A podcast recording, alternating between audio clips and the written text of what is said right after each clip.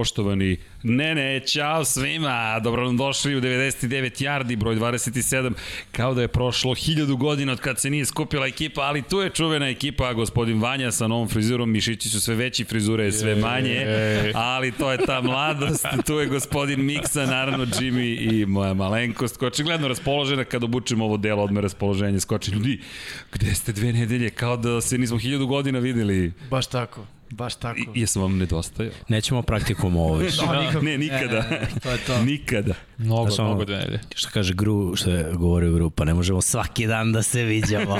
ali možemo svakog a, da, petka. A, ali moralo bi bar bi. nedelju. Nije u redu, stvarno, Da. nije u redu. Ej, ali bilo je super. I ne brinite, podsjetit ćemo se šta se događalo pre dve nedelje, pričat ćemo o Superbolu. Pred nama je kultni meč, kultni meč, istorija na sport klubu direktno i ekskluzivno. Imaćete priliku da gledate Toma Brady deseti put u Superbolu, koliko god to neverovatno zvučalo, drugi put u Superbolu Patrika Mahomesa i da li je to ta smena generacije ili će Brady reći ne, ne, ja sam konačna generacija koja će zauvek biti ovde. Promenio se opis fu, američkog futbola. Ako je evropski u, jedan sport u kojem Nemci uvek pobeđuju, onda je američki sport u kojem Brady uvek pobeđuje. Da, Makar da. tako izgleda. Pa kao što si rekao, 10 puta u Superbolu.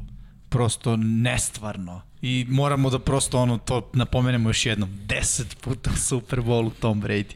Da. Nevjerojatno od toga šest puta već osvojio i ovo je sada pohod na sedmi. Da, to se graniči na ono što su radili Celtics i u NBA 60-ima. Bukvalno su svake godine u play-offu, da, Brady, to jest u, u finalu, u NBA finalu Brady je svaki drugi u Super Bowl. To jest Nestvarno. u ligi koja je napravljena da tebe zapravo svaki put unazad, ja tako kažem, kad budeš šampion, svak, da ti svake druge godine ideš u Super Bowl, to je ne, ne, Evo nesvatljivo. Da, da kažemo i sa dve ekipe. da, tako je. Iz dve konferencije. Iz da. dve. Nije dovoljno svega. Da. A, ali opet moramo još nešto da kažemo. Ajde da samo se osvrnemo na ove druge legende koje su u tom periodu osvajale Super Bowl. Peyton Manning koji je ono first ballot Hall of Fame, znači on je Hall of Fame ove godine, znači Sa već. dve ekipe Tako osvojio je. titule. Tako je, znači on je dva puta uspeo kad Brady nije ušao u jedno finale, kad Brady nije Big Ben, dva puta, pa ono odbrana Ravensa sa, sa Reom Lewisom, pa Drew Brees, Aaron Rodgers, Znači, to su ljudi koji... Da, i Nick Foles. I Eli Manning, čekaj. da, da, Eli Manning dva puta. Ali to je jako, pogledam ko- koliko na ovo, znači to sve nije 10. Da se spoji sve to, nije 10. Da. Da. Neverovatno. Apsolutno neverovatno. I ti kada pogledaš šta je, šta je postigao, bit će priča, odmah da vam kažemo, nema iznenađenja, priča nedelje. Ti si rekao priča sporta, pa smo dodali da. svi zajedno priča milenijuma. Jeste činjenica da jedan igrač uspeo deseti put da uđe u Super Bowl. Da, pričat ćemo mnogo o Patriku Mahomesu, pričat ćemo o Tampa Bay Buccaneersima, o Kansas City Chiefsima. Uvod će nam biti finale konferencija, moramo da krenemo. Dakle, baš smo se pitali da da analiziramo finale konferencije, još stižu pitanja o tome kako mi vidimo tu utakmicu, nismo je videli, ali ljudi, e, radovi, ja mislim da su adekvatni za sada grubi radovi, tek stižu fini i studio će tek da leti, ovde će da bude tek zabavno. I nećemo stati tokom međusezone, još nemamo baš sve planove razrađene, ali čuli ste Miksu, ne, nekako... Pa nema bre stanja. Ne zanima. Samo napred. Ovo je kutak da nam... Dva lazy baga i Samo da se dovoljno. odvezeš u ćošak, ostaviš svu četvoricu i izvadiš po potrebi u petak. I to je to. Jedino se Vanja ne smeje baš Ne srećno. se. Vanja je ovde, pa je ovde. Vi samo treba dođete i to je to. Neće mišići sami da rastu. Da, Tako mislim je. da, mislim, Mislim da ti prije ovo dodatno radno vreme. Evo, Na- Narastao je od rada. Slažem se s tobom, podržavam u potpunosti, ali šalno strano, da, Vanja nam je šef studija, vodi i mnoge podcaste i bilo je naporno u ponedeljak sklopiti sve ponovo na jedno mesto. Ali, da mi krenemo sa finalima konferencije, od koje utakmice ćemo da krenemo? Pa, Don Pablo je rekao od koje utakmice. Bakanirsi otišli u Green Bay i pobedili u sred, u sred title da. towna I sećate se, sećate se one priče kao da li će koji stamp igrao na hladnom vremenu. Da, evo, ko je kako pričao, će to da da. im prija. Istina, ali ovaj, ok, svi smo to spominjali, u smislu bilo je jedna od interesantnih stvari. Uh, cela država Florida je, mislim, svi znamo kakvu klimu ima, naspram ono frozen tunde, tundre, uh, kakva, kakva vlada na, na, u, u Green Bayu, u Wisconsinu. I kao što si rekao, otišli su Buccaneersi i od samog starta rekli došli smo po ono što je naše. No, prvi drive je bio fantastičan. prvi drive je bio toliko dobar da, da se odmah, ti i ja smo prognozirali da, da će Tampa da... Ja nekako uvek u tim glavnim momentima, ključnim momentima ne verujem u napade koji imaju jednu opciju. Ako je jedna opcija uh, i konekcija je toliko dobra kao što je na relaciji Rodgers-Adams, doći će u jednom trenutku, aha, nemam gde, Adams, Adams, Adams, Adams i to ne može da bude dobro. Bar je tako mene iskustvo naučilo u gledanju. S druge strane, Tampa nema baš takvu konekciju u svom napadu Brady, ako nije tu Evans ili Godwin ili ko, on će baciti loptu kome god. I to radi u New Englandu i to radi tokom čitave svoje karijere. Ja verujem da je zato deseti put uh, u Superbolu. Na ovoj utakmici, kažem, taj prvi drive, ono dodavanje za Evansa, kada je uh, Lobovo, ako se ne varam, uh, Kinga, Kinga, Kinga koji je da. dva puta popustio u prvom polovremenu. Ali ajde da krenemo od ovoga, ti tih 7-0 na samom startu. Tu se već pokazalo, Tampa je došla, uh, da do, pobedi, da ide u Super Bowl i da se ne povlači, ne podvije rep nikome, naročito ne Packersima. Da. da, impresivno, ali stvarno je impresivno bila ta ideja, jer to je cela priča bila, oni su stalno gostujući tim. Jedini put kada neće biti gostujući tim, neverovatno istinito, i to je istorija, da. će biti sada u Super Bowlu. Da, i, i Tampa, kao što je Miksa rekao za Brady-a, ne vezuje se toliko za, ima, ima oružja, to je definitivno, kada pogledam njegove hvatačke opcije, to pričamo cele godine, ali ono, Scotty Miller se samo pojavio, mislim samo pojavio, na ovom meču je bio bitan, jako bitan i prosto ceo napad Tampe je izgledao odlično, ali ne smemo da zaborimo odbranu Tampe. Ponovilo se ono što se već desilo u, u prvom meču između ove dve ekipe, a to je terorisanje Arona Rodgersa defanzivna linija u kombinaciji sa ovim edge, edge rusherima, s polja, linebackerima, ovaj, baš su onako pravili ozbiljan, ozbiljan problem. I za mene to bilo recimo iznenađenje. E, nisam očekivao da će e, ofanzivna linija Packersa toliko da popusti. Mm. I stvarno sam onako bio iznenađen i, i opet bi se vratio na taj prvi drive. Tampa, ono, na misiji, to se vidi od samog starta. Green Bay počeo je neobičajeno sporo I kad pogledamo evo i rezultat prvo poluvreme, prva četvrtina je bila 7-0 za Tampu, 14-10, druga četvrtina uh, ponovo prednost za Tampu. 10 poena Packersa u prvom poluvremenu i to u prvoj četvrtini 0 to je već pokazalo ono naznake da neće baš Packersi da, da odigraju u tom nekom svom prepoznatljivom ritmu. Da, i ima neke stvari ko, ko, koje se ne vide ovde, jeste 14 pojena Tampe, ali je 7 došlo bukvalno u poslednjim sekundama. U tim trenucima dve, tri greške Packersa. To, to je ono kada ima, kada forsiraš. Jednostavno takav je game plan na ovoj utakmici bio. Stigli su do svojih 10 poena, krenuli su u napad, dodavanje slenta, za, za čoveka koji nije ni napravio separaciju. To je forsiranje. Aaron Rodgers bi morao da zna da su u takvoj situaciji kada defanzivni bek maltretira hvatača, ne dodaje loptu. Ako dodaje loptu, dodaje bukvalno u kopačke. Pa ako hvatač napravi neko ekstravagantno hvatanje, super, svaka čast ideš na highlight, ali ako ne, sigurno ne ostaviš loptu defanzivnom beku za interception na polovini terena. Na koliko, 40 sekundi ili minut do kraja, nije ni važno. Manje Bitno je da, da je Tampa imala timeoute, da je Tampa pomerila lance, da su jednom osvojili novi prvi down i onda o, ono, Bruce Arians i njegovo ludilo, ok, imamo tu jednu akciju, imamo 7 sekundi, fate traje 5 sekundi, ostaće nam dovoljno da šutnemo field goal ako ne bude bio touchdown i King to je ono što si ti pričao za, za da. mlade defanzivne beko. Kada ti igraš pretrči, ne, nije više back pedal. Nije više okretanje mm. gde je quarterback, sprint. nego sprint i juri igrača i probaj da mu zasmetaš. Scotty ga je pretrčao lagano i eto, to je ta razlika 21-10 i Green Bay, koji, koji smo naučili već posljednje dve, tri godine, kada gube, nije to to. Druga je priča kada su u egalu ili kada vode, tako je. Ovo je baš bila panika. I naročito panika, jer ispravim ako grešim, druga četvrtina je njihova. Yes Jeste. ove sezone Najviše bila. u istoriji Jimmy su od bilo koje ekipe su postigli po broj poena u drugoj četvrtini. A ovde su izgubili u drugoj četvrtini. Da, mislim, izgubili su, kažeš 14-10, možemo sad to da vidimo, bilo je 10-7. To si ti rekao, mm. minut do kraja, imaš napad. Ja se tu možda ne bi složio, meni je ono bilo pass interference, da ga je vuko DB, iskusno ga je vuko, nisu mogli sudije da vide. I bila posle presečena, ali generalno odbrana Tampa je tako gušila, pogotovo ofanzivnu liniju Green Bay, to neverovatno bilo sa onim konstantnim pritiskom. Pazi, Billy, pa, Billy Turner, mi smo pričali, Jimmy ja, najbolji atleta s desnog na levog tekla i sve ide kako treba.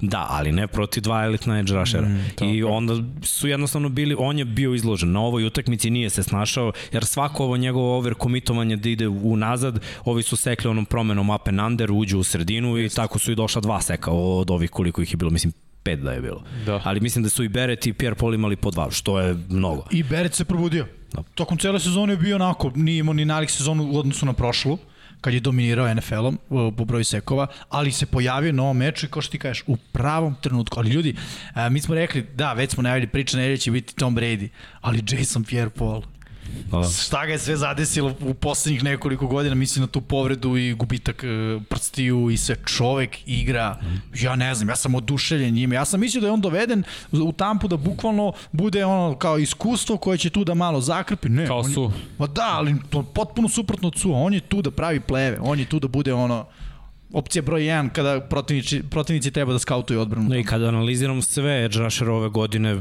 pazi, ozbiljna kandidatura za prvi tim All Pro, iskreno, nakon svega što sam vidio svih utakmica Tampa. Sad nisu oni baš bili od samog starta u pravoj formi, često se dešavalo da napad zakaže pa da je odbrana toliko na terenu, pa onda oni budu izloženi i eto tu je možda ma, malo izgubio svoje pravo da budu u prvom timu All Pro, ali kada je Tampa bila u elementu, ofanzivno i defanzivno, timski, de, dečko je izdominirao. I u stvari u ovom play-offu njihova odbrana dominira i Devin White igra mnogo bolje. Jeste. Opet je došao do osvojenog fambla. I opet Whitehead sjajno obaranje pravo na loptu. Dva fambla imao Jones, jedan su izgubili. Mislim da svaki put kad imate odbranu koja će da osvoji loptu ili dve, da to mnogo znači kad imate napad koji te izgubljene lopte pretvori u poene. Izvini, ali sad dolazimo do druge priče, do priče drugog poluvremena. Kažeš kada odbrana osvoji loptu. Ako pogledamo statistiku, Tom Brady priča dva poluvremena, Dr. Jekyll i Mr. Hyde, fenomenalan, spektakularan u prvom poluvremenu, precizan, bilo je grešaka, ali suštinski u ključnim momentima je, da, je radio ono što se od njega očekuje. U drugom poluvremenu agresivno su nastavili da igraju, baš agresivno, tri presečena dodavanja, međutim Green Bay to nije umeo da pretvori u ključne poene. Mislim da to, sam, to veče nije bilo veče Green Bay Packers. I to je to. Prosto pojao ih je trenutak, e, sve te stvari nekad koje se čine kao prednosti, pre svega mislim na domaći teren, zaista umeju da se obije o glavu. Nekako previše ležerno. Ja, ja polazim od sebe, mislim da će se Miksa složiti sa mnom. Kad god ideš na gostovanje, to je poslovni put i spreman si, ono, fokusiran. Kad igraš kod kuće, ima tih nekih distrakcija sa, sa strane, prosto i meni deluje kao da se to i ovde desilo. Ono Veći što je je, terati na njima. Sigurno. I ono što se Kingu desilo, isto. Mislim, King je dobar defanzivni bek. Nije, nije toliko loš. Ali na ovom meču je bio katastrofa. U onoj situaciji kad, kad su primili touchdown na kraju prvog polovreme, onolika separacija. On u jednom trenutku e, pokriva Scotty Miller tako što gleda u quarterbacka perifernim vidom ima, da kažem, osjećaj gde je Scotty Miller. Scotty Miller mu izlazi, iz- zalazi iza leđa. On se ni tad nije okrenuo i dalje gleda ka quarterbacku. I onda tek kad je Miller napravio neku separaciju 3-4 jarde, on pogledom ga traži, tad je već kasno, on je već čovjek izgubio. To je potpuno onako, e, po meni deluje kao preveliki, preveliko samopouzdanje, bez ikakvog pokrića. Na tom meču baš je bio slaba karika u svojoj, u svojoj odbrani. Meni je delo suprotno samo poznanje da je on je totalno pokubljen bio. Na kraju i on na poslednji drive-u napravio je čini se pass interference. To, pojeo ga je, pojeo ga Da, da, moment. I pazi, upravo. sad mnogi će pričati da li jeste, da li nije. Pravilo je vrlo prosto. Znači, ako s ispruženom rukom povučeš, dre, povlačiš dres, da. to je defanzivni, ako si s ispruženom rukom odgure, odguruješ kao hvatač, to je ofanzivni pass interference i to je nešto što sudiji ne može da promakne. Mislim, ima pet sudija tu okolo. Sad, da li ga je povukao, da li ga je usporio? Veruj mi da usporiš čoveka kada ga povučeš za dres kada on trči. Kako ne? Očigledno. 2-3 metra, sasvim dovoljno da stigneš loptu. Bilo je jedno od pitanja, pošto smo Žule i ja komentarisali utakmicu i baš je konkretno meni postavljeno pitanje, odgovorit ću u komentarima, da i konstatacija da sam zapravo učutao u tom trutku i nisam kritikovao sudije što su to dosudili, ali postoji tu jedan ozbiljan problem. To je toliko očigledan prekršaj da ne možeš da zažmuriš. Ono da, povlačenje. Ono povlačenje. Da, da. Slika, ono rastegnuti dres, Ne, ne možeš. metar, bukvalno. I, a gledaš sudije koje kao da se lome, ok, do sad smo puštali da se igra, puštali da se igra, ali ovo moraš da sviraš. Jednostavno ovo je nemoguće da ne sviraš. Da nisu svirali, ja sam pričao siguran da bi se oglasilo, oglasio zapravo još jedan sudija, to jeste da bi ih zvali, pošto su poslednje dve minute i rekli ovo morate da pogledate. Jer to jeste problematična situacija. E, Mislim da je to bilo gotovo nemoguće i da je drugačije, malo drugačije samo da bilo, mislim da ne bi sudili. Pa ali da ovo ne možeš da ne sudiš. Da je ruka, da je ruka oko struka. D- Druga stvar, totalno, Da. da. dru, subtilnije. Mo, može Jeste. jednostavno da, da sudi deluje, ok, boriš se za poziciju i dalje te hvatač nije pretrčao. Ali ovde ti je igrač izbacio, pretrčao i ti se sad hvataš za poslednju slamku. Znači hvataš se za dres i kao je, nećeš, mislim, to je pass interference. A, a, a cela situacija, ja se vraćam i dalje na presečena dodavanja Toma Brady, to jest ne toliko na te greške, koliko na neiskorišćene situacije Green Bay, to ono što ste rekao, nije bilo njihovo veče, ali zastrašujuće to izgledalo, svaki put kada dobiju priliku, oni ništa ne urade s tom prilikom, ili šutnu za 3 poena, i ono što ti mi se često pomeš, 3 poena, touchdown, ogromna razlika, Ja sam htio da kažem. Da, doći ćemo, doći ćemo do Doći glavnog ćemo. momenta Možda za, i za, možemo za, da dođemo za sad. 3-6, ali aj, aj samo malo na te interceptione. Uh, Bruce Arians, ovo može u Superbowlu mnogo da, da mu se obio glavu. Znači, u double coverage uh, flat corner, lopta odlazi ne u flat corner, nego baš u corner, prvi interception. Drugi interception, Brady u panici, baca fade, Ok, ja razumem jednu stvar. Kad imaš hvatača od 2 metra, a Evans je tu blizu, imam 1,96 Kad imaš hvatača od 2 metra kao što je bio Randy Moss i baciš fade da lebdi lopta, da, da je ono 50-50, hvatač ima obavezu da nađe loptu, je tako? Da, da. Znači, hvatač da protrči, da, da ne vidi loptu, da mu lopta ostane iza leđa na izvolite defanzivnom beku, to, pazi, od običnog hvatača, ok, da je Valdez Scantling ili da je St. Brown, ok, ali Mislim, govorimo o all pro hvataču, pro boleru. Mislim, ove godine nije pro boler, ali... Podbacio je tu Brady dosta. Ne, ne, jeste, ali Tako gledaj... lopta složiš se, baca se visoko, ali u napred. Jeste, ne, ne, ali on je imao pritisak i baci i gledaj, možda nije uhvatljiva lopta, ali ti s 2 metra možeš da se vratiš i da ošamariš tu loptu out. Istina. Možeš da ošamariš po rukama cornerbacka, možeš bilo šta da uradiš, a ne da ga gledaš sprečiš onako. Je da. tako. Mislim, samo računam uh, s kim je Brady igrao da je sličan hvatač, imao je samo jedno hvatača, tako to je Randy Moss. Da. Onaj interception koji je bio na digu, kad ga je prebacio, kad mu je dotaklo prsta. Ok, Brady je svestan odmah bio da je to njegova greška, da je to moralo da ide niže i hvatač će uvek iće da uhvati loptu po svaku cenu. Da li je to vrhovima prsti ili ne. Naravno, podigneš loptu gore i to je za safety, izvolite. E, sad možemo na ovaj... Sad možemo da, da, na tri pokušaja. Ali, ali čekaj, čekaj, ali ja bih i dalje, ok, presečeno davanje, dok dođemo do, na tret, četvrti pokušaj, pretpostavljam ili tri pokušaja? Ne, ne, ne. Tri. Tri, ok, krećemo odatle. Hoću od prvog Ok. downa do poslednjeg, važno je, Ok, vrlo je važno. imaju loptu. I, idemo sada na onu end zona situaciju, Tako je. pretpostavljam, ok. Rodgers, ko je tu sada glavni? Ko je tu sada šta uradio? Jer, e, da se vratim na početak, mislim da si namestio uvod zapravo za celu ovu priču na samom početku ove, ovo, ove analize finala konferencije, nacionalne futbolske konferencije. Jer mi govorimo o momentu kada, ajde da, da, da podsjetim, da imaš jednu opciju zapravo u napadu, suštinski jednu opciju i ti imaš samo jednu opciju. Jednu i po. Jednu i po, ok, ali glavna De opcija se zna da. ko ti je. Po pola opcije na sideline jer se povredilo. Ok. Tako I da dolaziš u situaciju U crvenoj da, zoni tek imaš jednu opciju. da, i ti tražiš tu jednu opciju i ne uspevaš da nađeš tu jednu opciju. Forsiraš za tu jednu opciju. Tako je. A, ajde ovako, setimo se situacije kad je Lazard bio sam. Da, na Setimo šelu se- kroz. Da, tako Jeste. je. A, a koga je gađao Rodgers? Gađao je Adamsa, Adamsa. i to Adamsa koji je u tom trenutku možda 5 yardi od out linije u punoj brzini ta lopta ona koju uhvati to će biti najbolje hvatanje manje više Jeste. ono I, et, u istoriji I to, to vam govori ono što ja pričam. Znači on više veruje da će Adams da napravi neko spektakularno hvatanje za highlight sledećih 50 godina, nego da će Lazara da uhvati loptu koju mu baci na broj, a oko njega nema nikoga. Zato što ima iskustva s tim koliko su Verujem. ispadale lopte istom tom Lazaru. jesu, Sad Vanja, ali što to- kraj to svede na lošu odluku Rodgersa. Mi sad pričamo o njegovoj lošoj odluci, mi Ne, ne pričamo o, o tome što Adams nije uhvatio loptu, što, Što je znači uhvatio samo ni mu dva Da, koraka. okej, okay, da, ali što je pokrivanje bilo, da kažemo, onako prilično dobro. Mi pričamo o lošoj odluci Rodgersa. Na kraju se svede na to. Jeste, I bilo apsolutno loša odluka. Slažem se. dovešćeš do toga da, da protivnička odbrana, znaš, naročito ovako dobro odbrana, kaže, ok, ajde kad budu bili u crvenoj zoni, svi nadam se, pa neka nam neko drugi da touchdown i ono jednom će dati Tonjan i drugi put neće dati niko touchdown, jer je je. jedna lopta je išla za Adamsa na back shoulder, druga Previše lopta je išla za lopti. Adamsa, lopta u out, treći put, evo, treći down, to, to moram. Trčanje, Uh, da, to jest da, odsustvo da, trčanja. da, odsustvo trčanja i, i rekli ste u prenosu. Ok, iskreno znam kako to izgleda na terenu. Ja sam siguran da on ne bi dao touchdown. Zašto? Moment reakcije defanzivnih bekova, neko bi to upucao, to je quarterback, quarterback ne ulazi u taj duel, Jeste. ali stigu bi do 2 yarda, sigurno. Znači, po tim uglom, najdalje mogućim putem, skroz okolo do pilona, stigu bi do dva. Druga stvar, kada quarterback, pa baš Rodgers je nedlju dana ranije, bežao na stranu, Patrick Mahomes to uvek radi. Krene, pump fake. Je tako tako? šta, šta radi defanzivni end Pa skače. ili bo, moraju da skoče, izgube sekund, moraju da oklevaju.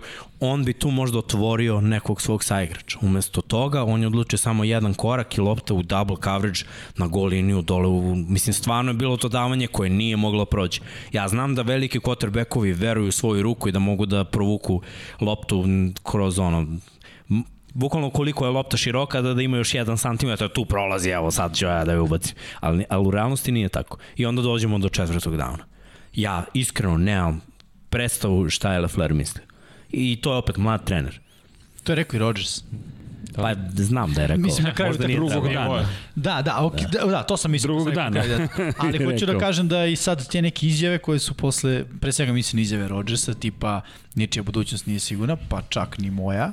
To je baš Ne znam, znaš, To- opet- to toliko glupa izjavio. izjava. To, a ne stvarno znam, kažem, to vidi, nejasna mi njegova izjava. Samo ću reći ovo, nedelju dana pre toga sam dobio od jednog drugara koji je fan Green Bay Packersa, uh, kaže da li si vidio ovu vest? Vest, ako se ne varam, uh, sa nekog prilično pouzdanog izvora, sad da ne citiram, ni bitno, potencijalni trade San Francisco uzima Rodgersa. Ja kao, ma daj, kakav Rodgers i San Francisco, trade. Znači ne kao isteći će mu ugovor pa će Jasno, onda jasno. pređe, trade. I sad odjednom kada je to Rodgers još izjavio nakon poraza, meni u glavi je bilo ok, gde ima dima, možda ima i vatre. Ja stvarno i dalje ne verujem u to, ali, znaš, ne znam, Jordan Love je draftovan i presedeo je celu sezonu, ne na klupi obučen za utakmicu, Trener, nego ono, u trenerci. Da, ne znam, još San Francisco je hteo Stafforda, on je otišao u Rams, to ćemo pričati. Tako možda i postoji šansa, zašto znamo su Ramsi čak zvali Packers za Rodgersa i su rekli ne, kao ne primamo nikakve pozive. Da, koliko sam pročitao neku izjavu GM-a, nije dobio poziv nijedan od, od uh, San Francisco. I, Ne, od Ramsa je samo dobio i To, odmah je to rekao ne, nema šanse. Ali to Rodgersov izjava kao ja ne znam kako je budućnost. Ma da. Druže, Ma to, dobro, fr- M ti je laka divizija, sad nema ni Stafforda, diviziju možeš lagano da osvojiš. Da, to je. Ja ću verujem u Goffa, to sam već rekao, samo više ne kao quarterbacka Ramsa, već kao Detroit, ali nebitno, nećemo o tome. da, srećan s tim. Oh, ćemo, ćemo da ostanemo malo duže da ovom četvrtom danu. Pa moramo, ja mislim da, Da, moramo. da. A, a koja, je- koja je logika? Evo da objasnimo logiku Leflera. Šutnemo tri, odbranimo se, dobijemo loptu i opet moramo da damo touchdown. Da. I onda kao vodimo i pobeđujemo. Umesto da s najboljim napadom lige, najboljim napadom u crvenoj zoni, najboljim nap, najefikasnijim napadom kada su gol pokušaj, idemo na četvrti down i ako ne uspemo, njihov napad ide unutar njihovih 10 yardi, ako ne osvoje novi prve. S istom tom odbranom možeš da ih zustaviš, da pantiju iz end zone Tako i da je. dobijemo loptu na pola terena i da idemo da damo touchdown i pretvaranje za dva poena. Mislim, okej, uh, lako je biti General, da. general posle bitke, ali ja, bi, Ali- ali- ja ne znam za Jimmy i on je trener, ja bi išao. Čak ni tokom bitke nije bilo, mi smo bili zbunjeni, autentično zbunjeni, jer moje mišljenje nije samo to što nisi postigao poena, ima dva, dva ozbiljna problema. Prvo ubio si moral svoje ekipe, rastorio si moral svoje ekipe, jer celu ekipu nosi non stop napad i onda si rekao pa baš i ne verujem u ovaj napad, e, lonit ću se na odbranu, ok, verujem i u odbranu, ali rekao si napadu, ne, vi ovo ne možete da završite. Rodgersova grimasa, stav, ramena nisu govorile ja sam srećan čovek u ovom trenutku, a tebi je neophodno svaki atom snage ti je neophodno da pobediš. Izvini još jedna stvar, s druge strane Tom Brady, koliko god da je bilo problema, izvini ti igraš protiv Toma Brady-a i kažeš, ma evo tebi lopta, dva minuta i nekoliko sekundi pričana. će. Nikad ne bi Koliko dao je loptu. puta prošao to kroz karijeru Tom Brady? To poslednji, na poslednji drive. To je njemu ovako, kao trening. Ok, poslednji drive, minut. Sve je cool.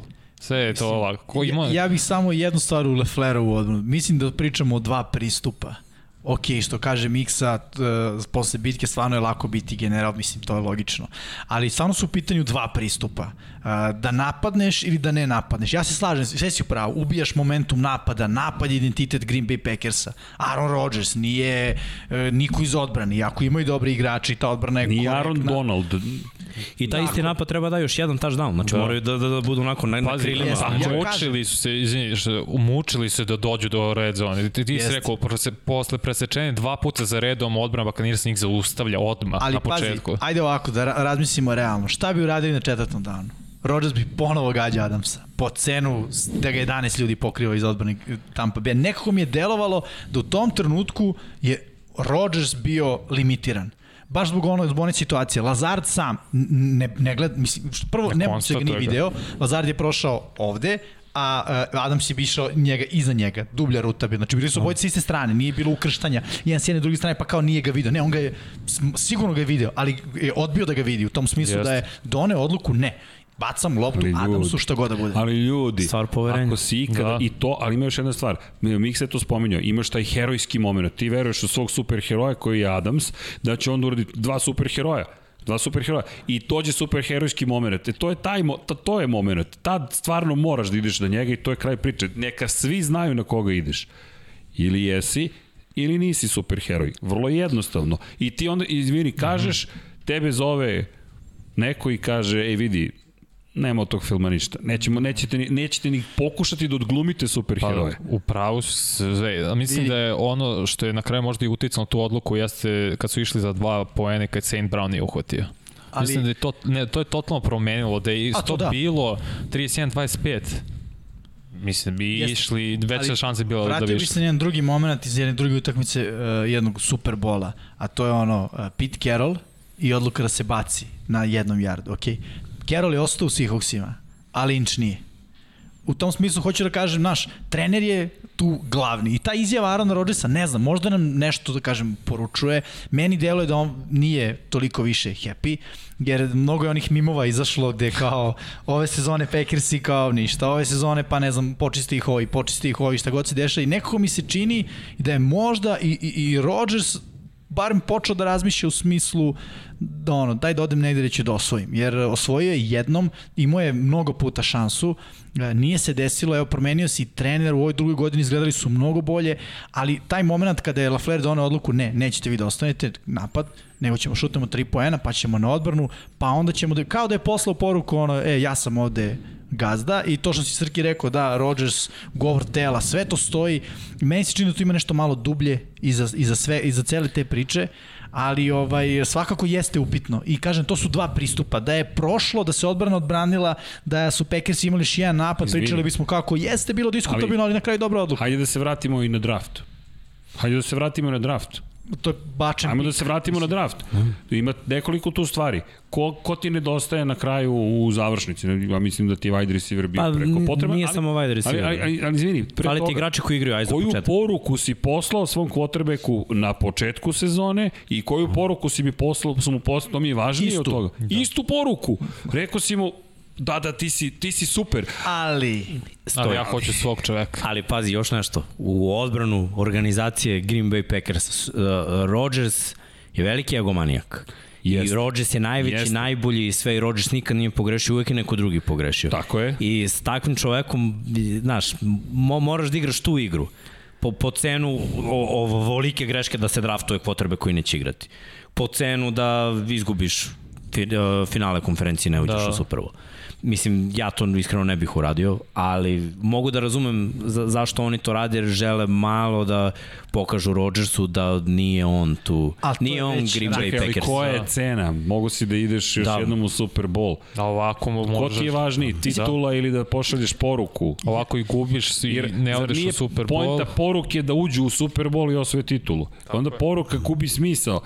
Poslo si je svakako, ali kad slažem se s tom, lako je sad odavde govoriti, ali opet koju si po, ko poruka je, pa mi zapravo ne, ne nećemo da osvojimo titulu, mi se odbavimo šta, međusobno, ko je jači, ko ima bolju poziciju. to ima veću da moć. tako nešto Ne, sportu. pogotovo ne. A u Green Bayu? Pogotovo ne sa Rodgersom. A, pa ne, ne, a u Green Bayu, ne sa Rodgersom i sa Favrom. I sa Favrom, jeste. Ovo kod njih traje pravo si. 20 godina. Mislim, meni je to malo ono, diskutabilno, ali to traje. A ovako si imaš dupli gubitak. Nisi otišao u Super Bowl i sad ćeš možda i Rodgersa da izgubiš. I sad Dobro, opet možda iz početka. negde kažem, Pa že- to ono što Miksa da kaže, izgube. možda i Da, cilj da, da se da. promene neke stvari. Ali da li si suštinski promenio ako ti imaš, lepo si rekao, imaš dva Hall of Fame quarterbacka, dve titule, svaki je doneo po jednu i ti na isti način završavaš manje više karijere, to je saradnju s jednim i sa drugim. Dobro, još uvek ne znamo za Rodgers. Naravno. O, to su špekulacije, ali kažemo onako nekako logički posmatrano može da ode u tom smeru. Pa da, ali vidi, prva poruka je posle utakmice potpuno indisponiran, Nik, ničija sudbina nije sigurna, onda je sutra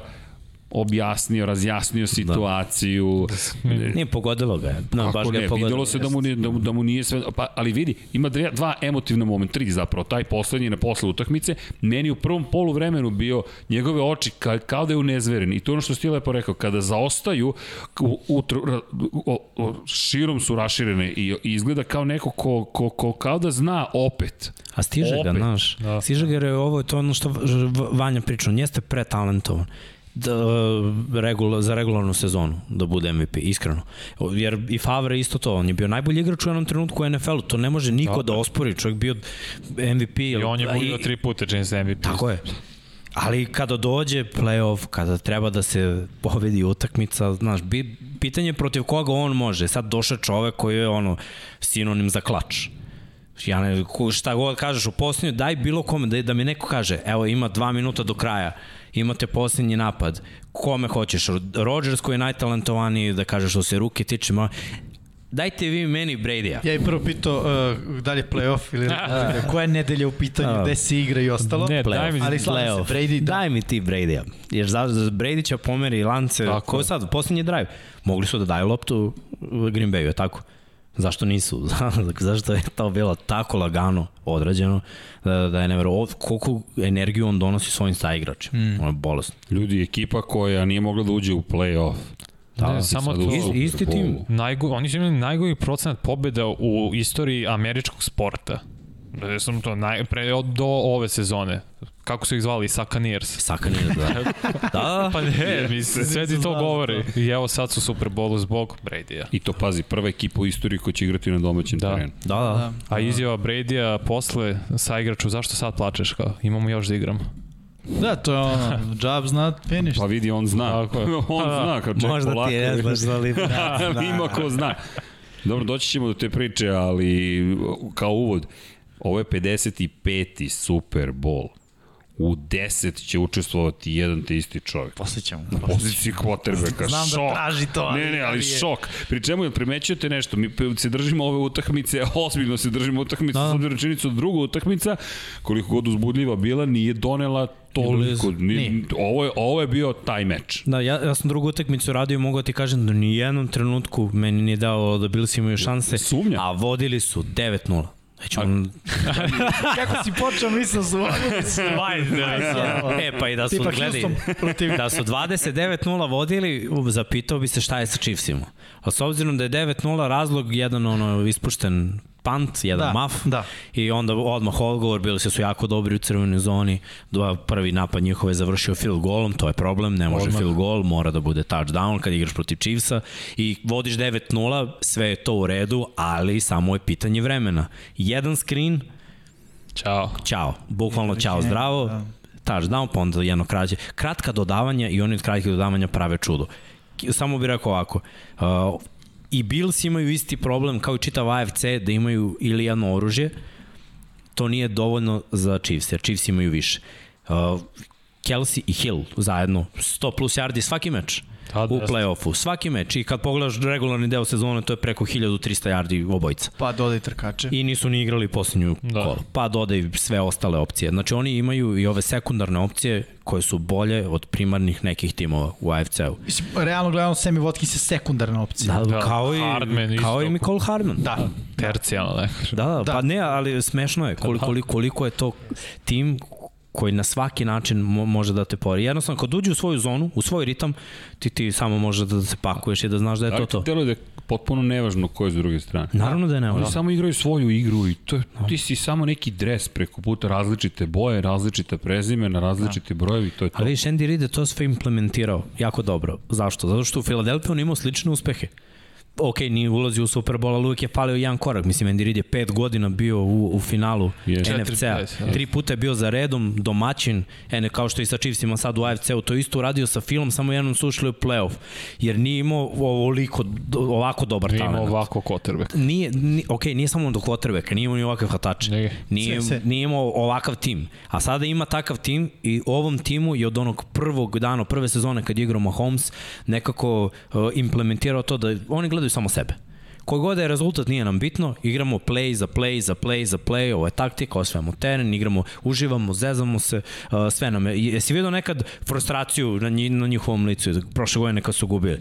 Znači, Mahomes je samo došao i rekao akcija po akciju. Ajde svako od nas da uhvati loptu prvo i, i da krenemo nešto da radimo kad su krenuli hvataju loptu. To je bilo ćao zdravo, da. ne može niko da igra s njima. Tako i Hardman upravo tešak. Opušten, napravi se grešku, napravi ćeš sad neku spektakularnu i play i to je to. Čekaj, oni su mu vratili loptu, plan, da. on čovek poentira za on touchdown. On se pokrio onom jaknu na sideline i sa igrača su prišli s kimom jako svako je prišao da, da, da ga potapše po ramenu i ono, da ga podigne malo. Mislim, najgore stvar kad napraviš takvu glupost, to, to stvarno... Uh, I to u finalu konferencije. Tako je, u, u prevelikoj želji da učiniš nešto a hvataš loptu tu na 5 yardi. Znači tu nema vraćanja, tu, tu se lopta ili pušta ili tražiš fair catch. Suviše je riskantno da bilo šta radiš.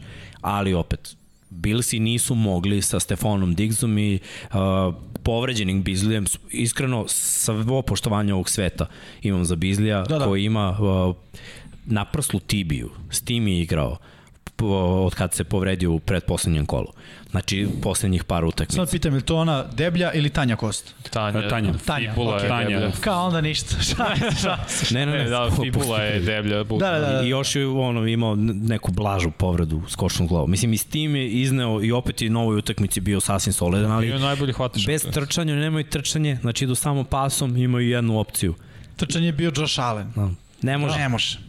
Ne može. O, ovde imaš pogledaš sve. statistiku kako izgleda sa tog meča, 88. Josh Allen 88 yardi, Singletary 17 yardi kao running back. Da, i tu u tome, a pogledaj sa druge strane, imaš Williamsa 50 i, i, i 2 yarda i Hardman, ok, jedno trčanje ima 50 yardi, ajde, to da ne računamo, ali opet trkačko ima 50 yardi. Ok, teško je imati u ovoj ekipi Chiefsa kao trkač, ne znam nija kakvu utakmicu, jer, ko što reče Miksa, Kelsey, Hill, svaki meč pa po 100 više yardi. 26 targeta za njih dvojicu. Od toga 22 hvatanja za, za 300 yardi. A 29 ih je kompletirao ukupno. Da, da. 29 je kompletirao, od toga 22 kompletira dovanja dva čoveka. A, I ti, nije to samo, ha, ha, Terry Hill je brz, bacimo fade. Ne, ne, ne. Uh, Terry Hillu možda daš loptu na skrinu, na reversu, I može da mu daš loptu kad je bilo Tyreek Hill brz pred 2-3 godine? Ali tad je on naučio kako trči rute i sad je nezaustavljiv. No, ali ljudi, i da, Tyreek Hill poseban je, ali meni još posebni Travis Kelce. Kako nije?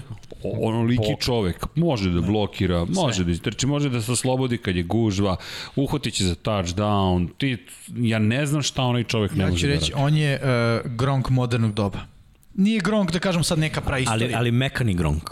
E, upravo to, to sam mislio kad sam rekao modernog doba. Ne treba dakle, ti sada taj ten neki koji Gronk je kao da... zid koji se zaleteo i jest, to nećeš zaustaviti. Jest, to je kad ga zaustaviš, to je već prošlo 20 Tako jara. je. I ne samo to, i Gronk, Gronk kada blokira, on je kao ofanziv, igrač ofanzivne linije. Odličan blokir. Kelsey je dobar blokir, ali tamo koliko ti treba na ovom sadašnjem sistemu mm -hmm. uh, igranja futbala, gde je Kotravek non stop u shotgunu, non stop, u većini slučajeva u shotgunu, gde se igraju ta dodavanja i to što Chiefsi rade ta, te kraće rute i to mislim nestvarno, ljudi nestvarno. Ja sam baš gledao utakmicu, onako probao sam sa neke analitičke strane, uvek nađu Desi Bush.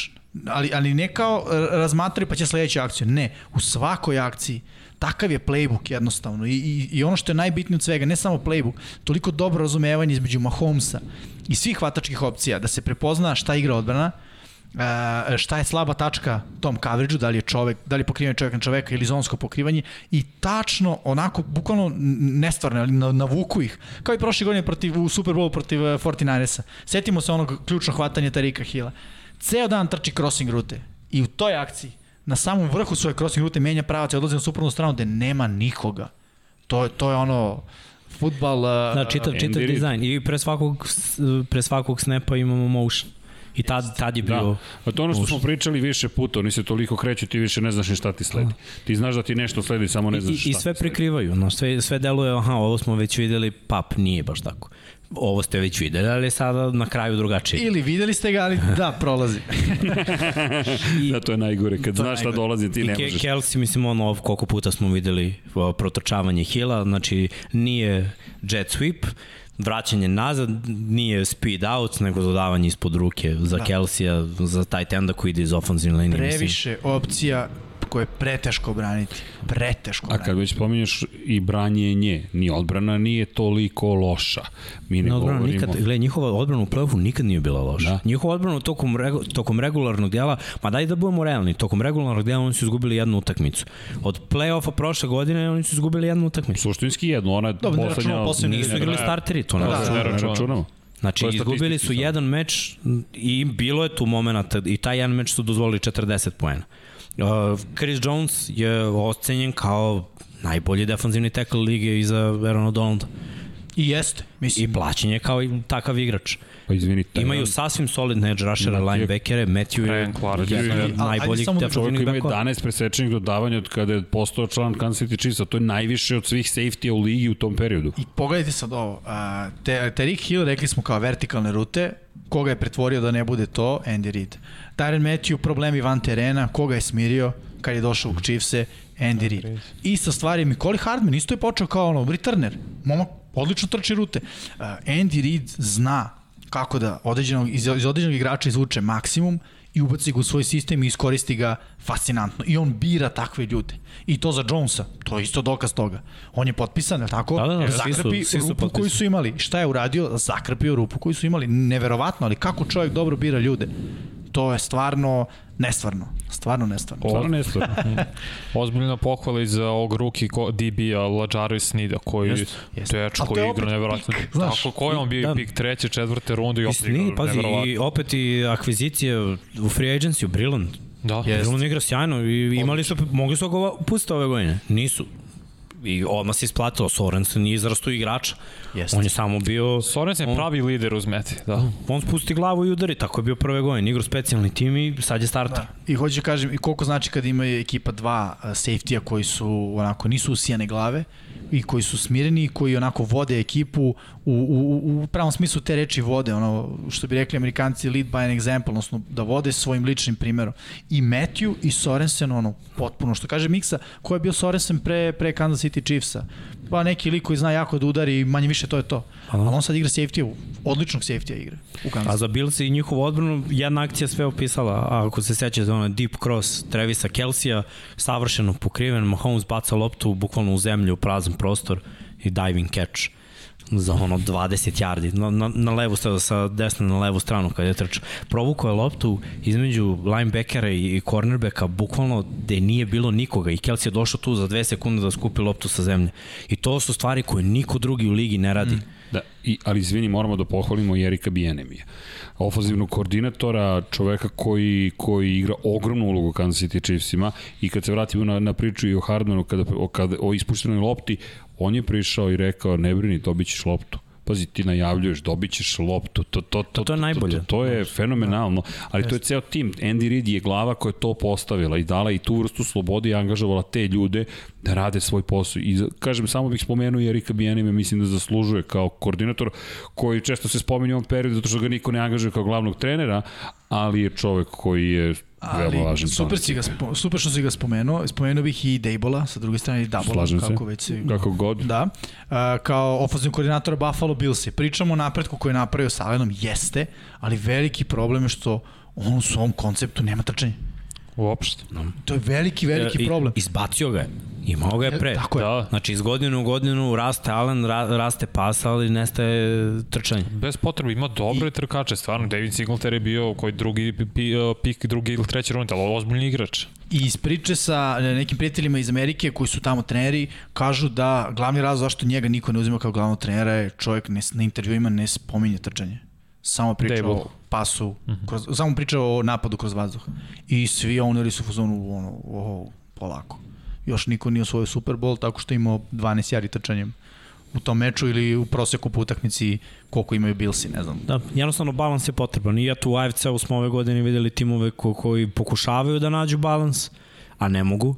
I Tennessee, i Baltimore, i Buffalo. Svako je dobar u nečemu, a nije dobar u ovom drugom. I onda na nekoj utakmici ide, na nekoj utakmici ne ide. Chiefs im uvek ide. I, i jako nemaju savršen balans. Pa nemaju, ja mislim, ali kad imaš ovakvog igrača kao što je Mahomes, da. to se nadoknadi, da što je takav talent u pitanju da stvarno igra trčanja je bila prosečna. Je, Nicole Hardman imao to jedno od 50, a koliko je imao Williams? 52 yarda, evo. No. Da. Ni, ništa posebno, 13 nošenja, Da. 52 jarde. Slažem se, nije ništa posebno, ali to je, njih dvojica, to je 14 nošenja. I e, naspram, sa druge strane, 13 nošenja, ali Josh Allen 7 puta.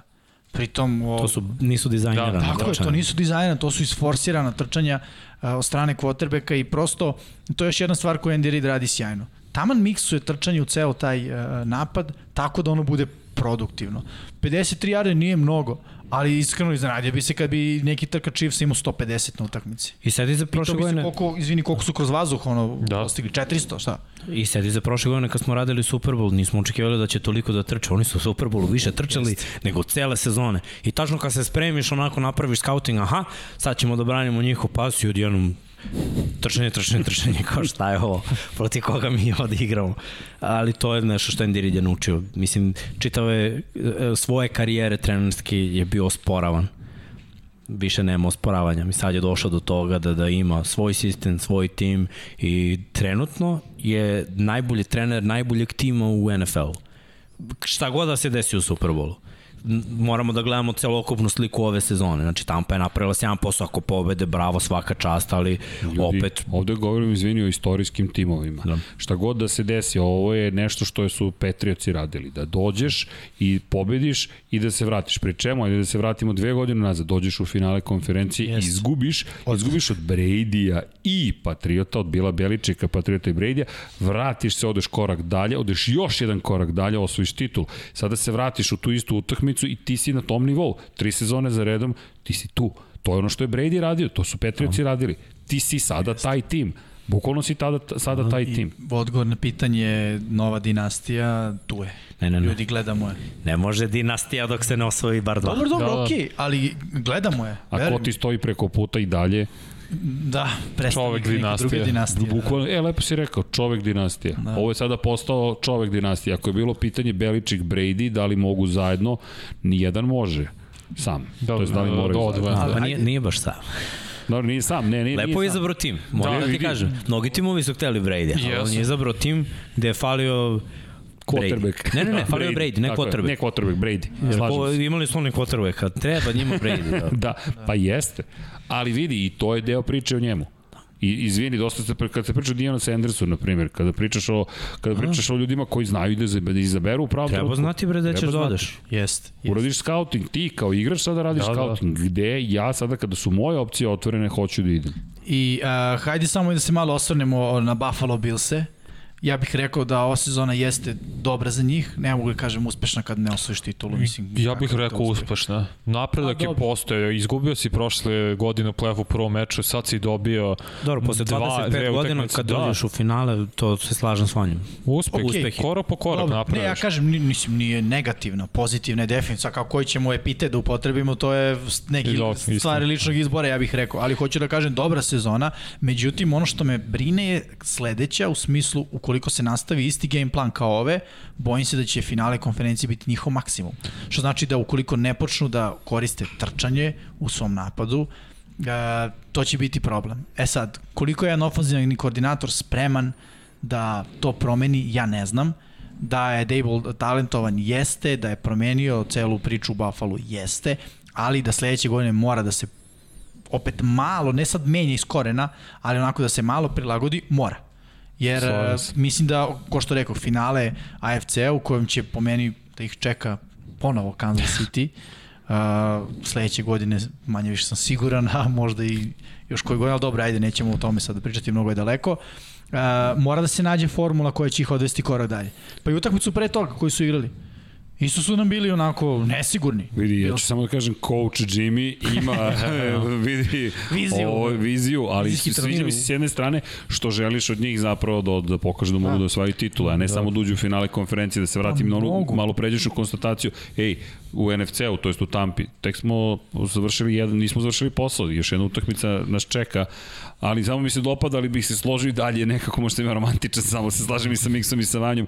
Ej, posle četvrt veka si ušao, u, u, u, ušao si u finale konferencije, ušao si uopšte u play-off Da. i ne samo što si ušao, osvojio si diviziju, Op, nešto bravo. si ipak desio. Znaš kako, ja, ne, ja se slažem samo u potpunosti, nego sam, samo sam htio da iznesem neku moju onako pristup svemu. E, Znaš kao ono kada kažu kad igraš uh, rulet, koja je šansa 10 puta za redom dođe crno? Ja mislim da je svaki put ista šansa. Jer svaka, svaka, sva- isto tako iz osvajanja Superbola. To 25, i nekako ne mogu da poreknem tipa Browns, ono kao toliko godina ništa.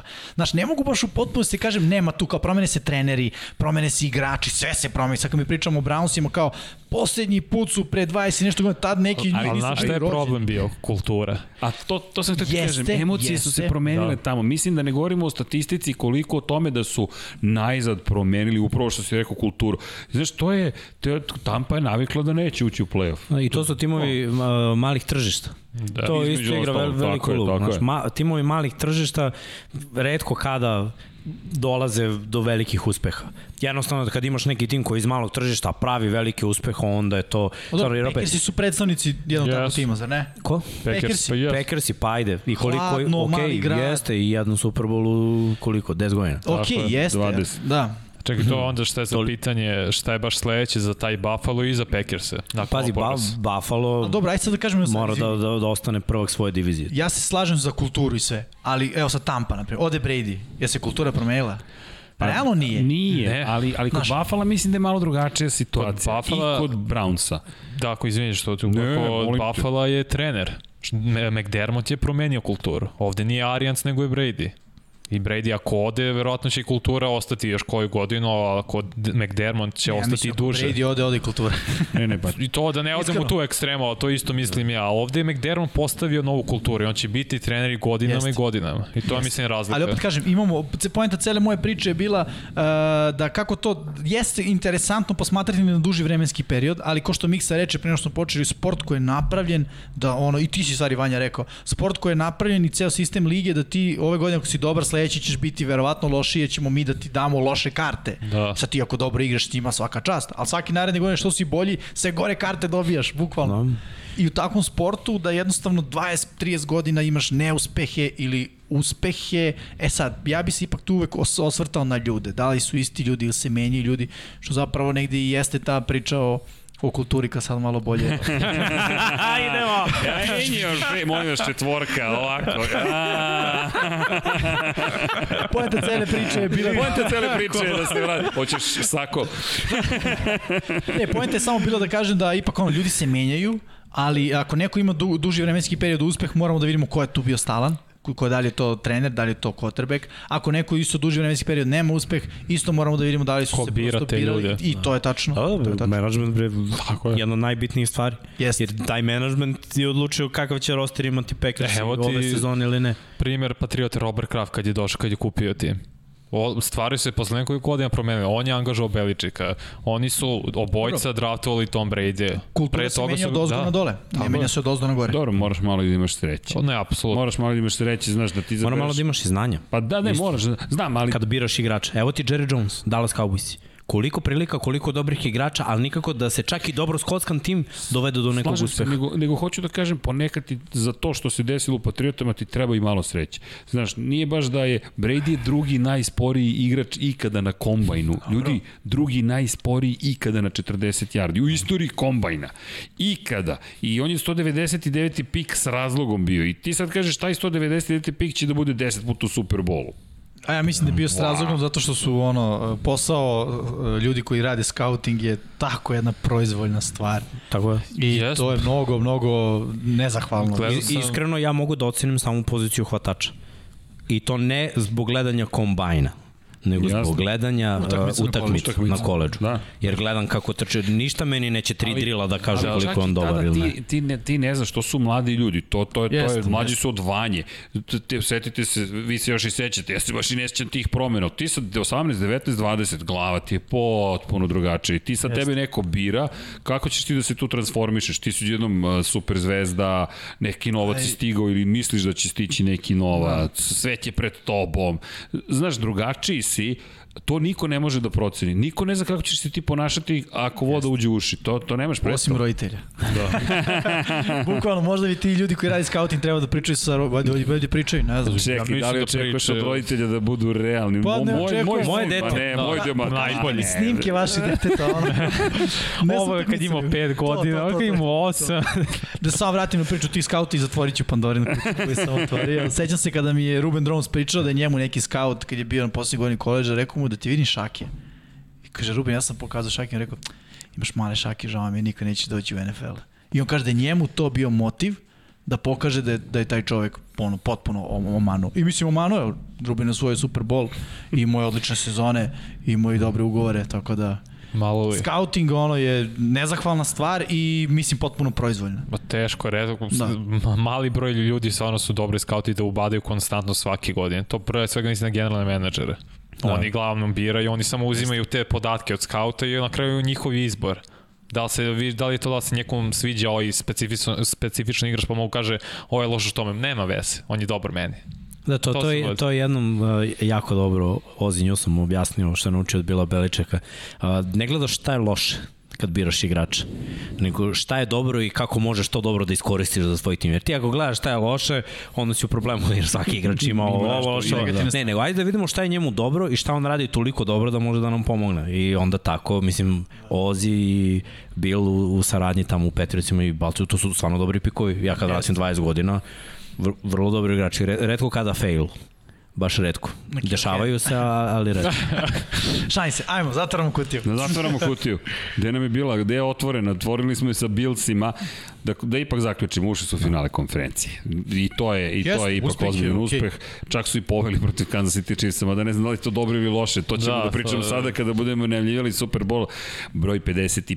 Međutim, pre najave, idemo na šta? Idemo na šta nam je donalo finale? Šta nam je donalo finale konferencije? Ja mislim da smo mi Stres. iznili Da, da. stres. Meni je donalo jednu pobedu, jedan poraz. Rekao sam da će Packersi otići i Kansas City Mikso. Chiefs. Meni samo stres. Da se nisam zezao tako u ovim prvim rundama, objasnio bi vam još jedno.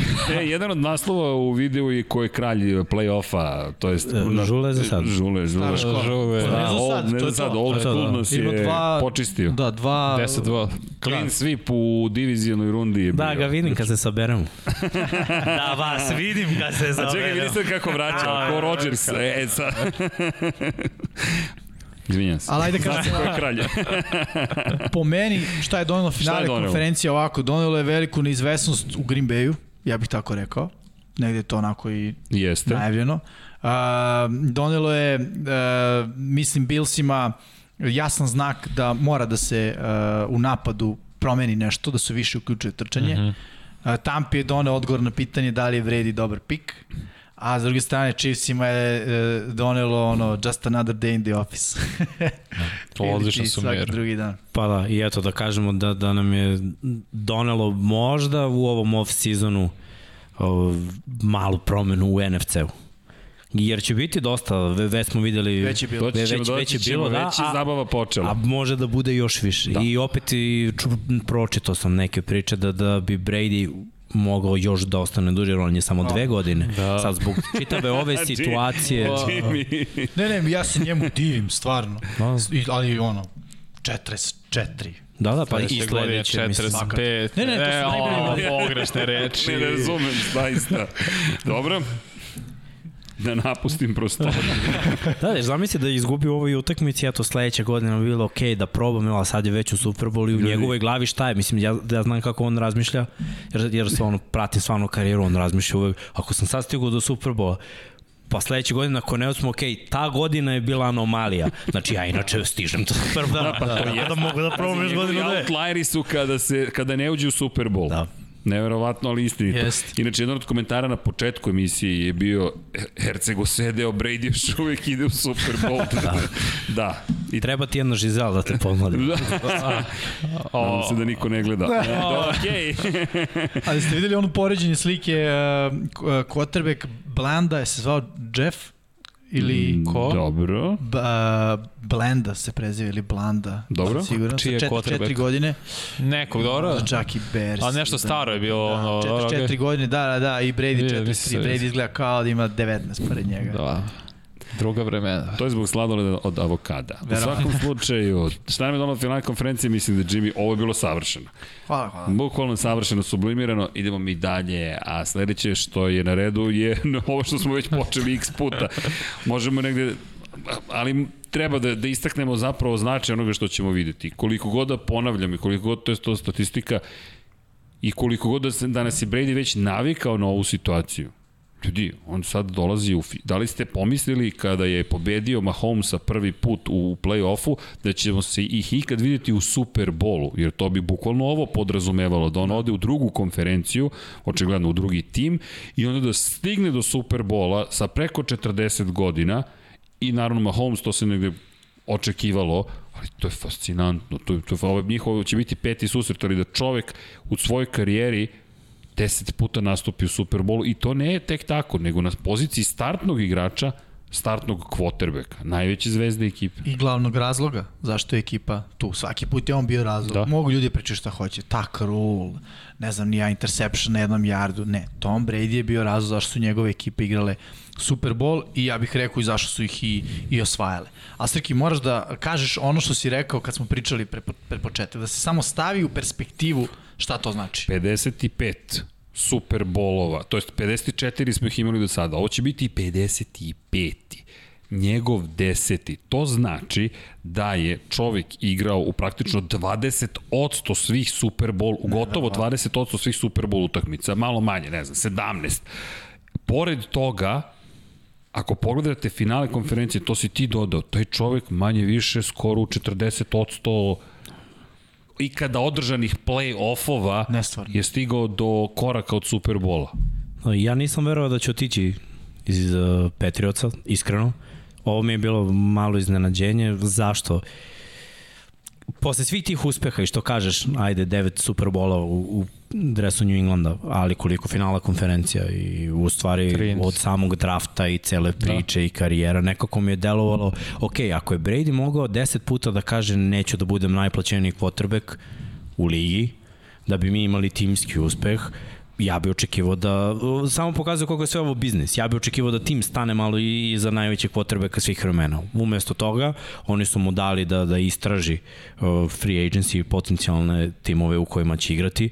Čovek je birao, mogao da do San Francisco, odrasto je tamo, navio je za San Francisco, idoli su mu bili Montana i Young. Mm -hmm. Umesto toga, on je izabrao tim u kome fali Tom Brady i bukvalno mi je bilo malo čudno na početku sezone, ali opet, bez pre, to stalno pričamo, bez predsezone, bez uigravanja, bez trening kampa, bez uh, njegovog pokuša implementacije nekih akcija koje njemu odgovaraju. Jer ti kada dođeš i već krećeš da igraš, to je to. Evo ti playbook i to je to. Šta, ok, uh, bilo je ono priča, uh, Bruce Arians je dao Bradyu, ne, Bruce Arians mu rekao šta ti se sviđa od ovoga, izaberi to ćemo da igramo. Nije rekao, ok, tome uzmi pa ti napravi, dodaj, uradi nešto čim je Brady krenuo to da radi, aha, moglo bi ovdje, ono što smo Jimmy ja pričali u jednom trenutku, sve akcije su vertikalne. I to nije Tom Brady, jednostavno nije. I to nije njegov način igranja futbola, jer on voli uh, da sagleda odbranu i da ih rastavlja malo po malo. I bukvalno je dobio ono, š, ono što je želeo, dobio je sjajan tim i doveo ga je do Superbola. Uh, Srki je rekao, tri gostovanja. U prvom gostovanju niko od nas nije mislio da Washington ima bilo kakve šanse. Istina. Uh, u drugom meču verovali smo da Saintsi kao tim da su kompletni i, i da su ta nepremostiva barijera za Buccaneerse. Yes, imali smo. I tako je, Pa, međutim, već. između ostalog bilo je mnogo grešaka, ali opet svaku tu grešku Tom je iskoristio. Da je bilo trojka umesto sedmice, ne bi dobili Buccaneersi tu utakmicu, ali tome ta razlika između trojke i sedmice. I onda dođemo do ove utakmice finala konferencije, gde ako je bilo koji quarterback ima iskustvo i ležernost igranja takvih utakmica, to je Tom.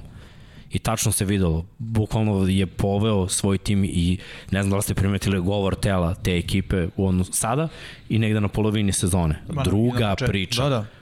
Druga priča. Ja sam na početku sezone rekao da njegovi hvatači, pre svega Mići Nevansa, bukvalno ga gledaju s tolikim poštovanjem da, da, da su prestravljeni kada ulede nešto loše i vraćaju se u huddle. Sad već to nije. A, Sad je već Big Bro, ono na kraju Da, utakmice, Jest. sad su se već I opustili. to je taj efekat. Pričali smo još pre par sezona kad je Mac došao u Chicago, taj efekat, ali ovaj efekat Toma Brady-a, ko što mi se rekao, tako je, le, znači ljudi, on je legenda. Mac je dobar igrač i bit će, da kažemo, Hall of Famer, verovatno u nekom trenutku, ali ovo je legenda. To je nivo i toga. Ljudi, kauč igrači će osporavati, ali pravi igrač, Lamonte David, linebacker Tampe, koji je baš pričao tu priču je o plakanju rekao da su ga zvali dan pre nego što je potpisao Brady za Bucks i rekli, ej, čujemo da će Brady da dođe. Kama, ne, neće nikada pustiti pece, si normalan, neće nikada.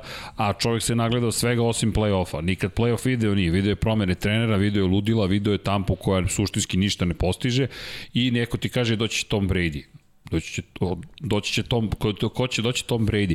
Dolazi Tom Brady. Znači Tom Brady dolazi ne samo što ti dolazi, dolazi pompa, dolazi očekivanja, dolazi, dolazi scena, dolazi Gronk, pa jeste. Ej, pa, pa McCourty je rekao da, da je njemu gorak i sladak ukus u ustima istovremeno. Kaže, s jedne strane je, mi je teško da, da, da, da gledam dva momka koja su otišla iz Petrioca i sada idu u Super Bowl, jer bih volio sa njima da oblačim dres i da idem u tu utakmicu, a s druge strane, drago mi je.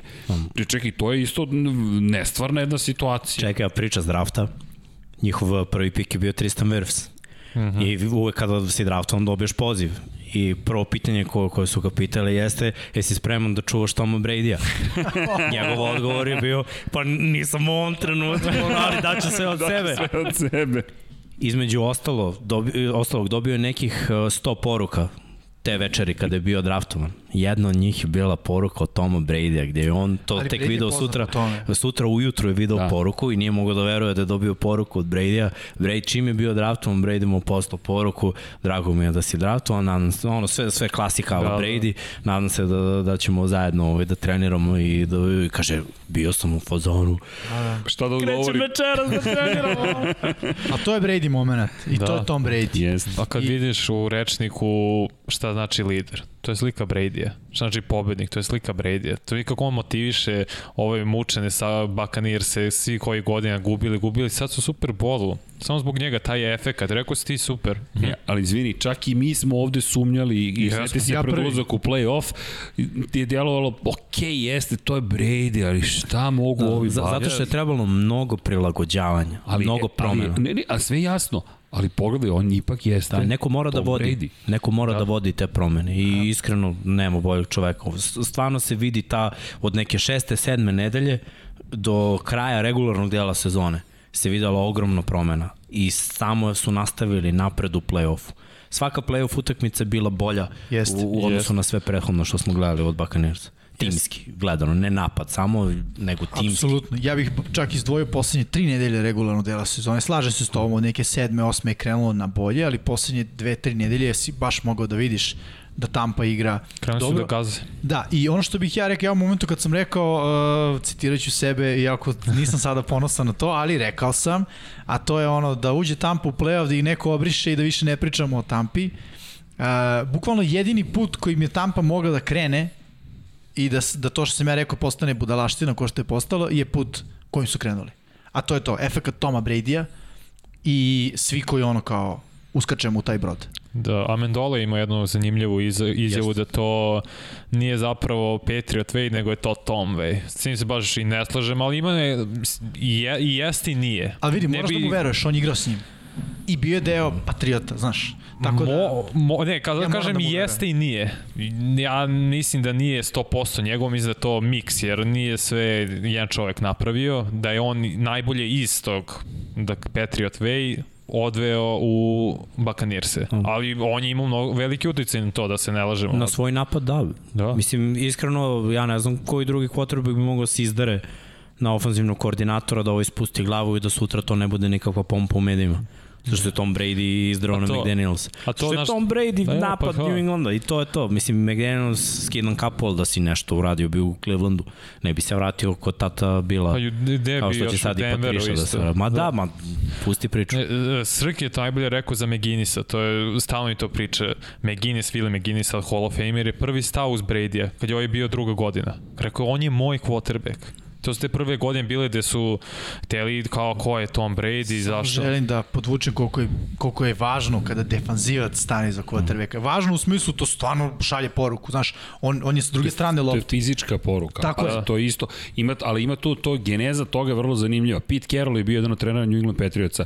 Willie McGinnis je igrao i pod njim i kada je došao Bill Belichick, Billy McGinnis je rekao neću dozvoliti da ekipa uradi, to jest igrači da urade ono što su uradili Pitu Carroll. Pete Carroll je imao i tada nekonvencionalni pristup, igrači su rešili u slačionici da ga sabotiraju i da ne slušaju ono što im govori. Bukvalno su doveli do toga da Pete Carroll ne može da sprovede u delu ono što je zamislio, Sabo, izminirali su ga, izgubio je poziciju, oni su izgubili sezone, sezone.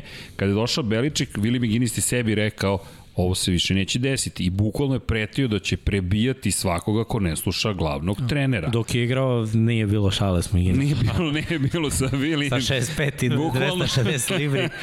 Da Kažeš, se, da ja se izvinjam, ne ali, ne, ali bukvalno je pretio da će ih tući. Kada je došao Brady, stavio iz njega rekao Old je school fudbal. old school futbol. Bukvalno je rekao ovo je moj quarterback. I sad ti su slačionici, zato kad, kad se priča malo o sreći, ali vidi sad je Brady taj koji ne mora fizički, on dovoljno da sedne i da kaže, zamisli samo sledeću situaciju, uđe i kaže, e, to je bilo jedan od, od isto igrača Tampe rekao, kada je ušao u slačionicu i rekao, ti si Vanja. Sad zamisli ulazi Brady i kaže, a ti si Vanja. E, okej. Okay. Tom Brady zna moje Tom ime. Brady zna moje ime. Ali vidi, koliko god nama to izgledalo čudno, mi nismo u toj slačionici, ti uđeš u tu slačionicu i znaš da svaka šansa, svaka greška može da bude izlaz iz slačionici i dođe čovek koji osvoje sve što je svoje kaže, aha, znam za tebe. Važi, znaćeš za mene. Sad ću te čuvam, skačem, šta god treba da radim, grizem samo da postignemo cilj. Malo imamo Brady Mans, ja bih rekao 99 yardi tokom Pa, ove dobro, večeri. zasluženo. Zasluženo je. Čovjek ima dve Hall of Fame karijera, presečaš na pola njegovu 10 godina, prva decenija ovog milenijuma, druga, to su dve uh, Hall of Fame karijere, o čemu pričamo. mislim. Ko zna, može dođe do treće. U treće čekaj, da, Da, kako da, krenuo. Po, Pazno. poenta, poenta priča, uživajte. Uživajte Da, dok gledate jeste, ovo, je. jer Bravo. uh, nije često, šta više desilo se sad i pitanje I je da li to. će ikada. Uh, mnogo manje, ja kažem, nedostaje mi Peyton Manning. Iako nisam bio neki ljubitelj dok igrao, ali neke stvari koje, koje je on radio mi nedostaju kad vidim danas ko igra Da. quarterback. Znaš, da, da neko tako razume o šta radi odbrana, kako da promeni akciju, koliko puta pozvana akcija po u poslednjih 5 sekundi, on stigne da promeni akciju, da izvede snap i da pronađe pravo rešenje. To su stvari koje će nam nedostajati sigurno i ti veliki igrači, oni dođu, dođu i odu i mi smo tu, Ne mi gledamo, tako je, ne cenimo i uvek, uvek Dok se ne hejtuje odu. neko ko je, neko ko je mnogo dobar. Dok ne od... Zato to za kraj ću dodati cenice i prebacit ću na NBA i LeBron James. Ovo je ista Kako ne? situacija. Kako? E, ja lično, ista, ja lično ista. ne volim LeBron, ali ja ga poštujem. Kako ne Čovek ubija. Da. Da. Tolike godine da budeš u vrhu, pa ne moraš ni to osvajaš. Ne moraš da budeš najveći, ja da se ne frljamo s tim ko je GOAT, ko je ovo, ko je nebitno. Čovjek je bre opasan igrač, kraj priče. Jeste. Stavi ga na da. teren protiv bilo koga, tu je. Mislim, čini svoj tim bolje Da. I, i to je ono Vidi, ultimativno. Ako mogu da, da, da, da, da dodam, kad smo već Mhm. otvorili samo, i mi imamo situaciju sad u Moto Grand Prix koja možda čak i biće tragična, vidjet ćemo. Mark Marquez koji se ozbiljno povredio, ozbiljno je povređen, nije popularan toliko, jeste popularan, ali ako govorimo o popularnosti, Valentino Rossi jedno 80, 20 ili 70, 30, kako god hoćeš da podeliš, ali nema osobe koju nisam sreo, koji je navijač Valentino Rossi ili nekog drugog vozača koji je rekla o, o, ne ovo, Ne, ne ovako nedostajaće mi i već mi nedostaje. Mm. Jer ti nedostaje zapravo neko da li ga voliš ili ga ne voliš i nevažno, to su sportske emocije, ali to poštovanje prema onome što čini, to makar mi uvek ćemo da gajimo. I to kada pogledaš koliko ljudi sada već govori, pošto je veliko pitanje da li će voziti ove sezone i da li kako će se i oporaviti i kako će voziti u budućnosti, već govore to nije to. Ne, A zbog toga, zbog toga gledam. Znači, kako stripovima, uh, da nije jednog dobrog, uh, mislim, onako opasnog uh, negativca, taj za koga navijamo, jel te superhero, ne, ne, razumem, ne, ne bi on učinio toliko dobro. Isto tako, antipoda, uh, dva dobra igrača, da, da oni moraju čine jednog drugog boljim. I tu gledamo ko je bolji na kraju kad onaj bolji, jel te, pobedi, osvoji, tu, tu moramo da damo aplauz, skinemo kapu i kažemo, wow, hoću ovo da gledam još 10 godina. I mislim da si napravio savršen uvod u Super Bowl 55. Pš, pš, pš. Bukvalno, savršen uvod. Kansas City Chiefsi idu u Tampa Bay da igraju protiv domaćih Bakanirsa, u svakom smislu te reči domaćih Bakanirsa, koje predvodi Tom Brady, a s druge strane dolazi Patrick Mahomes. Da, ako neko može da da novu motivaciju tomu, iskreno ja mislim svaka čast čoveku jer i dalje nalazi motivaciju, okej, razumem, novi tim, nova konferencija, o, dolazimo u Super Bowl i sada uh, pobediti najbolj, najkompletnije quarterbacka današnjice, ajde tako da kažem. To je i te kako dobar motiv za čoveka Jeste. Koji uvek nađe m, se, kako sebe da motiviš. Pogotovo neko koga mnogi gledaju kao možda on ima šansu da bude najveći, da prestigne Brady. Kako to te ne motiviše? Sad njega pobediš, to je gotovo nema više diskusije. Da, ali treba, treba. Ok, momci, ovo je vaše. Ne, ne, ne, ja se slažem Ali- s tim, to je stvarno što ti Srke baš gaš romantično. Ovaj, I zaista jeste sa tog aspekta, mislim, kad pogledamo poređenje a, i godina, e, koliko ima jedan, koliko ima drugi, e, šta su uradili do sada i ovaj, e, prosto stvarno jedan meč koji jeste kruna ove sezone. U smislu da uh, ono, s jedne strane imamo priču Toma Brady-a, a nije samo ni Tom Brady, ti Buccaneers, spomenuli smo to, prošle godine su bili na uh, jednu utakmicu od play-offa, ok, kako bi se završio taj put u play-off, svi vjerojatno Brzo. znamo, ali bili su na utakmicu od play-offa i ono što je Miksa rekao, ekipa koja nedostaje od Tom Brady. Dobili su taj poslednji delić uh, slagalice, ali sa druge strane imamo jednu kompletiranu slagalicu. I jednu slagalicu koja je tek složena. Ili možda nije. Vidjet ćemo na kraju dana u Superbolu. To će biti pravi test. E, sad je- jednu stvar moramo odmah da, da, da kažemo, to je hendikep za Chiefs ne igranje startnog levog tekla Erika je. Fischera. Mnogo znači i videli smo Srezini koliko god bio dobar atleta, neko kog će oni staviti na levog tekla, on nije startni levi tekl i on e, ne igra sinhrono sa ovom ofanzivnom linijom i videli smo kako se Green Bay proveo, mm. jer ovo nisu obični edge rusheri, ovo nisu momci koji su prosek, ovo su ubice i Shaquille Barrett i Jason Pierre-Paul će iskoristiti, sa, to su momci koji igraju instinktivno. Znači on nije unapred spremio, ha sad ću da idem ovom tehnikom ili ono. On čeka grešku u tehnici ofanzivnog igrača. A igrači koji nisu komotni na igranju neke pozicije, oni i suviše tehnički izvode neke stvari svaka, svaki trenutak nepažnje ili pogrešne tehnike u datom trenutku biće iskorišćena i to će dovesti do problema za Mahomesa i taj napad. Ali ono što mene k- nekako hrabri da se Chiefsi neće loše provesti, u posljednjih dve, tri utakmice. Često pomeraju džep levo desno. Često je čitava ofanzivna linija u slajdu, gde ima Jest. nekoga ko, ko brani tu uh, slepu stranu, a Mahomes beži i u trku dodaje loptu. Č- Čitava akcija je dizajnirana tako. Tako da sam već video otprilike neki način, ovo su bile dve nedelje, dve nedelje vremena da se to odradi. Iskreno, ako Andy Reid, Enemy i ovaj napad Chiefsa nisu uspeli za dve nedelje da, da pronađu način kako da anuliraju rezervnog levog tekla, niko to u ligi ne može. Eto, ako Pazi. oni ne mogu, niko ne može. Ajde da dodam kad pričaš o trenerima i o pripremi plana i svega. Ja očekujem na ovom meču po barem, ali kažem barem jednu akciju i jednih i drugih koja je ono do sad neviđena.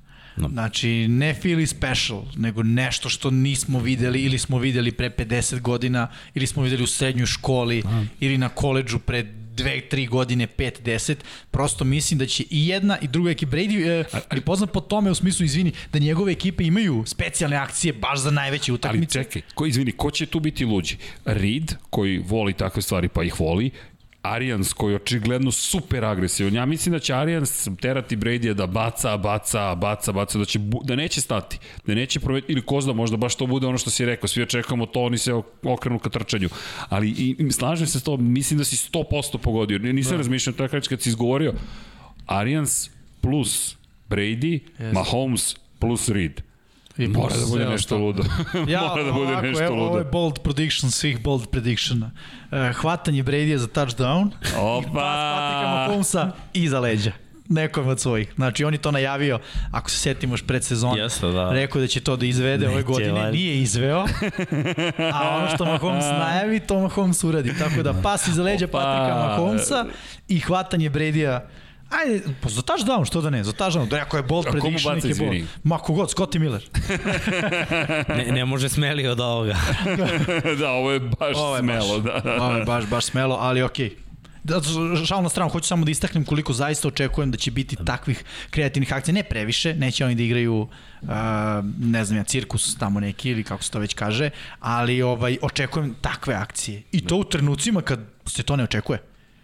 Ono, ja opet treći za kratko. special. Pa neki buck special. Ne, I, da, I da kažemo, eto, ako analiziramo napade, znači izuzev ovog hendikepa na igranja levog tekla. Oba tima imaju dve primarne hvatačke opcije. Računam da su Evans, Gadvin, uh, ekvivalent ovamo Hillu i Kelsiju ali zato imamo po, po tri neke sekundarne opcije, da kažemo da je i Robinson Pringle, na primer, Sammy Watkins ako bude igrao kao i uh, Nicole Hardman sa Chiefse, ovamo imamo Gronka koji eto samo jedno, ono imao jedno hvatanje vrlo važno, ali dobro blokira i treba očekivati da, da će imati dve, tri akcije bukvalno za njega, kao i uh, za Johnsona, koji se pojavio u, u par momenta, uhvatio na treći downu, za njemu je bio da, pass da. interference, da, Scotty da. Miller, koji ima svoje specijale. I Johnsona, uh, seti se, ja sam istakao i kao, i kao Jokera, Jest, jer to jedno od hvatanja je bilo kritično protiv, protiv Saintsa. Da. Tako je, protiv Saintsa, on je taj koji je odjednom pomerio lance. I dosta je bilo tih trećih pokušaja protiv Saintsa za Bucks. I opet ti gledaš sve vreme, aha, gde su Gadvin Evans, mislim, Brady postigao touchdown protiv Packers. Toliko je bio sam, to je samo razlog zato što nije primarna hvatačka opcija, onda je primarna hvatačka opcija, linebacker bi ga ispratio barem pogledom. Jasno. On čovjek je bio toliko sam, meni je bilo neverovatno da su ga onoliko zaboravili. Ali kada brineš o ovome, o onome, o ovome, o onome, a quarterback prati svoje ridove, ne igra na silovanje, nego aha, 1, 2, 3, hvala lepo, doviđenja i prijatno. Da. Ali eto, pričao si o napadima, moramo pričamo i o odbranu. Moramo. Da budem iskren, ja, ja ne očekujem bliceve, jer mislim da su beskorisni protiv jednog i protiv drugog. Očekujem da kažem, pritisak pre svega defanzivne linije sa nekim stantovima, odnosno ukrštanjima i pravljenjem malo, da kažem, problema, ali ne bi me iznenadilo, pošto Tampa zvanično, ako se ne varam, kad pogledamo njihove najave odbrane, to su dva igrača defanzivne linije i ostalo su linebackeri, odnosno ti edge rusheri. I po meni potpunosti ima smisla da čak na ovoj utakmici oni samo šalju trojicu, a sa osmoricom da pokrivaju, jer ima nekako smisla. Pošaješ pet plitke zone, da prosto vode računa o Kelsiju, o tim kraćim rutama, o tim krosevima i pošeš trojicu duboko, nominalno. Koji će isto da vode računa o tim dugačkim i dubokim ukrštanjima ruta. Tako da to možda može da bude smer u kome se Tampa bude, u kome će se Tampa kretati. Sa druge strane, Chiefsi ne znam koliko ima smisla igrati Blitz protiv Brady-a. Mislim... Pa gledaj, moraju da probaju ali ono što jeste bila tajna timova koji su pobeđivali Petrioce i Brady u play-offu jeste uh, rush i pritisak i pritisak i to uh, interiornih uh, defanzivnih linijaša. Mm a ovi ima jednog od najboljih, već smo ga pomenuli, Krista Jones. Uh, biće jako da Jensen uh, je ocenjen kao jedan od boljih centara u čitavoj ligi.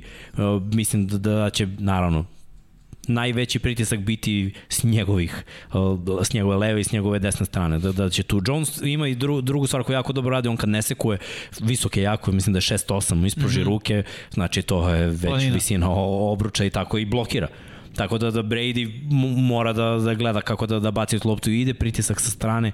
Može ova utakmica da ode u totalno drugom smeru, što kažeš. Mislim da će igrati uh, Spanulo onako malo, probaće s nekim blicevima, ali za Tampu je vrlo važno da počnu da trče ako se to desi. Jer Jones je imao skoro 1000 yardi ove sezone da nije igrao nekoliko utakmica. Fournette igra mnogo bolje u play-off. Jest. Oni mogu da anuliraju tu odbranu Chiefsa i onda utakmica može da bude baš onak. Ja mislim da mi želimo da utakmica bude kao Patriots i Chiefs u onom finalu konferencije. Da je to utakmica koja bi nas onako zadovoljila. Veliki broj poena, atraktivnih poteza, produžetak, pa ono. Pobedi, da. Ceo džir.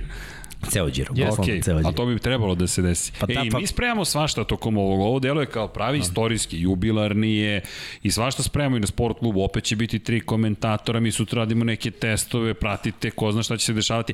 Ali kada pričamo o specijalnim stvarima, hajde da bacimo pogled na nešto. Još ovo nismo imali 99 yardi, ali evo sa lica mesta Neža Pavić, Pavčić, naša draga koleginica i nadam se da ćete uživati. Da vidite kako je trenutno u Tampi, pa evo specijalno za 99 yardi. Ovako se ove godine odvija Super Bowl 55 fizički u Tampi, a sve novinarske konferencije zbog pandemije koronavirusa izgledaju virtualno na Zoomu ali ništa zbog toga.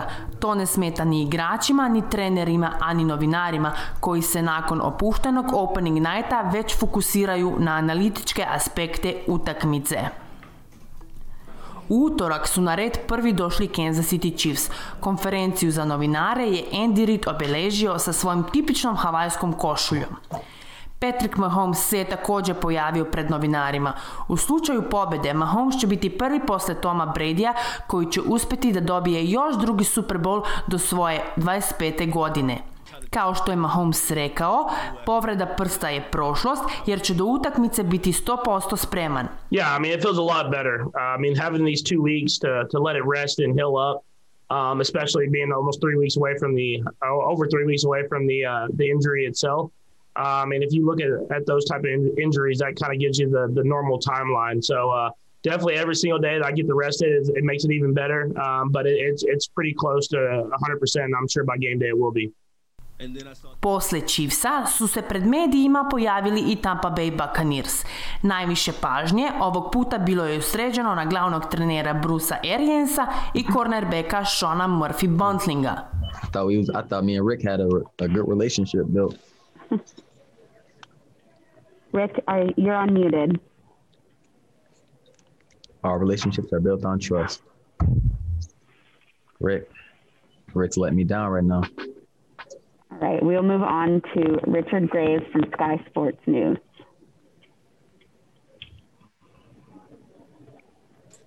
Hey, Sean, I certainly want to hear from you. Um, you. You guys have obviously been playing at a very high level, you personally as well, through this postseason. I wonder if you can just talk me through the strengths of this defensive unit as you see it, and not only the advantage of playing fast, but having that big playability about you as well. Yeah, the strengths of our defense. Uh, we're a fast, physical, uh, hit you in the mouth defense. I mean, we got the guys up front. The front seven is uh, tremendous, if not the best in the league. Um, and then the, the back end as well. We're uh, continuously growing, getting better, um, feeding off of each other, and we're playing for one another. And uh, we're physical. We're all physical guys. Corners, uh, we like to put our hands in the line of scrimmage. Our safeties like to come down and, and knock your head off. So, um, I mean, we get the best of both worlds.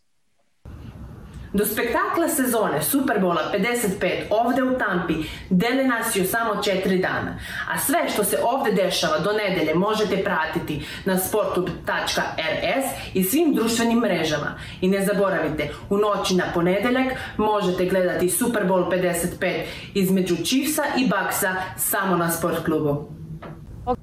Događanje na Superbowlu 55 ove godine ovde u Tampi jako je drugačije. Ograničeno, nema toliko ljudi, navijača ani novinara, ali ipak se oseti da se ovde sprema spektakl Superbowl 55 koji će se odigrati u nedelju. U sredu i Chiefs i Buccaneers obavili su prvi trening ove nedelje. Kod Chiefsa trenirao je i Sami Watkins, dok Eri Fisher zbog povrede Ahilove tetive neće igrati ove nedelje.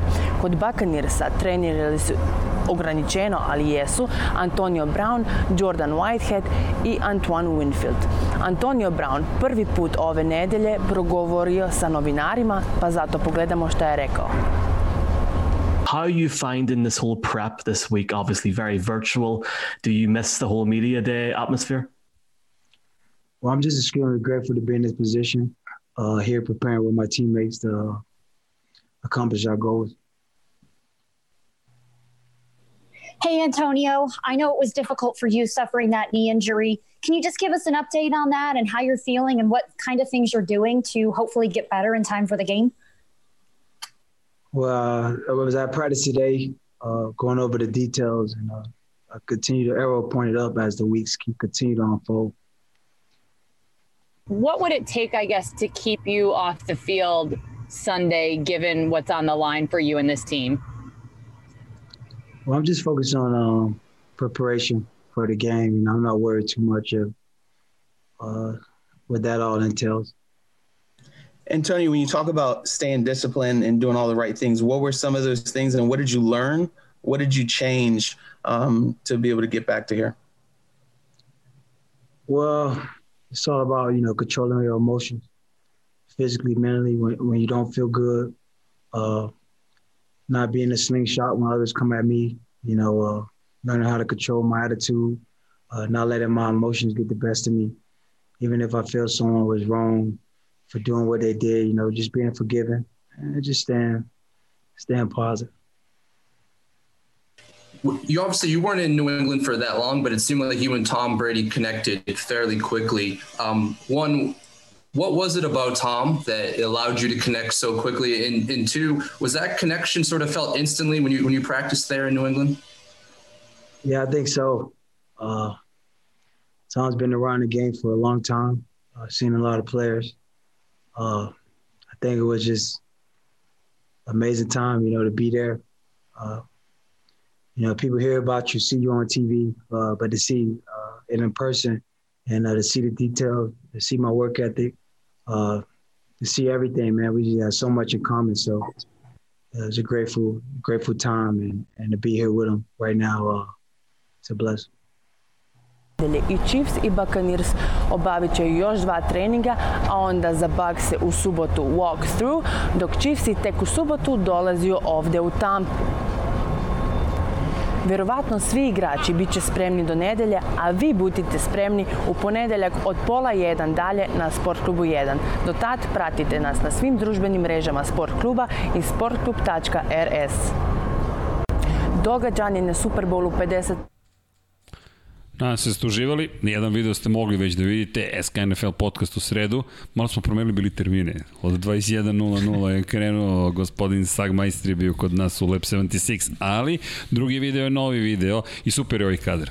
Neža i u pozadini gusar, piratski brod. More, lepo. Baš sad Miksa kaže, mogli bi negde more. Su suzica mi je krenuo. Da. Ali da, priča o baksima i baš konstatujemo koliko igračima teško. Pogledaj kako izgleda Super Bowl. Koliko puta te pitaju ista pitanja i ti moraš strpljivo da sediš i da odgovaraš i da odgovaraš i da odgovaraš i da odgovaraš, a razmišljaš čekaj, treba da igram najveću utakmicu svog života, ali moram da odgovorim na sva pitanja ovih ljudi koje to... Baš mi ih je žao, znaš. Ja, ja ne bih mogao tako. Surovo. Zarađujem toliko da odgovaram na pitanja.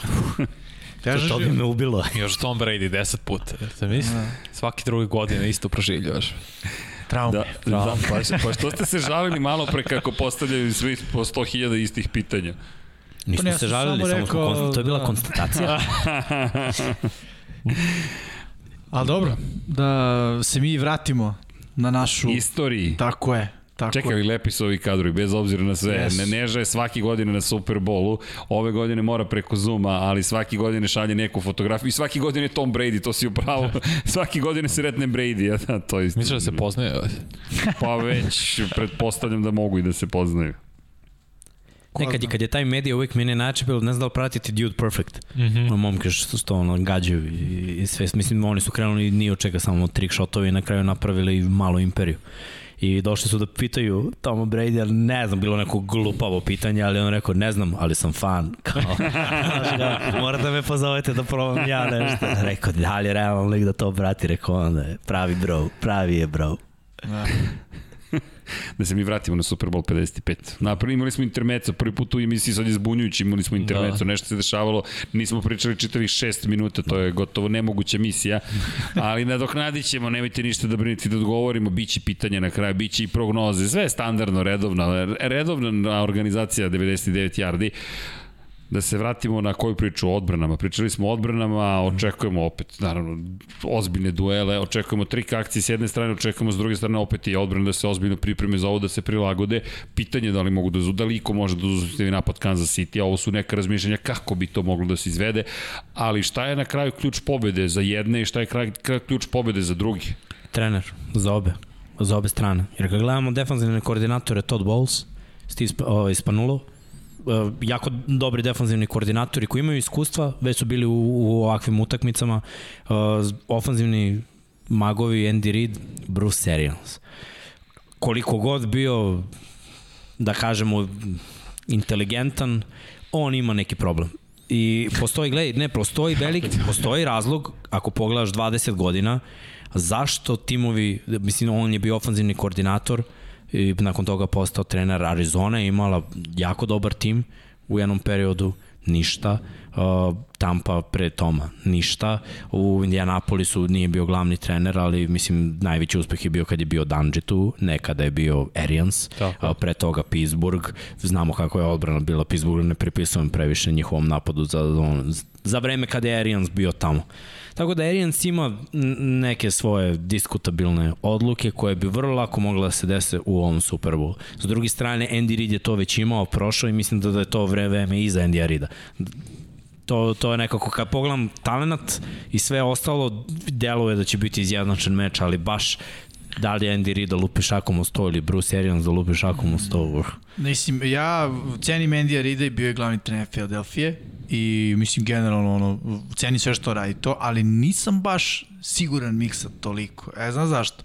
Da onaj četvrti pokušaj nije prošao. Ok, jeste to taj Rick ili igrali su, sve stoje.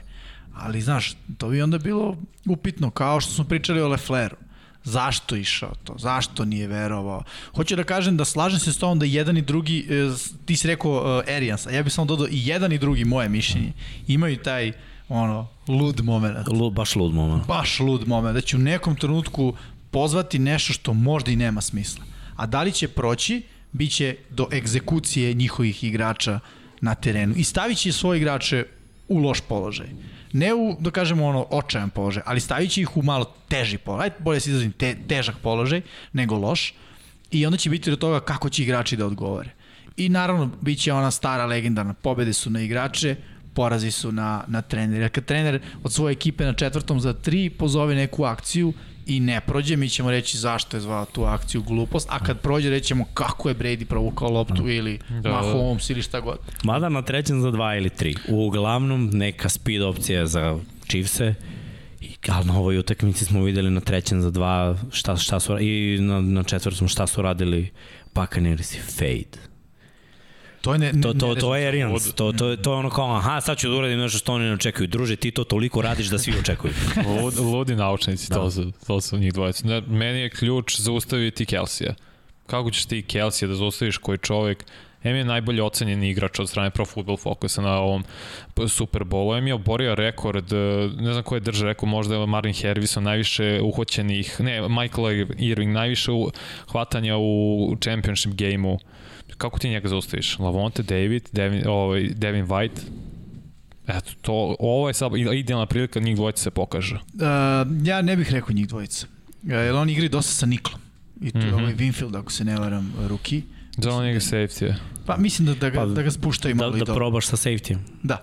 I naš, ne, nezahvalno, koji linebacker može pokri njega? Mislim, ni jedan. I ja ne bih to Ja bih baš gledao Vajte. Baš gledam u njega, igra stvarno igra. neverovatno igra. Mm. Poslednjih 5-6 utakmica stvarno iskače svaki put.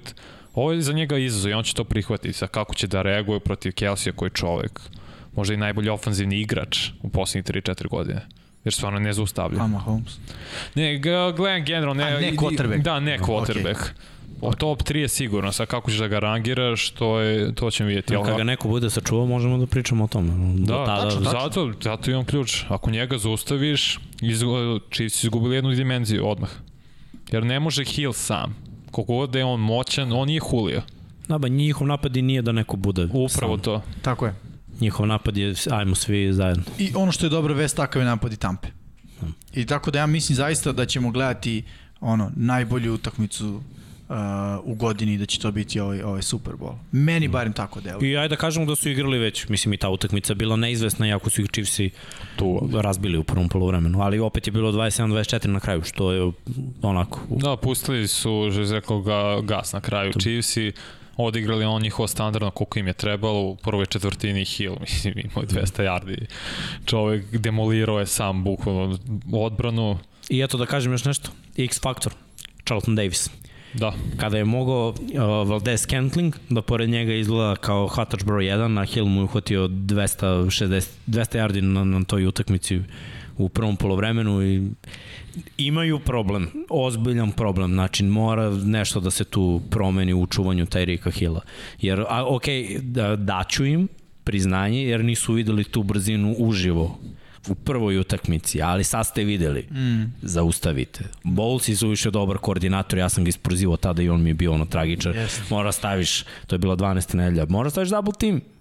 Mislim, ne može da puk, ne mogu tri fade da puknu, mislim, stvarno, stvarno da. nije... To double team dva brza no. Da. igrača, o, safety da. corner.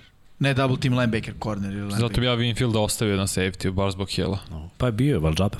Ne može kao on je igrao cover 3 u jednoj situaciji kada je bio na out and go.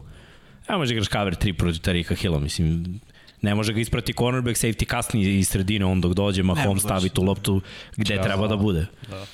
Tako da, mo, mislim, mislim da će biti ovo nikad jači Super Bowl.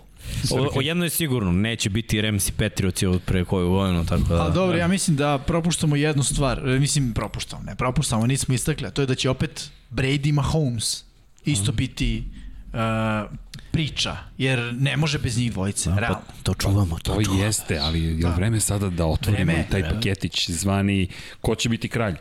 Na kraju ovo je pitanje ko će biti kralj. Jer mi ako pogledamo, Brady je taj koji je kralj NFL-a već skoro 20 godina kada se sve sabere i oduzme. Kako god su se ređale titule. Jedna, pa nisu ušli u playoff, pa druga, pa treća. On prva tri svoje ulaska u playoff nije izgubio ni jednu utakmicu, svoje tri titule. I ako pogledamo kako su izgledale te četiri godine na početku, imamo i statistiku njihove prve četiri godine, Tom protiv, ovo je zanimljivo, meni, meni bio super potpis, Tom versus Pet i, i bilo je pitanje, protiv koga, protiv Patriota? Ne, nego Pet i Tom. Da, da objasnim zašto četiri sezone, pa Da. Mahomes je četiri godine u ligi. Tako je. ne da Nema više Brady poređenja. Koliko godina i, i Mahomesove četiri. I u prve četiri sezone kad smo pisali ovo, bili smo možda malo iznenađeni koliko Mahomes, da kažem, rastura Brady-a u svim kategorijama, osim jedne, koja se zove Super Bowl titule. A, ali ajde krenemo od početka, pa to jest od ozgo na dole. Čekaj, pre nego što krenemo bilo šta o statistici, samo kažemo da Pet nije igrao prvu sezonu. Nije ni Tom. Nije ni to. I, igro je, igro je, igro je jednu utakmicu. Wow.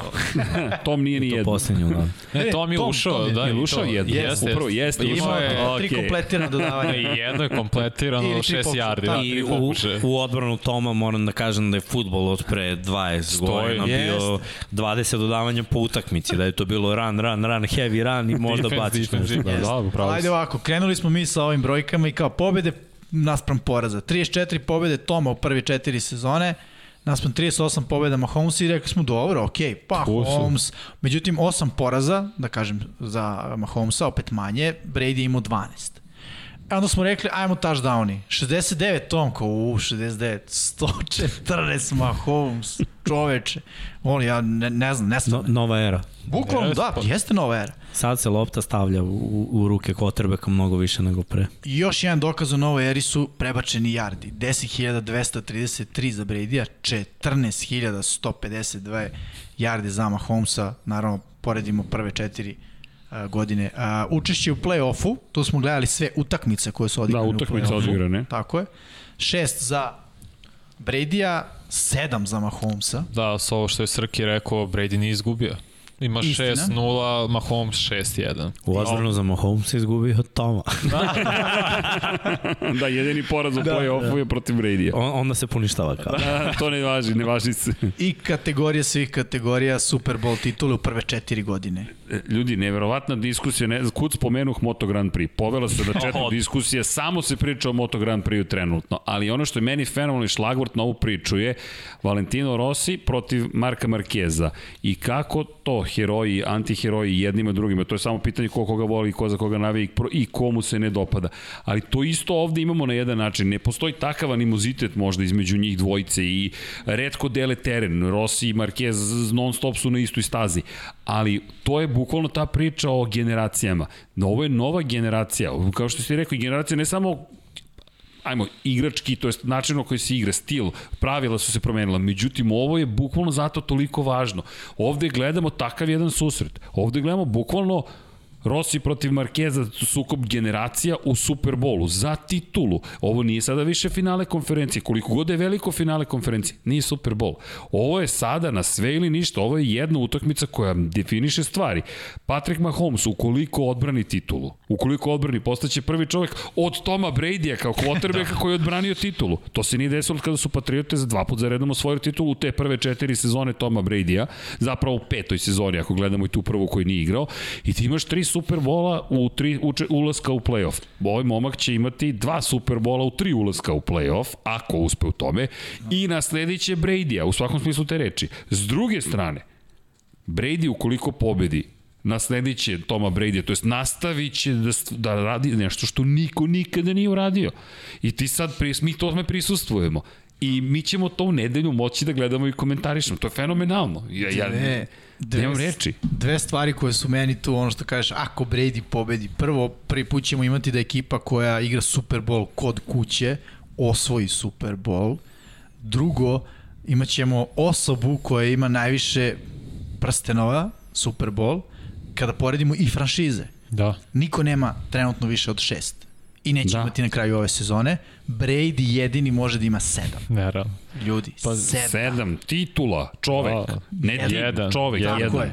Tako je. I to šest u AFC-u i jedna u NFC, to jest jed, to je to je tek neverovatno. Ti, ti nisi samo promenio tim, pa možda ostao u diviziji, pa to već poznaješ do nekoj, pa ili si ostao u konferenciji. Ne, ti si otišao u I to u koju konferenciju si otišao? Otišao si kod Brisa u konferenciju, otišao si kod Meta Rana sa Atlantom, bez obzira na sve. Otišao si u Slaviju konferenciju. Ove godine... je sad slabio od istoka AFC? Buffalo. Ne, ne, ne, ne, diviziju, konferenciju. A konferenciju, da, izvini, da. izvini. Da, vidi kako smo obojica O, reagovali. o, ove Čemu godine... pričamo, Chicago da, ušao u Dobro, sad jeste, sad jeste. Ne, upravo. Timovi u AFC-u imali da. 11 pobjeda. Da, ove godine, da, prošle godine je bio mnogo bolji, to stoji. Ali divizija je bolja nego što je ikad bila. Mnogo, ali da. ne, ni ja sam rekao konferencija, Jeste. molim vas, obratite Dobro, pažnju. okej, a, istina, istina. Pa Brady ako osvoji ovo, to je njegov drugi Super Bowl sa 40 plus godine. Sam to da... Da. A to niko nikad u sportskoj istoriji, bar američkoj, nije uradio. Ni u NBA-u, em, bejsbolu, hokeju, niko nikad. I da se odbrana pojavila protiv Filadelfije, možda bi imao još jedan, ali E, pa, 500 ovo- yardi nije bilo dovoljno. Ja to ne Da, volim, da, 500 i čovjek je mislim da nije bio Vinatierija, 500 yardi. ne bi ni bilo koliko, prve dve, tri. Pa Dobro, dobro, dobro, ali, šta? ne, ali- zato ne volim to, nešto se oduzme, nešto se dobije, ja to tako Istina, gledam. istina, istina. Može. Ali ajde samo da bacimo svetlosti na jednu drugu stvar. Ako uh, Mahomes osvoji, da nastavim na to, uh, to će biti drugi, je tako, njegov Super Mhm. Bowl, a znamo da će biti još 9 godina u Chiefsima. Mislim, znamo. Pretpostavljamo zbog njegovog ugovora, da, da. tako. Desetogodišnji ugovor na početku to. sezone, što znači da je ono njegov uh, uh, kapacitet, njegov domet, apsolutno Tom Brady. Da. Nivo. Da, da. Ali ljudi, ako pričamo o efektu Toma Brady-a i kažemo došao je u jedan tim i pretvorio ga u pobednički tim, isto važi i za Patrika Mahomesa, samo što su godine Jest. drugačije, ali Mahomes je došao i ovaj tim pretvorio u ovu nepobedivu mašinu. Jest, i baš On kad je taj. pričaš o timovima, imamo i uh, ove grafike koje se tiču timova. Bravo Vanja, možeš ti da počneš. Da, i da kažem odmah ljudi ćemo raditi istorije svak, svakog tima, ali ovo je nešto ukratko. Pa, A da, pokrenut ćemo. Baš evo Chiefsi kad su osnovni 1963. godine imaju samo dve Super Bowl titule. Prva je bila čini se 66. baš, pa onda Mahomes prošle godine donio drugu. 23 playoff učešća nije nešto spektakularno, to su dve franšize koje nisu ništa sad, wow, nisu ni istorijske mnogo, divizijske titule 13 i po dobro, broj poučenih dresova 10, to je opet ništa spektakularno kad poredimo druge. I možemo da vidimo i Tampu, Oni su čak i loši i kasnije su osnovni 1976. Jedna titula, to je ono čuvena 2002. sa neverovatnom odbranom, samo 11 playoff učešće. To je ono što sam rekao, oni su generalno gubitnička franšiza bila.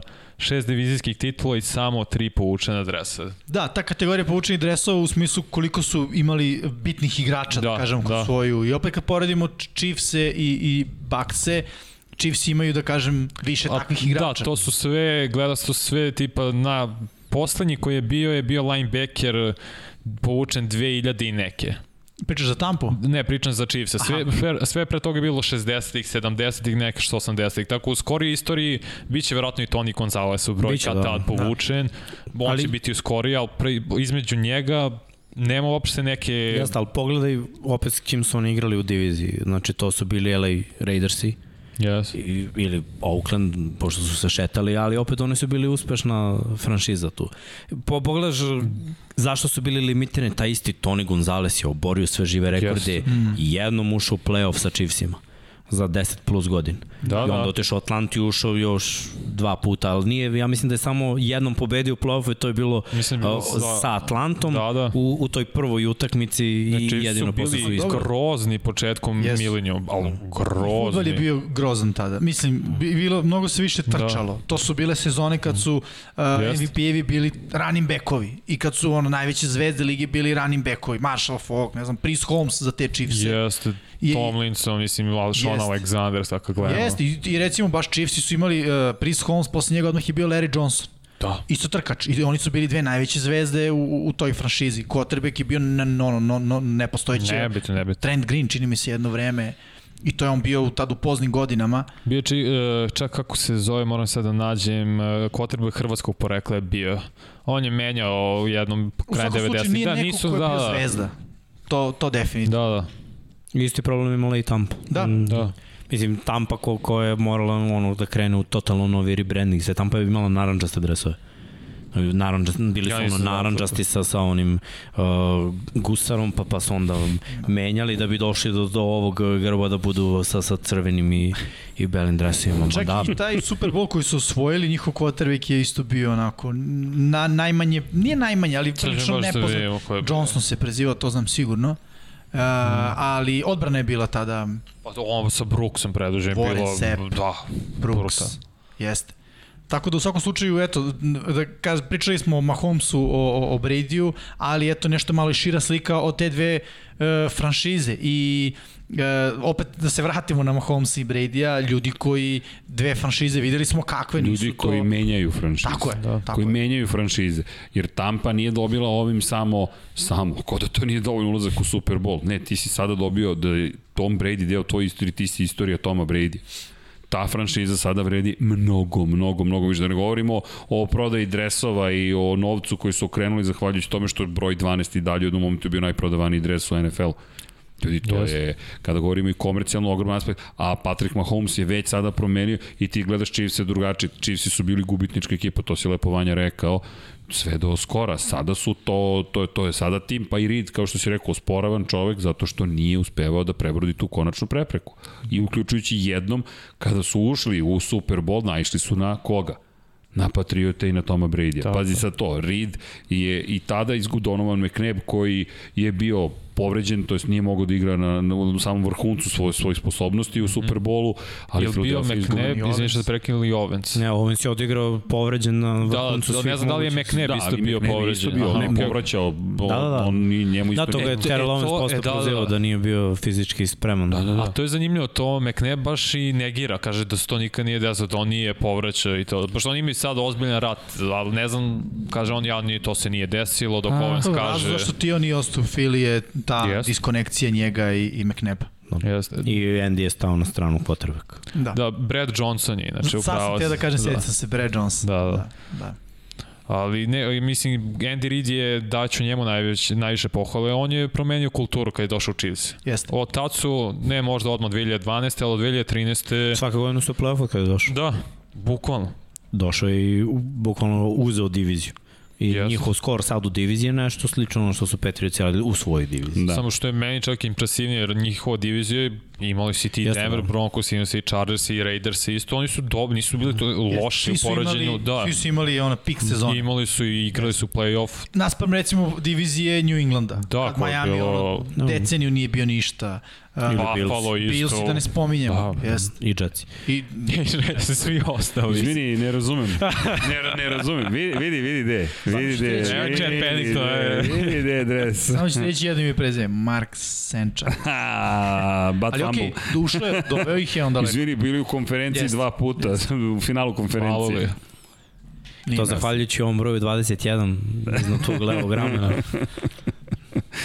Rex Ryan je tada, ne, ne smem da spominjem Rex Ryan. on Do, Rex, Rex. Rex je legenda na ali svoj legenda, način. jeste, na svoj način jeste, čovjek je legenda. U svakom slučaju, Jetsi su tu, ja sam rekao, polako, a to ćemo tek da dođemo kad dođe vreme za vesti, koji quarterback ide gde, ko će šta, kako, zašto, no kada već mi pričamo o toliko i o Bradyu, Mahomesu i Tampa Bayu i Kansas Cityu, ljudi, ko će da pobedi, da mi bacimo pogled na dosadašnje prognoze kako stoje pre nego što najavimo i izaberemo mi našeg pobednika, to jest na koga mi tipujemo.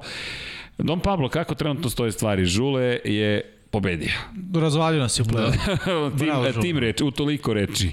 Bukvalno 10-2 i šta god bi učinili, niko ne može da ga sustigne, Jeste. tako da Žule je kralj playoff prognoza, svaka čast, čestitke gospodinu sa najviše iskustva i kako sam se lepo izrazio. Mislio sam, Miksa dobija novi nadimak za regularni deo sezone, a Žule za play-off. Miksa Rodgers. Ne, ne, Miksa je money. Zato što ima najviše pogodaka. Ljudi, slušajte Miksu i ono, mo- možda, možda dođe. Što bi se rekao. Ali Žule da. Pazi, ostao sam veran svom procentu. Jesi, E, jesi. 67, da, da. Jesi, da. bravo. Ali 83 žule, wow. Ja se izvinjam, ja, ja nisam Tu sam i ja, poslednji. ajde. Ali da, To da li zbog Vanja- iskustva u play-offu ili? Da. Mada još nije gotovo kako smo tipovali još i mnogo toga otvoreno. Da vidimo mi kako smo mi tipovali to, to jest ko tipuje na koga u... I ne, da pogledamo zapravo... O, da, ja... Strašno. Strašno Finale konferencije. Vanja, Green Bay i. Buffalo. kako? Jurio, Jurio sam žuleta. da. Pa dobro, da Bravo, si, da Miksa. si ga jurio, znao bi koga da izabereš u prvoj utakmici. Bravo Miksi i bravo Sliđane. Tampa Bay at Green Bay. Vanja izabrao Green Bay, Jimmy Green Bay, Žule Green Bay, Miksa i Srđan Tampa Bay. I naravno U pobedio. stvari, ti i ja kad dođemo do finala konferencije, To ti kažem, tu smo tu smo nezaustavljivi. najjači. Mogu da nas izbace u Alka rundi, ali to je to. A druga utakmica, samo da konstatujemo, molim vas, Buffalo at Kansas City, svi smo tipovali Kansas City, osim Vanje, hrabro Vanja. Ali Kaže, ovo je Žulet. baš bilo hrabro. Pa da, pa rekao, ja, šta im da izgubim. Ništa da si... Drugi ili poslednji, sve, ako nisi prvi nije bitno. Ja, da i Nisi meni nije tako bitno pričao uopšte. za regularni. To je bilo, Kao, ljudi, dobar sam sam. ja drugi. Da. Dobar sam, kao, baš sam se ispogađao. Da i meni je bilo baš sve jedno što sam jedna 50% prebacio, po, pa, potpuno mi ravno ovako, da. nevažno. Imao da, si preko 60. Uf, E, sve preko 60 je dobro. Sam bio. A dobro, imao sam neki zanimljivi tipove. No da mi vidimo kako smo tipovali za veliki Super Bowl 55. Vanja, Jimmy, Miksa, Žule, Kansas City, Srđan, Tampa Bay. Pa, vajde. Izjasni se. Izjasni se. Tampa Bay. Okay. Tom, Eto, bukvalno- t- Tom Brady, TB ili... Znaš kada šta mi ovo liči? Kao Giantsi protiv New Englanda. Znaš, svi su rekli to je to, New England, to će biti 19-0, završena istorija, Miami neće biti nepobeđena jedina ekipa u istoriji, to je to. To je jedna utakmica, to je Super Bowl. Ko zna šta tu može da se desi. Pričali smo o načinima da se pobedi. U jedini način, rekao bih, da pobediš Kansas City jeste da imaš dovoljno poena kao i oni. Ja sam misliš reći jeste da imaš Tom Brady u svom. Da, i da imaš Toma Brady u svojim redovima. Bez obzira da li je on dobar, loš, ovakav, onakav, sad nema, ne, sada mora da bude savršen ukoliko žele da pobede. Mada, ko zna, kažem, Super Bowl je to, čudno je to, uvek je to taj jedan poseban sportski trenutak, znaš, kada dođeš do toga da završava se sezona i to je istorija i psihologija, verujem da će i kod jednih i kod, bitni, i kod drugih biti pobednička, verujem da je Tampa to stekla, naučila i da zaista veruje u sebe, što je preduslov da se suprotstaviš uopšte Kansas City. Kansas City je apsolutni favorit, mm. dakle po svim pitanjima, ali iz nekog razloga verujem prosto će Tampa Bay osvojiti. I, I da kažem da, da je ovo baš kao pravi Super Bowl, da jeste Kansas City favorit, ali da nije to. Ja bih rekao, ono, 53-47% i mene tih 3% samo zbog trenera. Ali bukvalno, jer kad pogledam, evo, Tampa ima bolju odbranu, Chiefs imaju uigraniji napad, jednostavno. Da. I, ali opet, s druge strane, dobra odbrana Chiefsa, naročito u play-offu, znaju da odigraju koliko je potrebno i opet ta napad Tampa je takođe jako Vrlo dobar, dobro, ali kada bude došlo da se donese ludačka odluka koja će da prođe, više verujem Mandy Ridu nego Bruce Ariansu i to je 3% za Kansas City. Ja bih samo rekao da više verujem egzekuciji Patrika Mahomesa i njegovih saigrača, gde su već bili u ovoj situaciji više puta, nego egzekuciji ne toliko Toma Brady-a, već njegovih... Ostatka ekipe. Pa da. Ne znam kako će se snaći u, u, u Super Bowl. Ne kao ne znam kao bit će loši. Ne, ne, nego mislim da ti momenti će doneti odluku. Šta, se- šta se desilo kad smo prepričavali Green Bay i Tampa? Pričali smo manje više o par situacija i to su bile ključne situacije definitivno. A sa druge strane, ajde između Billsa i, i, i Chiefsa, pa dobro i tu je bilo uh, nekih, da kažem, ključnih stvari, da, na, na početku. Ali u ovako velikoj utakmici te stvari zaista, zaista prave razliku. I još jedna stvar koja, mislim, prosto bilo bi mi bez veze da je ne pomenemo, uh, Brady onako e, sada igra, igra dobro, to je tačno, ali ima taj pad u, poređenu na svoju karijeru, u smislu da počeo da baca interseptione, koji malo brinu. A Mahomes s druge strane m, nema baš takvu tendenciju. Brady je počeo da osjeća malo pritisak, kao što je Miksa rekao. Kad je video pritisak, on je bacio gore, rekao a, da Mike Evans će možda ugotiti, možda neće. Poče, poče njega taj pritisak da stiže. Ja ne, ne, ne bih se baš složio, u smislu ne, ne mislim da je to pritisak, više mislim da je to... Uh, Pritisak odbranih igrača, mislim, ne... Razumem, da, razumem, ali čak, čak nije ni to. Znaš, Brady je onaj lik koji će da baci loptu i da dobije ozbiljan udarac, jer je bio već tu ranije ali, i nema strah. a on to izbegao poslednjih par godina. On to uđe u džep, skupi se sav i krene i on sam Dobro. da, da uopšte ne trpi udarac kao Kada Breeze, vidi da ne da je sve da. zatvoreno. Da, da. To je pametno odluka. Da, no, ali kada naravno. vidi prozor on će da baci loptu, neće da, da, da forsira kao recimo što će možda Rodgers da uradi, ali on neće da forsira u tom smislu, ali će da veruje svojim hvatačima. A ta konekcija je i dalje ono up and down. Bolja je mnogo nego neuporedio bolje nego na početku sezone, ali baš ono što je Miksa rekao kad je analizirao situaciju za Evansa koji se nije vratio po loptu, a ono Mike Evans se zoveš i prezivaš, moraš da se vratiš. Uh, to je isto jedna od stvari, što mislim da te izgubljene lopte kojih isto tako očekujem da će biti, i to negde možda više na strani Tampe nego na strani Chiefsa, će u Super Bowlu i uvek su u Super Bowlu vrlo bitna stavka. No, i sva tri interceptiona su došla na Mike Evans. Da. Jeste. I corner, Jeste. i fade, i... Mike. Evans je ono što bi rekli liability. Mislim, on je dobar hvatač, ali zna da onako odigra od bojkaške. Ono, plus ja, zna i da nestane. Kao proti yes. Saintsa obično. Yes. Tako meni, da ćemo videti. Meni je ovo 50-50. Ja sam više izabrao Chiefs zbog priče. Jer vol, ja volim priče i volim da Chiefs i pobeda čisto bude, ah, Mahomes sad ima šansu. Kao, ako Brady pobedi, to je 7, to je ćao za Niko sva nikad, vremena. da. Niko nikada. Ovo bar ima neka priča, se vrti konstantno. O, Mahomes je dobio baš, Brady ima dva, možda ga i nekad istigne. Pravo si, ako Brady e, dobije, to je 7, znači Mahomes dobije go narednih 9 stigao, to je ono 6 u 9. A, a i da ga stigne, izgubio od njega. Jeste, a i da ga stigne, put. da, to je, to je ono izjednačenje. Neće Da. Ga, da bi ga prebacio mora da ima 7 od 9. Da. Brady mora da se povuče da bi ga Mahomes. I to je tačno. Da. I to. E, i da kažemo još jednu stvar, Tampa igra loše kod kuće. Tampa baš igra Da. ove godine loše kod kuće. Mislim, i Chiefs su ih dobili kod kuće, Saintsi su ih unakazili kod kuće. Bilo je nekih utakmica gde, gde oni ne igraju dobro. Možda će padati kiša. To sam takođe ovaj, pogledao. Mislim, to ne možemo da znamo si- sa sigurnošću, jer meteorolozima ne verujemo dva dana unapred, pa čak ni njihovim, ali svakako nije ista stvar kao kad su igrali, ti si lepo rekao, mm. drugačije ideš na poslednji put na gostovanje. Sad su kod kuće, prvi tim koji igra kod kuće, možda se i oni malo opuste, s druge strane Chiefsi dolaze. Chiefsi čak nisu ni trenutno u Tampi. Oni će doći, tretirat će ovaj Super Bowl kao utakmicu regularnog eh, dela sezone, doputovaće u subotu. Znači oni tek sutra stižu u Tampu, dorade trening i spremni su za utakmicu. Vrlo zanimljivo. Da, da. Baš zanimljivo. Tako da je to nešto drugačije odnosno na sve druge Super Bowlove. To možda nije ni loše, znaš. Eto, to Zašto? odradili trening sve kako Tako treba kod kuće, fokus, pap, jedan trening ovamo, odmor i sutra. Jer zašto fo- forsirati u glavama igrača da je ovo veća utakmica od bilo koje druge? U smislu, da, don, može da donese mnogo toga, ali na kraju dana je utakmica... Ono, Ima smisla. Je utakmica. Da, i nisi u tom hajpu, sad je Tampa, ceo Tako je. grad, realno, ono, Super Bowl, Super Bowl, ti si u Kansas City još. Dobro, i tamo je hajp. Ne, je, jeste, ali ovo je ipak epicentar svih dešavanja i to je još plus to... I opet svi igrači Chiefsa uglavnom su prošli ovo, da. nisu svi, ali većina da. jeste. S druge strane od Tampe, ko je ovo prošao? Gronk i Brady. Mm. I su tri igrača. Da. Nisu, i da, su, Su igrao sa sada Ramsima da, u da. Super Bowl. Da. To je to. Ali ajde, eto, spomen, mislim da smo rekli sve što se tiče ovako neke analitike, ali nismo rekli uh, nešto što se isto tiče Superbola, to je halftime show. Vanja, ti si želeo da Ja, načeš tu temu. Miksa. Ja, pa A, ne, pa okej. mor, moramo pomenemo. Moramo, da. Pa za vikend ko Da, peva? Da, za vikend peva vikend. Ovaj, Logično. Pa da, čovjek, čovjek je rekao, e, koji dan je Super Bowl Tu je, nedelja? e, okej. Šta je za vikend? Šta je za vikend? Aj vikend. Za vikend bi mogo malo da zapevam. da, Koliko da će pevam. biti publike? 20 i nešto hiljada, pa dobro, nije baš pun stadion, ali... Koliko ćete me platiti? Minus 7 miliona dolara.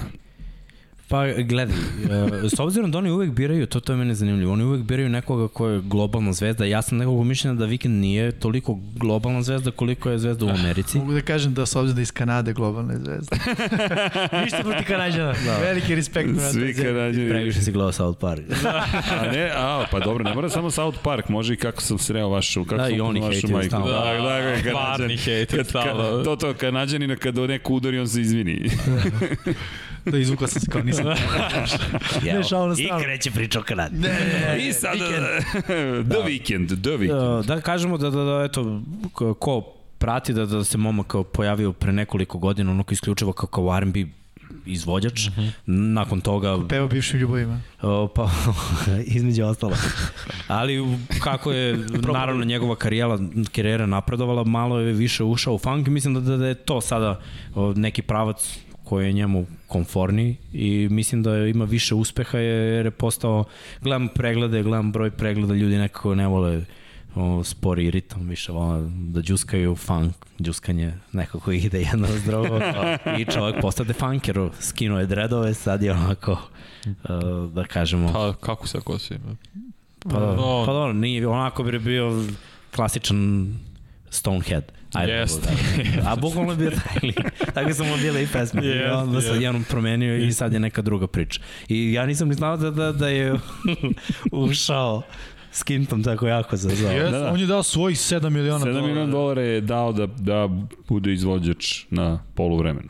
Na, pazi. U efekte, ako se ja ne varam. da, ne da bude, nego da to i sve bude... to. Tako je, tako, ono Tako je. kao da to izgleda kako je on zamislio. Pa dobro, on poslednjih par godina, ko što mi Miksa kaže, baš postaje globalna zvezda i stvarno ima hitova i hitove, samo ređe hitove, tako da jedva čekam da ga čujem. Svakako mi je draže da čujem njega nego Shakiru i J-Lo.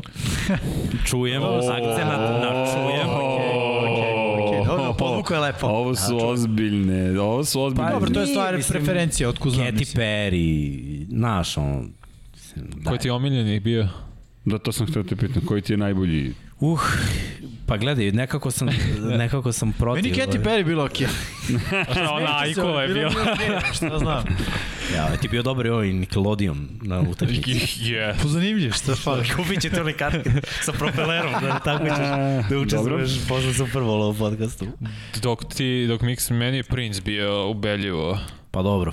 Sa Rain kad je krenulo, ona ježio sam se. Dobro, to je, to je cela priča o Da, Princu, da, pretpostavljam da ste pratili, da, za one koji eventualno nisu pogledali, to obavezno potražite na YouTube-u, NFL Films, mislim da su i na YouTube-u pustili ceo, ceo događaj kako se desio, igraš u Majamiju, očekuješ sunčano vreme, to jest očekuješ da, da ne bude oblaka, da ne bude kiše, kiša pada za njegov nastup, govorimo o veoma klizavoj platformi, njegove sve prateći vokali, sve devojke koje sa njim u tom momentu izvode su na visokim štiklama, čizmama sa visokim štiklama, svi se plaše da će ga udariti struja, da će one popadati. Ne, niko nije, niko nije napravio jednu jedinu grešku i vrhunac po toj kiši, evo na ježeru sam se purpurnu kišu on svira i kreće i boje purpura na sve strane. Znam da su novinari koji inače sede i ne prate toliko šovu, već se pripremaju za nastavak utakmice, svi izašli napolje da gledaju šta je to princ, ali to je ta magija. Došao je čovek i rekao ok. I kada su mu javili da pada kiša, komentar je bio može još jače da pada.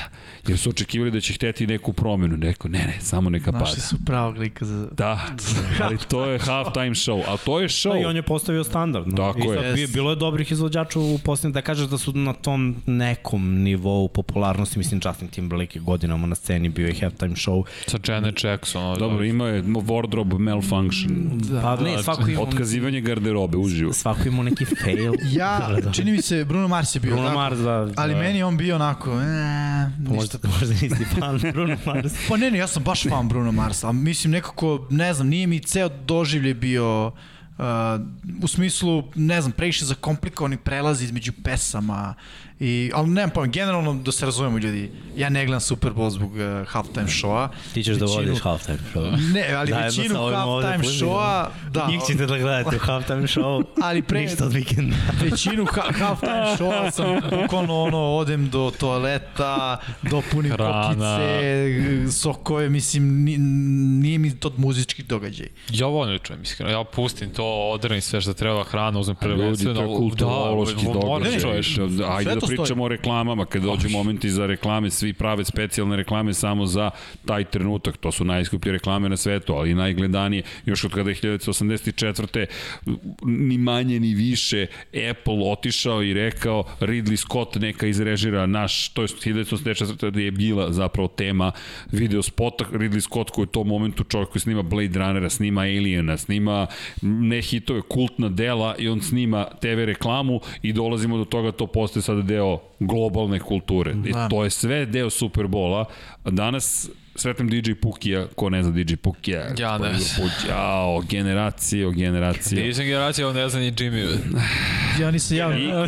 Generacija. Igor Puljić, DJ Puki, za one koji su malo stariji, očigledno. Ali, kažem, ej, jesi čuo da će Metallica da svira? Kažem, kako misliš Metallica? Specijalno izdanje Kolberovog šova će biti, gde će Metallica nastupati u okviru pre-game zapravo spektakla. Tako da se Da. svi se tu pojavljuju u celoj priči. Ima tu izvođača da u tom pre-gameu. Tako je. I to je isto zabavno duše za ljude koji su tamo. Iskreno, Da. najzabavnije za njih. Pa i da kažemo da... da Za Nežu, čekaj, moramo Neži da tražimo neku ekskluzivu. Da, i, I da kažemo za himnu da to obično uvek budu neki izvođači koji su koji imaju neki renome, jel te, ne, nešto iza sebe i ove godine, mislim ja iskreno za Jasmine Sullivan sam čuo jer, jer ona izvodi ne, neki soul, uh, pa sam je gledao na Tiny Dobro, Desku, a drugi da. je country neki Eric izvođač. Church. Eric Church, da, Eric Church. Eric Tako da će njih dvoje zajedno u duetu pevati. Da. himnu. Wow. Zanimljivo. Da. Country i soul. Da, ovo, ovo, ovo što peo sam ovako im koketira i sa hip-hopom, tebi bi se svidelo. Pogledaj na, na, na Tiny Desku. Zanima me da će taj pevač da nosi šešir kao u viski. pošto U, kao možda neko country. predviđenje za to. Ne, ne, to mi samo bilo onako. Možda prošlo. bude nosio onaj gusarski šešir. Možda, da. Čekaj, ste vi svesni da James Hetfield, pevač Metallica ima 57 godina ove godine, 58 puni. Je li on kotrbek neke ekipe?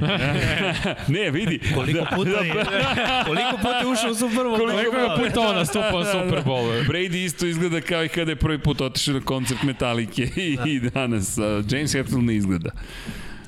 Ali tako, drugačiji životni Lifestyle, stil. lifestyle. Životni Da. stil je bio malo drugačiji, ali su obojci iz Kalifornije, tako da. Da. Ko zna, u svakom slučaju da, bit će zabavno. E da, i bilo je nekoliko pitanja, doći ćemo i na pitanja, naravno da ćemo i nadam se i odgovore. Ko će prenositi e, Super Bowl? Miksa, Šone i Žule. Da. Vi ćete raditi iz kabine. Jimmy i ja ćemo biti zaduženi za halftime show. Mi ćemo, e, ti ćemo biti J-Lo i... I vikend. Hvala ti. Ti si zapravo J-Lo. Onda se ogradio. Isto sam J-Lo, ali činjenice da, Da. Don Pablo je napustio studiju, ostavit će ovaj kadar trajno i ćao. Jel mu, evo, zahtev je da sviram na halftime show, ćeš da napravimo Infinity Lighthouse halftime show. Ja to ne verujem samo- da će pustiti na sport klubu, ali... Ja mogu Ej. samo da sviram ili vazdušnu gitaru, Može, air gitar. ili bubnjeve. A, ne, ne, znaš kako ćemo, da, Bogdan će da svira ovde pozadi, mi ćemo da fejkujemo skroz. Da, to je okej. To je okej. Tako da, da. Nikad nećete slučaju- do Super Bola, tako stići. neozbiljni, su više ste neozbiljni za takav pristup. Ali pre pitanja smo u vestima. Običali neke vesti, Pa, tako ajmo. je. A ima ozbiljnih vesti. Ima. Hoćemo od prve vesti. Ja mislim da je najveća vest zapravo Matthew Stafford, da. po, po mom mišljenju. Pa možemo da, da, da prodiskutujemo uh, ovako. Ajde kažemo trade. E da krenemo, da, da, da krenemo od trejda i da, i da krenemo od početka. Ramsi su nezadovoljni Goffom. Uh, bukvalno, ja mislim od dana kada je on draftovan. A čovek koji ga draftovao je sada uh, u menadžmentu Jel Detroita. GM on? On je GM, Da, ja da. mislim da. Uh, on ga je draftovao prvu sezonu, Goff je presedao, u drugoj sezoni je bukvalno imao suflera u kacigi, a to je bio Sean McVay, koji mu je govorio to je to, igraju to i to i baci tome i tome. Mislim, ok, malo kao igrica, ali Goff je uspeo nekako da se konsoliduje. Oni su bili dve godine najbolji napad u NFL-u, stigli su do Superbola u kom su zakazali tri poena, najbolje govore o tome.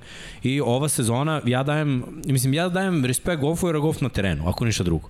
I sa ovom povredom on je iznao šta je mogo da iznese. Ali Goff je limitiran. I tu niko ne može da mi objasni da nije i da me ubedi u suprotno, jer Goff ima limit. Da li može da preraste taj svoj limit, ako nije pored McVeya, nisam siguran. Možda mu jednostavno treba neko ko će imati drugačiji pristup s njim. Ramsi svakako su u jednoj all-in priči, još od Superbola, jer su uleteli u jednu plaćeničku ekipu. Uh, bukvalno su doveli sve igrače koji su veterani u pohodu da osvoje odma, sve sad i odma, nisu uspeli. Onda su delovalo da će u rebuilding, međutim umesto toga oni opet dovode uh, Remzija, daju dva pika prve runde, sada su postali još dva pika prve runde, sedam godina nemaju pika prve runde. Mene da pitaš koji tim to radi, lud tim. Znači, oni da bi uspeli sa, svo, sa svojim, oni moraju sledeće dve godine da osvoje Super Bowl i to je to. Ako to ne urade, ovo je znači totalno bacanje uh, budućnosti. Ok, ne pogađa se uvek sa pikovima, ali od 7 godina ubo bi barem dva pika, mislim, Jest. I, stvarno je mnogo. I rekao si dovode veterani, šta su sad uradili? Dovede Da, veterana. dovode I veterana. šta su dali za veterana? Ja mislim da su dali mnogo. Iskreno, mislim da su dali mnogo. E, Čak bih razumeo da nisu dali igrača, kog god igrača, ali su dali i igrača. Da, oni su dali igrače samo iz jednog razloga, da bi ih Goff oslobodio kepa. Da. Jer sad će Detroit, zbog pikova koji su dobili, mm -hmm. Detroit će da preuzme tih 45, je tako, 40 nešto. Ali mislim da će deo svakako nositi, pola će nositi Ramsi. Pa, Ramsi su hteli da se re, e, odreše Goffa i to je kraj. Nijedna cena očigledno za njih nije bila prevelika. Jer to ako ga ti ne želiš, ti ćeš dati i pik- i pika iz prve runde naravno dve godine i Ma pika iz vidi. treće ne, i uzet ćeš pola njegove plate. Znači dead cap space ide na Ramse sledeće godine, pola plate Goffa ide na njih. Da, a ta ti pola gol- plate je cela plata Stafforda. Da. Stafford zarađuje d- duplo manje. 22, 3, da. 22, 3, da. I to, to ti govori zapravo ko, njihovo mišljenje o Goffu.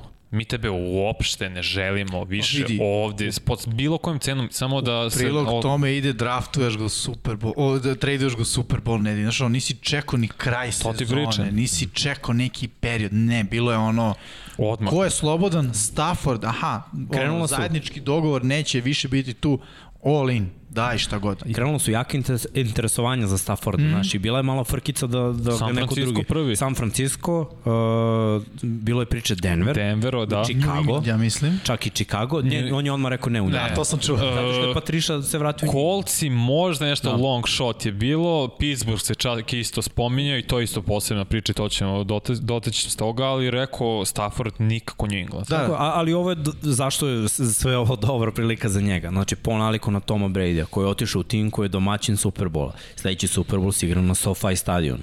Ramsi su ove godine pokazali da su top 3 odbrana, imaju talent u napadu, sjajnu ofenzivnu liniju, najbolju koju nikad imao, tim Ramsa je najbolji u kojem je Stafford ikad igrao, ne govorim jeste. samo o napadu, nego generalno, balans odbrana napad. Tim. Uh, govorimo o trenerima, o, o stručnom kadru, znači i to je bolje. Izvini, ozbiljna franšiza. Mi Hvatačke opcije. Uz dužno, pošto napravimo Ne, ne, lancima, ajde da lanci. se ne ograničim, jer hvatačke opcije ima u jednom trenutku. Ne, ovo hvatačke opcije ima bolje u Lionsima. Ima, Ali imaš nije- i Roy nije Williamsa i opcija. Kelvin Johnson. Ne, naravno, i onda prelaziš na... Imao si i Tate, Marvin Johnson, imao odlične hvatačke Ima on opcije. sezone sa 5000 yardi Da. zahvaljujući hvatačima, ali ovo je opet bacao je loptu dok su ga tukli, Jeste. opet je sve to dovelo do toga, on je igrao sve vreme bez povreda i onda je jednom trenutku došao da se povređuje svake sezone.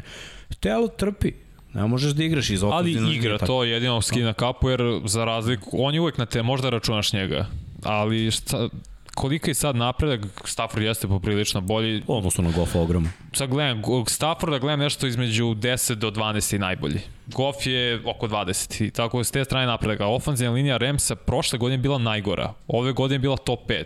To, to se bar meni ne sviđa sada toliki uspon odjednom i desit će pad. Kako će biti sledeće godine, ne vjerujem će biti među najboljim. Može će biti vrlo dobri, ali vidjet ćemo. Ali da je tim kompletni što Srki kaže, to apsolutno. No, da. I opet, uh, trade u kome su dobili jedni i drugi. Detroit je u rebuildingu, da. trebaju im pikovi. Iskreno, koliko su pobjeda imali? 4-5. Pa to mogu i sa Goffom. Mislim da se ne lažeš, Stafford jeste Misliš to, ali... da imaju čak šest. Ne, ne, ne, ali računaj, Nije nebitno, i da je, neki imaju i 4 Ne, i nisu u 5. play-offu, to je point Nisu u play-offu i im, jednostavno, bit će 4-5 pobjeda u sledeće dve sezone. Oni moraju da biraju, trebaju im A, pikovi. Slažem se i potpuno s ima smisla. Ono, krećeš u rebuilding šta sa veteranom na poziciji quarterbacka, nema Nema, smisla. da. Uzmeš Goffa, poki ako ne bude išlo godinu, dve dana i ne očekuje se da će se sklopiti kockicu narednih godinu, Tako dve je. dana. Ali ja mislim da će Goff da igra mnogo bolje tamo. Ja se slažem da su jedni i drugi dobili s tim da mislim da su Ramsi baš platili, onako. To je ono, kupili su dobru stvar, ali su je baš platili.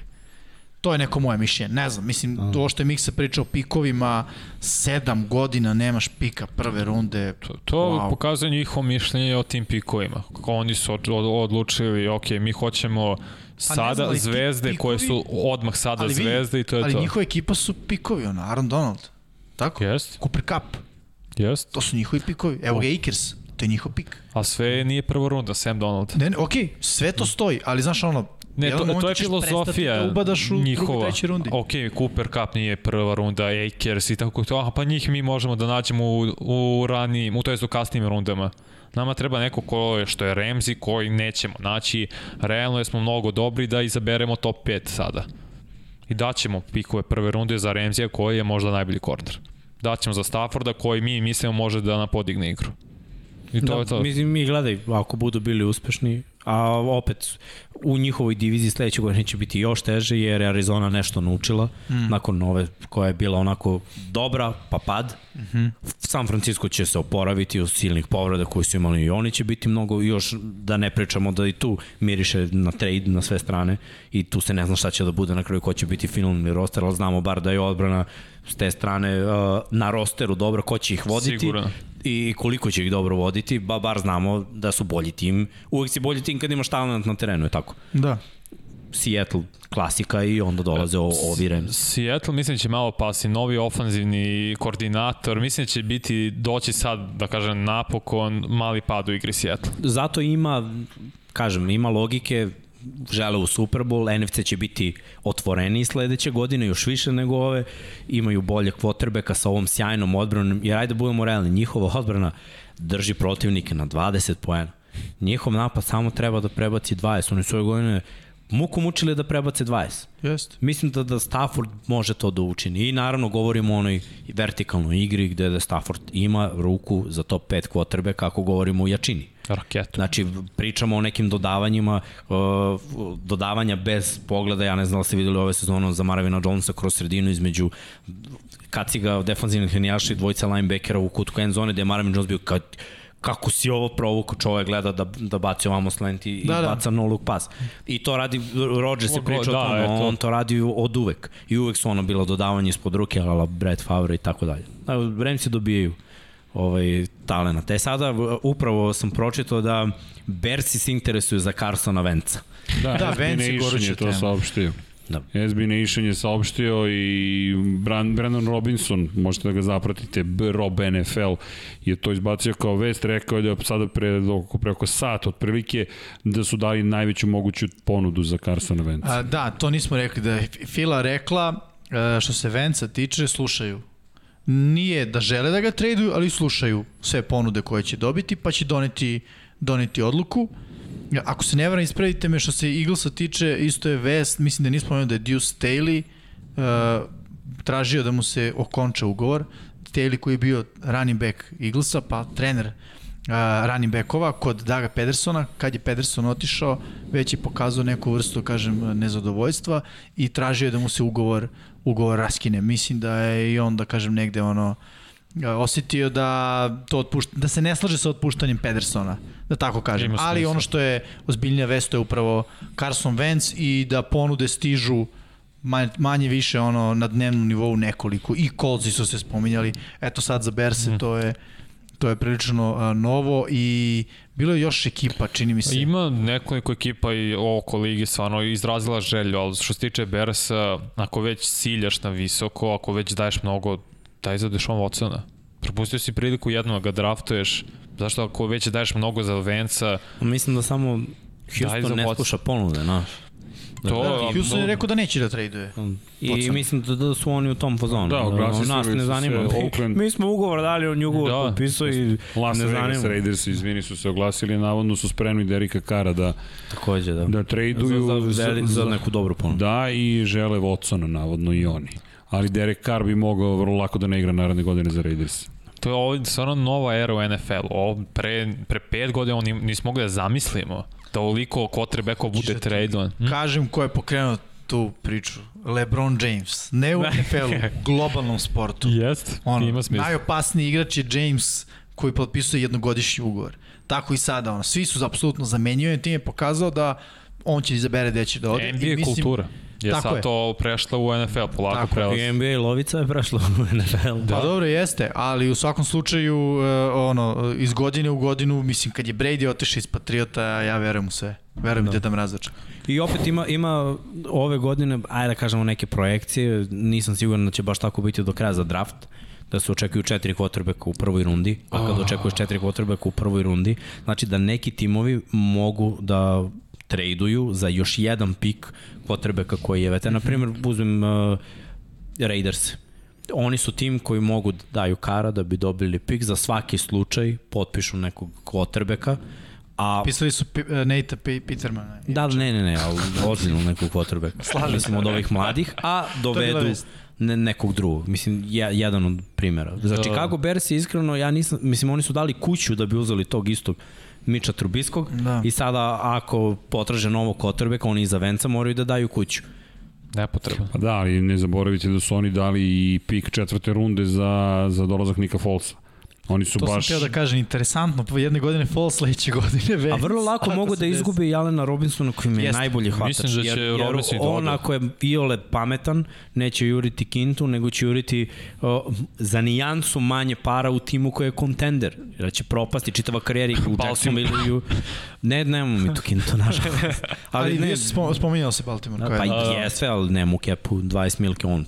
Mislim, iskreno, A jel bi dao 20 za Robinson? gledaj, Baltimore nema 20 da da nikom. Ma do, za koga. je da imaš 20. Da, da, imaš, da, moraš da daš. Moraš da daš. Ne bi moraš da daš. To, je to, 15 to, max. tako, ide, tako ide danas, jer da znam. razumeš. To što je prošle godine bilo 15, sad je 20.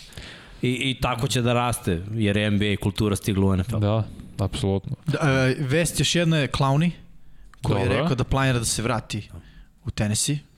Odnosno Pa, da će ne znam raditi... ko bi ga primio nazad, iskreno to je... Ali mislim što da ne mogu da ga primim. On je u stvari, ja mislim, otišao u Tennessee zato što je Tennessee u pregovorima dao najbolji znak za, za kao long term, Da. za neki Aha, ugovor jeste. na dve, tri godine. S tim što nakon poslednje dve godine njegovih partija, taj long term će biti na nekom minimalcu. Pa dobro. A šta bi bio long term sad za njega? Da. Tri godine? Pa, Kako ne? Tri Ne, godine nego za kažem- njega, da, da, da, za tri Ne, godine. verujem će da mu da ne. pet. Mislim, Pa, Ne, ma Ne, kakvi, ne, ne. kakvi, ma i te tri. Znači dve sa opcijom treće. Da. To je ono, Meni tako on je team već veteran. treći. On je veteran. pa Jeste, on je veteran. Tako da možeš dve sa opcijom treće za, za neku kao sigurnu lovicu, za garantovanu sumu i s tim on može da, da, da obezbedi malo sebe i svoje, a da se posveti sportu. Jer ako bude povređen i sledeće godine, na, jedno, na go- ugovor od jedne godine on je završio, mislim. Jest. Tako se ne A, igra. Još jedna vest, Sammy Watkins, Chiefs su rekli da ga žele. I da žele da ostane u ekipi. žele je već uzeo države. pay cut ove godine. I ako bude osvojio i ove godine Super Bowl, to sam, znaš, igra u play-offu, osvojio dva Super Bowl, ajde sad malo ja da budem opcija negde, da igram malo više, da budem opcija broj 1 ili 2 i da Misliš? uzme i on nek... I on postaje veteran, mislim. Postaje, Da ali ja baš zato mislim što postaje veteran da će sad ono, želiti i on da ostane u Chiefsima. Uz malo para više, jer će reći A, vjerojatno on- ljudi gledaj, sam pay cut, ono, Problem je, nešto. da, on je već uzeo pay cut i ne verujem da će uzeti opet, a oni nemaju, znaš, sve je taj prostor sad u ove dve godine koji idu, zbog ugovora Mahomesa koji zarađuje 20 miliona ove dve godine koji idu. Tamo one već treće, to je 50 50 pa 60. Takav Da, je da, da. hit na, u, na cap. U, za te dve godine ističe ugovor Jonesu, Matthew, Hillu i Kelsiju. A cap će biti manji sledeće godine, tako da oni moraju baš dobro da odrade i Ali ja mislim da Matthew za... i Jones će čak da uzmu pay cut. Da, da. Tako Vrlo moguće. Vrlo moguće. Matthew je pronašao sebe u Chiefsima. Jeste. Ali neće biti mesta za, za druge koji hoće malo više para. Tačno. Da. Tačno. Jedino što je ostalo i da kažem da je Watson zvanično sa svih svojih socijalnih mreža skinuo bilo šta vezano za Texanse. I njemu piše samo atleta. Jezik, to, to opet im daje znak da kao ja ne želim da budem ovde. Oni su rekli svoje mite, nećemo tradovati, sad vidimo ko će prvi da popusti. E, pravnici. Čekaj da nađem. još nego. Koji će da izvuku papire kažu uh, ili nam Ne, dođeš pa da li će on... ili dođi. Zamisli da mogu da ga ono... tuže. Mogu. Da mogu. Može on da ne primi celu platu za sledeću sezonu. Pa Ne da ne primi platu, mora da im plati. Što nije igrao. Mogu ga tuže bre, i po- Da, da. ti Vanja potpisuješ ugovor da, da si u o- radnoj obavezi. Nije to ugovor kao je, ako ti se igra dođi, ako ti se ne igra, Nema seri kuća, mi ćemo da nađemo nekog novog. A potpisuje ugovor na 40 miliona godišnje. Mislim, Da, Se ne zna. 4 godine 160. Tako je. Ili imamo još neke vesti? Evo, evo, upravo gledam. Cameron Braid je uzbuđen. Srki ti? Ja, Ja, meni je najveća vest da smo se mi vratili u studiju. da je studio, da su završeni grubi radovi. Da, je Nešto za Meni je- Jetsa ili ima? Da, sad ste da kažem, meni je bilo interesantno, nije vest, nego je špekulacija da Jetsi odustaju od quarterbacka i da napadaju Devonte Smitha kao, kao svog pika broj 1. Pametno. Da, je logika da je Sa- Saleh rekao da Darnold može apsolutno da igra dobro u sistemu Kajla Shanahana, koji negde se nadovezano u našu priču da očekujemo sistem Kajla Shanahana u Jetsima, da, koji će naravno doneti Saleh kao novi trener. Uh, tako da meni to je vrlo interesantno. Sa kao odjednom od toga priče kao Lawrence ili, ili ovaj, eh, kako se zove, uh, Fields. Fields, da odjednom dođemo od toga Devonta Smith. Ja bi ostao na Darnoldu, nema potrebe da ga menjaš, jer koliko će Fields biti bolji ako je napad isti, to je stvarno veliko pitanje. Bolje, ali ti ćeš uzeti, ovako pokazuješ veru u Darnolda. Da. Mi verujemo u Što tebe. onda, što onda znači da... Uh, Drugi pik ofenzivna linija obavezno. A, e, sad, okej, to onda Penny Sewell. Najbolji ofenzivni tekl, imaš njega i Mektona, Da. da. je ozbiljno već. Pa krećeš da gradiš. A, Da. a pitao bih onda gde on ide Fields, ako je Lawrence broj 1. Uh, onda- Srki, možda draft samo vidiš ko je order, ne znam napad, ne znam ko je treći ima Miami, uh, četvrti Atlanta, čini mi se, peti Inače, da, Fila vest je- ili vest- Cincy, ne, Fila, Fila je šesta. šesta. Cincy peti, Cincy Fila peti. šesta. A inače, još jedna vest za, da, da su u Falconsima rekli da ne žele po svaku cenu da traduju Hulija. To je rekao I- vlasnik. Da, Da. i Ryan, ali ne žele po svaku Blank, cenu. da. U smislu, ako dođe dobra ponuda, ok, ali nije ono kao želimo da odu. Evo kako ide, dakle prva runda. Jacksonville, pa Lawrence. Jetsi, pa Miami, pa Atlanta, pa Cincinnati, pa Philadelphia, pa Detroit, pa Carolina, pa Denver, Možda pa Detroit. Dallas, New York. Da, To je- Denver. Da, da, mada u stvari ne, uzeli su Goffa. Šta si rekao posle Detroita? izvini? Denver. Pa pazi, Karolina može da ti Karolina jedna od opcija. Detroita je Jest. Karolina. Da, uf, ozbiljno, mislim da je Karolina ozbiljna Jer opcija mislim, Teddy za B. Teddy B je ok quarterback, ali Teddy B uvijek imao neki limit. Jest. I kako vreme bude dolazilo, limit će biti sve Tako je. veći. A želja za u većim novcem će biti sve veća i veća. I onda na koliko da. godina je potpisao Teddy B? Sad na tri, ja mislim. Na dve, da. tako je. Dve, tri, ne. Ruki ugovor, eventualno Da, da, ono, nivelacija. kontraverzija, Da, da. pa borba za startnog Da, quarterbacka, je- trener s koleđa, Jest. koji želi da se svi dokažu, nije ono ni jedna pozicija zagarantovana. Tako Ima smisla. Ali meni je interesantno do te priče kao ono Justin Fields, Jetsi ili, ili uh, Jaguars i zavisi on Lawrence, odjednom ga vidim, mislim vidimo, odjednom kao se spušta na ko je to sedmi pik, osmi. Pa da, ba, Sad sam pročitao da Lorenz ima neku povredu ramena koju mora da operiše. Mislim, ali to može da utiče malo. Može, Da. Može, kaže da će biti spreman za kamp, ali i čeka ga zahvat. A, I to operacija ramena. E, mislim da smo Levog pokrili. ramena, eto. Da, da, budemo bar precizni. nije, da, bacačko. Da. Da, i ostalo su na šta? Pitanja. Tako Ima je. puno pitanja da li pratimo Ajmo. chat. Pratimo chat, samo što su pitanja uvek za kraj, da uradimo ono što smo isplanirali. Pa eto, ukoliko imate pitanja, tu smo, na raspolaganju smo. Sad moramo da sačekamo naravno da, da, da to ode pa Da, da, se YouTube. stigne. A da, do, do, do tada, subscribe, YouTube subscribe, dakle, pretplatite se. da, i na tome radimo membership moment za YouTube, ali o tom potom. U svakom slučaju, eto, tu smo. O, Jimmy Franco! 250 dinara smo upravo dobili od Jimmya Franka. Može opet neki E. tipovi ko će dati touchdown, ko neće, trčanje pasove. Srki bi mogao da otvori neki biznis podcast. Pozdrav. To je zbog Sakoa. Da, zbog Sakoa. A, pa ajde, bio sam u čovjek- Pojačalu, pratite Pojačalo našeg prijatelja Ivana Minića, to je dobar podcast za, za, za posao. Eto. A eto, ako je čovjek već pitao za pikove miksa. Da. Gledamo u TV. Touchdown, ko neće, trčanje pasovi. Pa gledaj, u, u ovom play-offu Kelsey mi je onako zlatna koka za touchdown. Slažem se. I opet, mislim da će fokus biti Tyree Hill, jer ih je spržio toliko u prvoj utekmici, da će u nekim golanim situacijama ako ih bude bilo malo da zaborave Trevisa Kelsija. I on mi je onako za, za touchdown broj 1 za, za Chiefs. Meni čak miriši Edward Ziller Da. Za touchdown. I meni Fournette. Ja moram da se osvrnem na prošli Super Bowl i ono što si rekao Miksa, to je trčanje Chiefsa, koje jeste bilo dobro.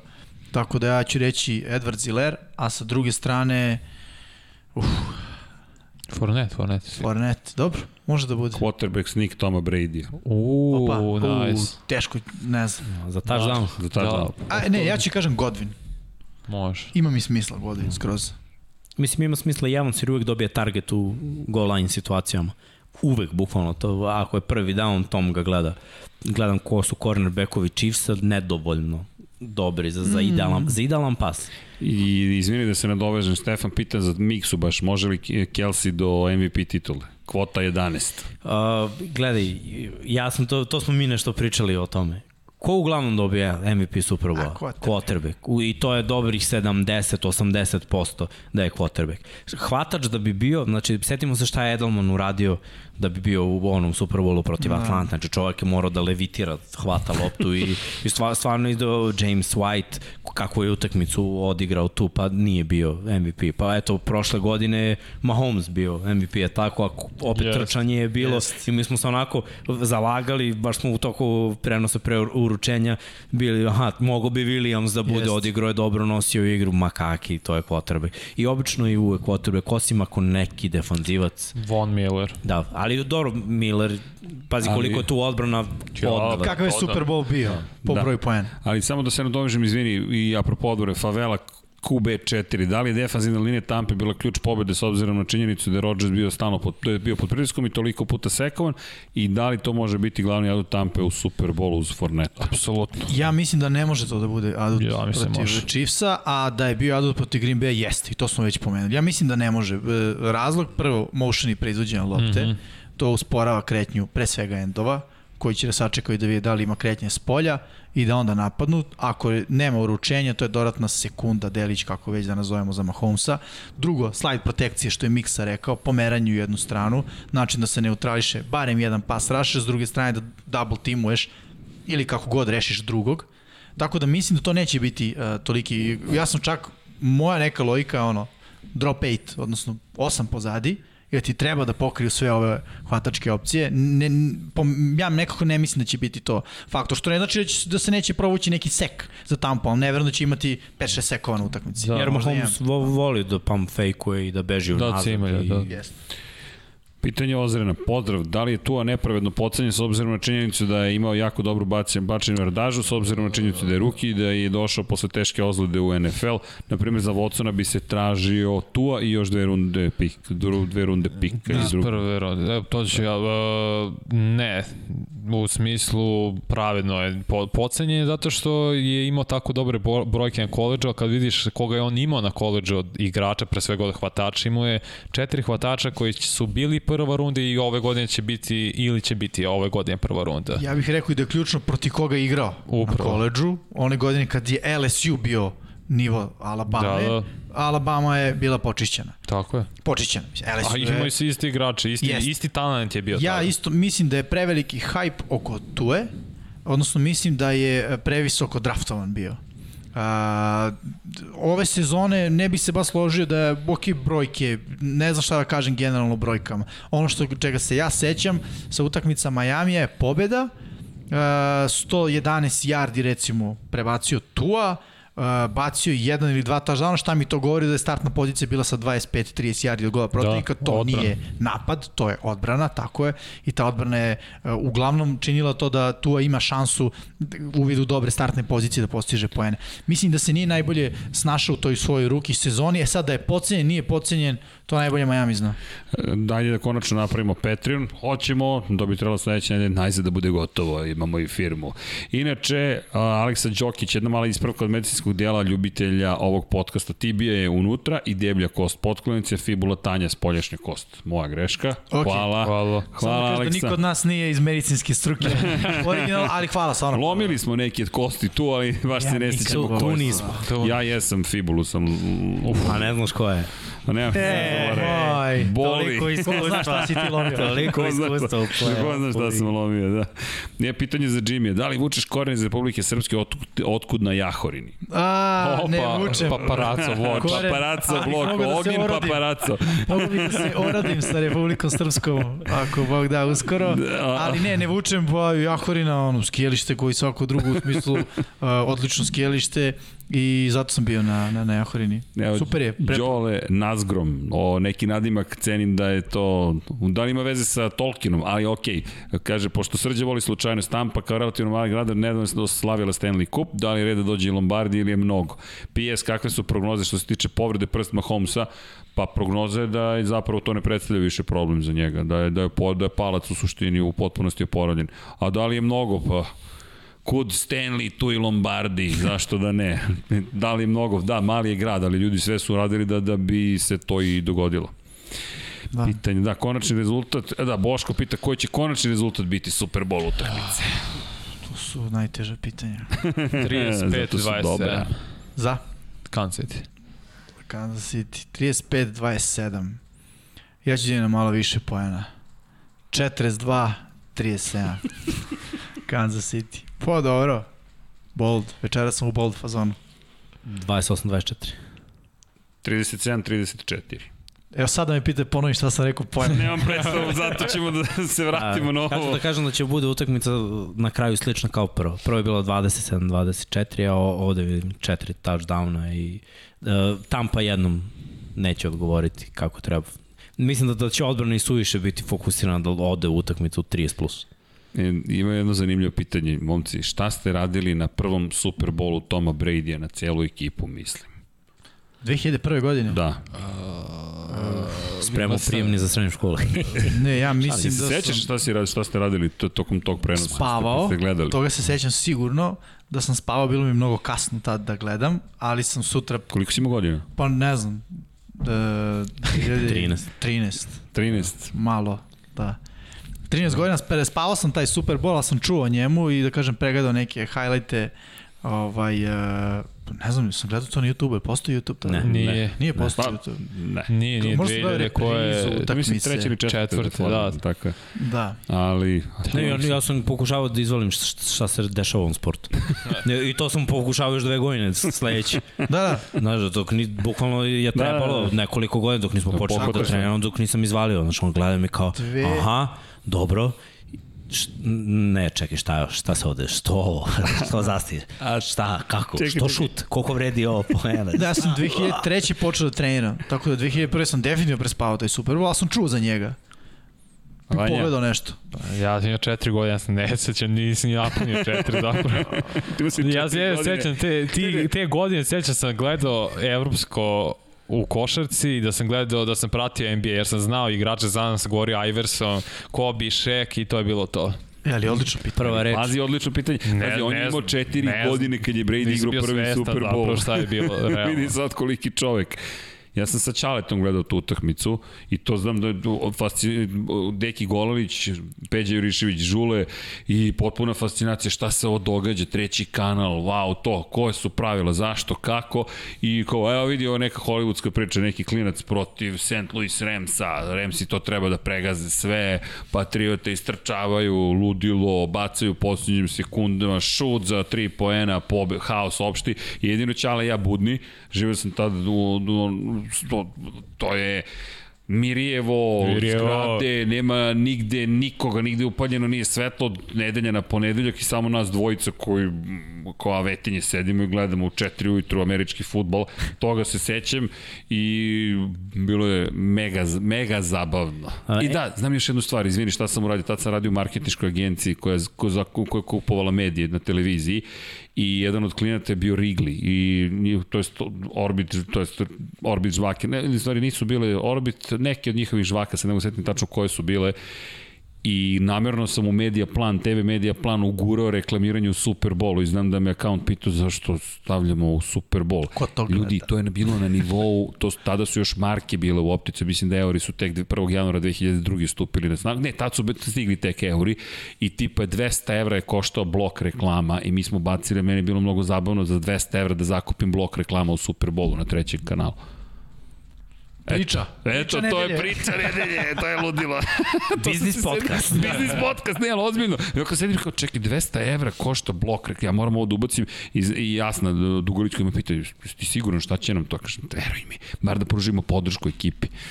Eto, mi smo dobili 250 dinara, dali smo 200 evra pre 20 godina. Ali to je odlično pitanje. Jeste, Hvala. odlično pitanje. Da, inače, da li mislite da će Staffordov trade možda ostaviti Watsonu u Texansima, tražili su za njega više nego što se do sada spekulisao, pitanje hoće li to neko ispuniti? Pa, apsolutno. Očenika uvijek ima, znaš. Da. da. Jes, to je super rekao Miksa. Mislim, ako si dobio za Stafforda i igrača i startera i dva pika iz prve runde i pika iz trećeg za Watsona koji to svi gledamo. Znači da niko neće dati, da, da Houston neće prihvatiti ništa što bilo ko daje. Ja, niko meni se Vanja smeo, ja sam rekao četiri pika prve runde. Da, Sad da tako i delo je. Sad da tako sam i Houston, to bi rekao. Ne, i bi, neko Lepo. izbacio izvešte, kao bilo je dva pika iz prve runde, dva pika iz druge runde i dva startera. To je to. Ok. To je... Četiri evo- pika prve runde i... A, to, to je. To je to, pa da, to je to. Aleksa pita, mada smo to već rekli kad se se uključio ko će prenositi Super Bowl, Miksa, Šone i Žule, nas dvojica smo u studiju, Hoće li možda biti studio pre utakmici tokom poluvremena? Pa, to nam je plan. Veliki pozdrav iz Niša, pozdrav za Niš. Mišljenje u našem Iliji Krajnoviću. Mislim da smo već spominjali. Da, ali ajde da ga spomenem, pošto... Vredi, Da, zaista. momak e, delo je da, da pravi veliku priču tamo e, u Americi, na Boston College-u je. Svaka čast. Da, to je stvarno super, to je koleđ prve divizije. Igraš E, protiv Clemsona. Da, na primjer. Da, to je to, to je da Međutim, ovo će biti prva godina, ne znam da ga hvata oni red shirt, verovatno da, da će preseliti. Sigurno, da. Ali u svakom slučaju, uh, ono, svaka čast i, i, radi odličnu stvar i ja mislim da, da budem iskren, nikad ga nisam upoznao lično. Igrao je jednu utakmicu protiv moje ekipe, duše na juniorskom nivou, ne znam koliko je to generalno validno, ali u svakom slučaju e, po svemu što čitam o momku deluje mi da ima šansu da napravi nešto veliko. Sjajno. Pre svega Koja bih pozicija? rekao ofanzivna linija. Aha, tackle ili guard? A, mislim da je tackle u pitanju. Mislim. Super. Ako Da. nije, moja greška. Ali mislim da pre svega ima ono što, što treba da ima jedan profesionalni sportista, a to je odličan pristup. Sjajno. Sve pohvale za Iliju što Da, da, tiče. I ja bih dodao da možete da pogledate, ja ne znam da li je izašao još, ali Dragan Zabunović koji inače prati američki futbol na ovim prostorima Da. i uglavnom je snimao i nas i, i tokom igračke karijere i nastavlja to da radi, uh, je pravio, uh, intervjuisao ga i napravio jedan mini video i ja sam bacio neki voice over ono, u opisu, tako da možete eto malo više da, ako vas zanima da, da se uputite. Top. Pa i da skrenemo pažnju, redko koji freshman igrao, je starter igra odmah na koleđu. To ljudi da shvataju, to, je, no, to su veoma Adrian redki talenti. Pa mislim... Samo, da, da, slažem se. je, ka, zato se kažem. Zna u srednjoj Da, da. školi, Da. brate, na kom je nivou. Redko, redko Pitanje. koji. Mišljenju za svakog od nas da li će Prescott potpisati za Dallas. Da. Ja sam Da. pročito jednu ludu teoriju, novi franchise tag. Mm, uh, ne bi Da li- se složio zato... Ja, meni ima smisla potpiše, iskreno. Ne, ima, mislim da će Ja mislim da potpisati. će potpisati. Ne, mislim da Jerry, i voli Jerry generalno i svoje igrače, on uvek čuva svoje igrače, to je poznat je po tome, mislim da će mu dati ne onoliki ugovor koliko je želeo da, ali da će biti dugoročni na jedno četiri godine. Antonio Bran koji će igrati, može li biti jedna od ključeva za Super Bowl pobedu? Naravno. Antonio Brown, ljudi, ako osvoji Super Bowl, to je Hall of Fame karijere. Ne Da. može niko da mu ubedi da nije tako. Uh, iako je propustio godinu i po, je dan, preko 11.000 yardi, 90 touchdownova u svojoj karijeri. Uh, već igrao playoff, već igrao velike utakmice. I noćna mora je u, u trčanju ruta. Njegov uh, talenat na terenu je, jednostavno nema drugi igrač. Ja kažem, Julio je meni ubica, ima mnogih igrača koji su dobri, ali na terenu, rad od pika šeste runde mm -hmm. do punt returnera, kick off returnera, do startnog slota, do najboljeg hvatača u ligi, prvi tim All Pro svake godine, najbolji ocenjeni hvatač u ligi sa 1,80 m i željom da bude najbolji. To, to je Antonio Brown. Znači, on uvek može da bude faktor. Da li je malo u slaboj formi nego što je bio? Jeste, ali on nije prvi, prva opcija sada. I to je u stvari njegova uh, najveća čini mi se snaga, najveći vetar u leđa za ovo. Trenirao je ove nedelje, Brady ga obožava, oni Brady imaju brutalnu konekciju. Ja mislim da Brady od čitavih ovih, od svih hvatača, ako uzmeš čitav korpus, kada bude bila frka, a treba nešto, ja mislim da, da ide forsiranje za AB-a. Toliko veruju u njega i njegovu sposobnost. Da, evo, Ali to još nismo videli. Znaš, bi bio možda par mečeva gde je ono od jednog KS-a imamo mi Brauna i sad ćete to vidjeti. a su bile kraće rute. Da, da, da. Ja, I tu je oni najopasniji. Yes. Baš tu može da se vidi faktor, jer nije uvek faktor 100 yardi, nego Slažem koliko je prvih downova svoja. Ako on četiri puta pomeri lance, a osvoji 15 yardi, meni je to ono... Jeste. da, samo da dodam, izvini, bold prediction, mislim da će tradeovati Godvina, da bi... Godvina ne more trade na Da, slobodno. on je još, još bolje. Ostaće AB, Mike Evans i to će biti napad. Pitanje je za nas, da li, možda ste, to je konstatacija, možda ste zaboravili Gronka i da nadovežem to da li će Gronk imati bar pet uhvaćenih lopti. Teško, jer u ovom napadu Tampe nema toliko opcija za Gronka. Jer mora da gledaš šta radi odbrana. Gronk je u New Englandu onako bio najopasniji su oni imali jednu option rutu za njega dok je on Jelta imao neku vertikalnu brzinu i onda ono jedan safety, Gronk sim, dvojica safety-a, Gronk onaj skinny post i Brady prebacuje linebackere. Videli smo ove sezone da su probali to, nije išlo. Zašto? Gronk više nije toliko brz, nema više onih njegovih hvatanja jednom rukom, diving catch i malo ga i štedi Brady. Mislim da je Braid preuzeo tu ulogu. Mm. Uh, onako veće catcher. atlete na, na, na poziciji taj ten da Gronk ima zadatak da, da blokira i hvata Gronk radi pređe. posao. Radi posao ozbiljno i Da. njegov, njegov doprinos je drugačiji. Jest. Nije pet hvatanja, ali je blok u svakoj akciji, dva, tri hvatanja, eventualno neki Ključ, screen, neki da. cross. To je nešto što će Gronk doprineti previše je opcija jednostavno. Mislim da je on svestan da je on došao ovde da, da odradi šta treba timu da se uzme Super. Da. Kada će podcast u kojem ćete objasniti sve miksine izraze? Predlog. Možda bi mogli da ih objasnite dok igrate Meden. Ej, to nije loša To ideja. smo rekli da ćemo igramo Madden za Pro Bowl, ali, Ali renoviranje... studio nam je baš bio potpuno... Samo da kažem da sam jedno vreme bio ozbiljan online igrač Medena, tako da Opa. kogo bude igrao protiv mene, čuvajte se. Ima, ima magiju ovim prstićima. E, Samo da mi vam smo se kažem da je. Jimmy klasičan keyboard warrior. Bre. Daleko bilo, igrao sam na PlayStation. Tako je, E, to je dvojica ste kapiteni i birate... Pa debri, ja nisam igrao 10 godina. A je dva na slagao. dva? Da. Uf, kogod drugi igra je liability. Ja ću, ja ću igrati s na Miksom, onda okej. A Ja mogu samo da pozivam akcije. Može. FIFA 2 na 2 može, ali Madden ne, ne, to je Samo vam igra. kažem da sam ja operisan u svih igrica koji nisu live. Ono, Kako mi žele? pa ne znam da igram na uređaju. Jedan protiv drugog. Ma daj da igram ovako. A to? A to? Nikad, no ne znam nijednu igricu da igram. Ne igram igrice. Znaš šta, šta sam igrao? Spider Solitaire, to je moja igrica. Smejte se. Da, ja, Dobro, bio je jedan period kad nisam išao u školu da bi završio sezonu na uh, NBA 2005. Ajde. live, NBA live. NBA live. Ajde samo da pitamo, jel mi imamo mogućnost da igramo i da se snijamo i da radimo sve, jel ako imamo, Da. Odlično, onda ćemo to da Onda možemo da objašnjamo. Imamo i sliku u slici. Odlično, tako da... Ne, ne e, razumem pitanje, Vanja. Ne, ne, ja znam. E, Ja sam uvređen, starije ja sam uvređen, Ne, ne, ovo je razumem pitanje. Ovo je da ljudi znaju. A ti pitaš da mi kao odgovorimo, možda Aj za ti znaš Ja ću odgovor. vam kažem da se ne razumemo to, ali ako možemo to da uradimo. Vanja mi deluje sam Možemo, tako da igraćemo Vanje. Ja. Ne, ja što se tiče toga, jedino što volim da igram je Assassin's Creed i to... Čekaj, sad se upravo svi ogradili od toga. Je, Ja ne, ću to da je igram, istina. ja Ne sam igraću, ne, ne. Slagao da sam ozbiljan jedan igrač. Ne, Ja nisam ozbiljan ni ja. igrač, hoću da igram. Ja sam ozbiljan Assassin's Creed igrač, to stvarno... To sam izdoktorirao, izdoktorirao igrač. Ja ne znam, znaš na kako izgleda taj Madden, vidio sam na, re, na reklamu ili ono, u odnosu na ono što sam ja igrao 2008. Koliko je dobar taj bio zapravo. Da, 2008. Eto, Da, evo, tad sam The Crow put igrao. 3 spominje legendarni NBA Live 2005. E, Da, da, da. e, patimo za nekim drugim vremenima. Da, da. E, Jo, elektronik i moj monitor pamti dalje kako sam ga zaboka me pokrao. Dobro, Peter, to je da, da, uvek da, radi kad igraš starijim burazerom. Moj burazer, kad god smo igrali, uvek, i uvek je krao u njegovu korist. Pazi, pretrpio taj monitor i jedan Madden, kad mi nisu dali challenge da ubacim za poslednji play u Super Bowl. Koji smo usvojili. Medin ima te failove da ti ne da Da, challenge. ako ne mogu da Očigledno bacim stvar. čelan kraj utakmice, ovi se radi u... A sad može, ja mi samo možeš baciti challenge. Da, pa već- Popraviti se taj bug. Kakav monitor sad imam, ne bi ga zavao.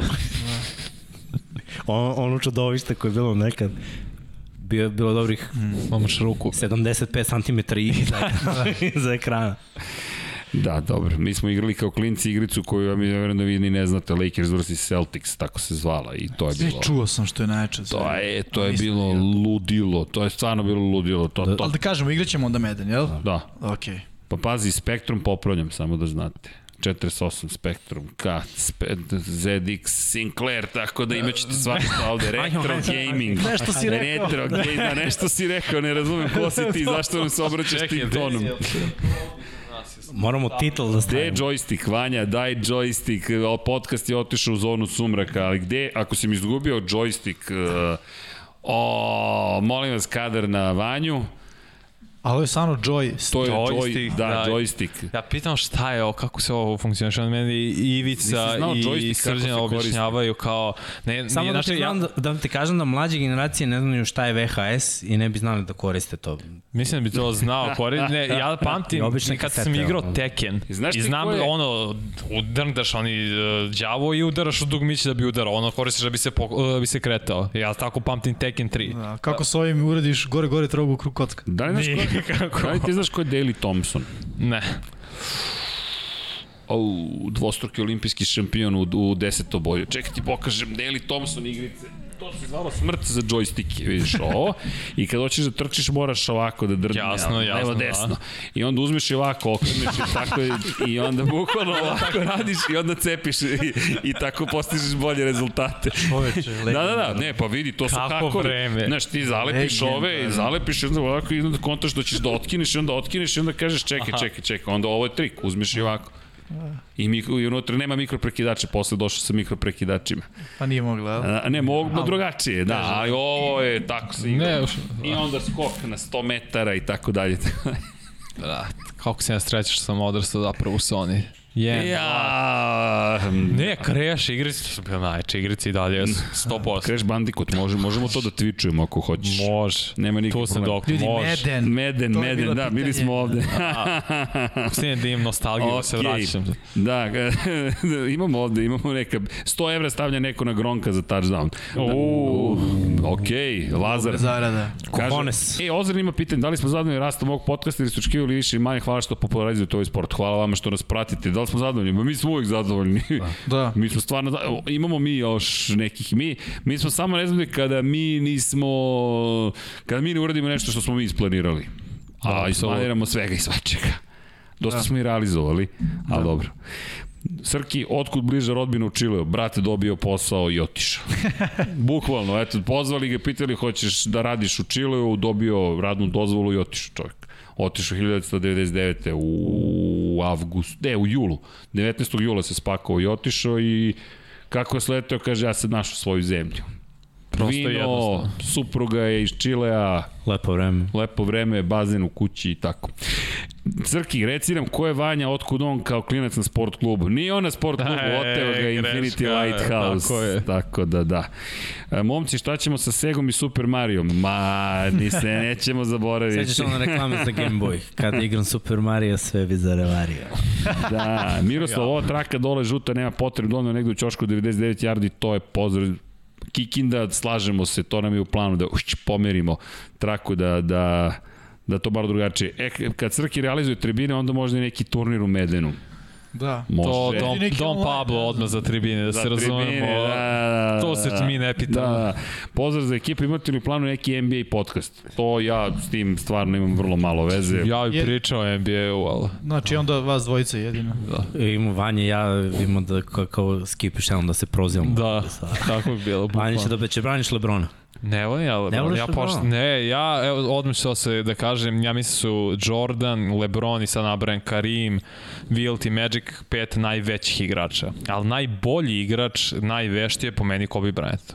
Pa Jordan. To, to je moje mišljenje, ali i razlika ima između najbolji i najveći igrač. Moj dres Kobe, Bryant, Kobe Bryanta sa brojem 8 koji mi stoji u ormanu, ne može da I kaže da, da, nisu to nismo pravo. spomenuli, sad je godina od kad je preminuo mm, Kobe Bryant. Tačno na Pro Bowlu. Da, Pro Da. Bowl. Ja sam radio Pro Bowl u trenutku, u, u minutu ka- kada je stigla već. Mislim, inače, evo, s- smešna ono, to jest nije, nije ni toliko smešna anegdota, jer dok sam trenirao košarku kad sam bio klinac, meni je Kobe bio, Kobe Iverson, dva omiljena igrača, isto, zbog isto. Iversona sam imao braids, zbog Kobe ja sam nosio sve njegove patike, znači smarao Nice. sam ono, mamu i tatu da moram da imam Kobeove patike, Kobejev dres, da, da ono, moram i Iverson i, i sve, i ovaj, sestre moje ko što ne prate sport, svako je znao ko je Kobe Bryant, u kući njegovi posteri su bili svuda i ovaj, u toku probola kad sam odmah izgovorio, već stiglo mi je poruka, ono, sestre da je bilo u fazonu kao, kako si možeš da radiš?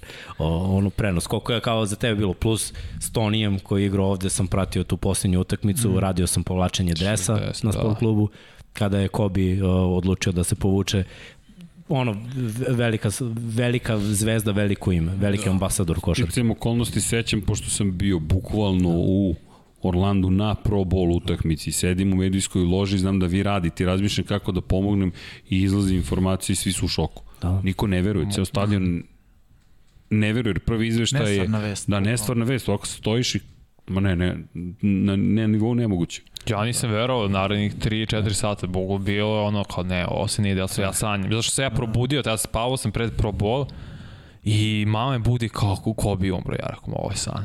Ono da, da, sam to morao, ja ovo ne, ne verujem. Inače, si gledao na Netflixu to film o Toniju, dokumentarni Toniju Parkeru, mm -hmm. Toni. Gledao sam posle, da. Do, dobar. I tu baš Imao je snimci kako Mamba pričao, kako je naučio francuski, ne bili isprovocirao Tonija Parker i Parker koji je onako smire.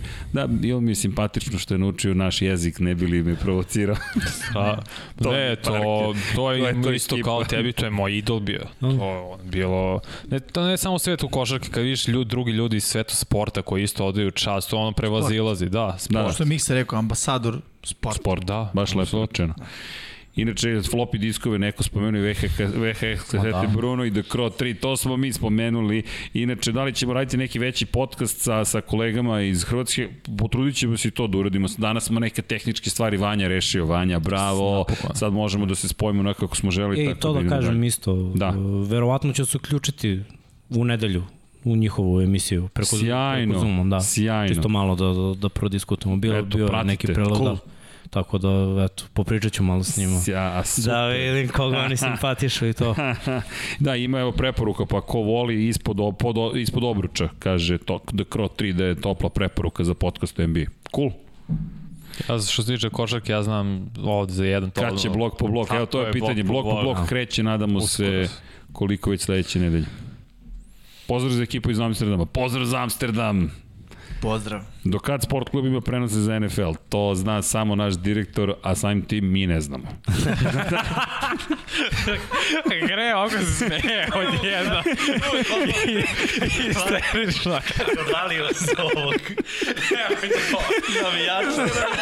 ja sam se, slušaj, ja sam se toliko smeo jednom trenutku spavam i u sred, ono kako sam se probudio u sred pola noći, ja krećem da vrištim od svega gde koji si dobro, razumeš? Ja sam se setio koji si rekao.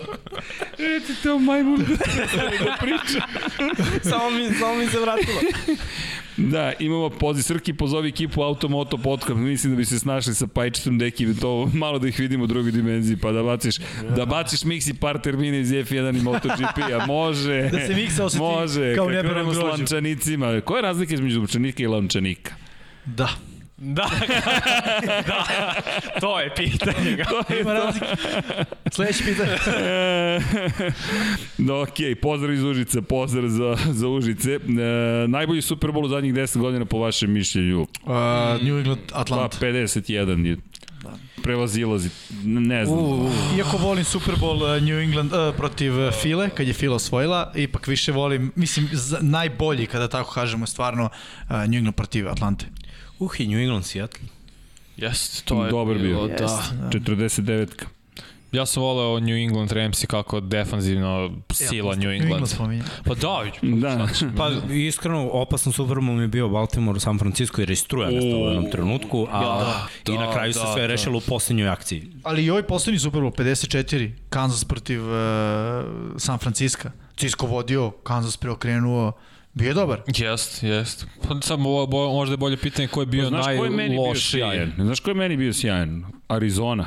Arizona, Kurt Warner protiv Pittsburgha. Jeste, Celo i to je bilo Uf, gotovo posljednji To je play. baš bio dobar, dobar Da, to Super je, Bowl. da, dobro, to je bilo odlično. ajde se- James Harrison, mislim kao ono... I da se osvrne ono što je Vanja rekao, najgori.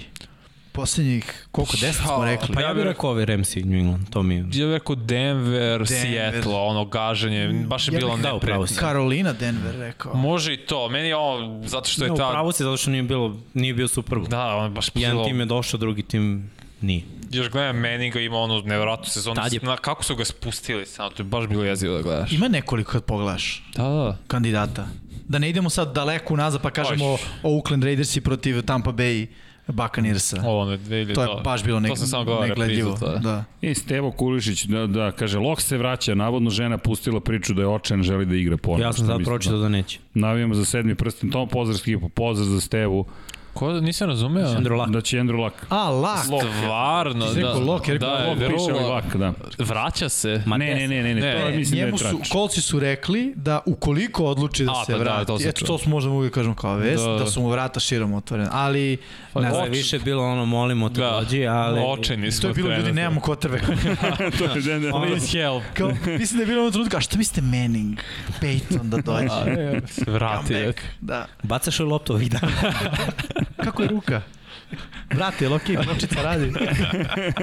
ja da pohvalim naše gledalce večeras, fantastično pitanje. Yes. Da. Baš Jesu. dobro pitanje. Baš u duhu Super Da, evo, Ferenc Laslofi, da, izvinjam se. Ne, kaže baš u duhu Super Bola, to je to. Da. Jeste, jeste.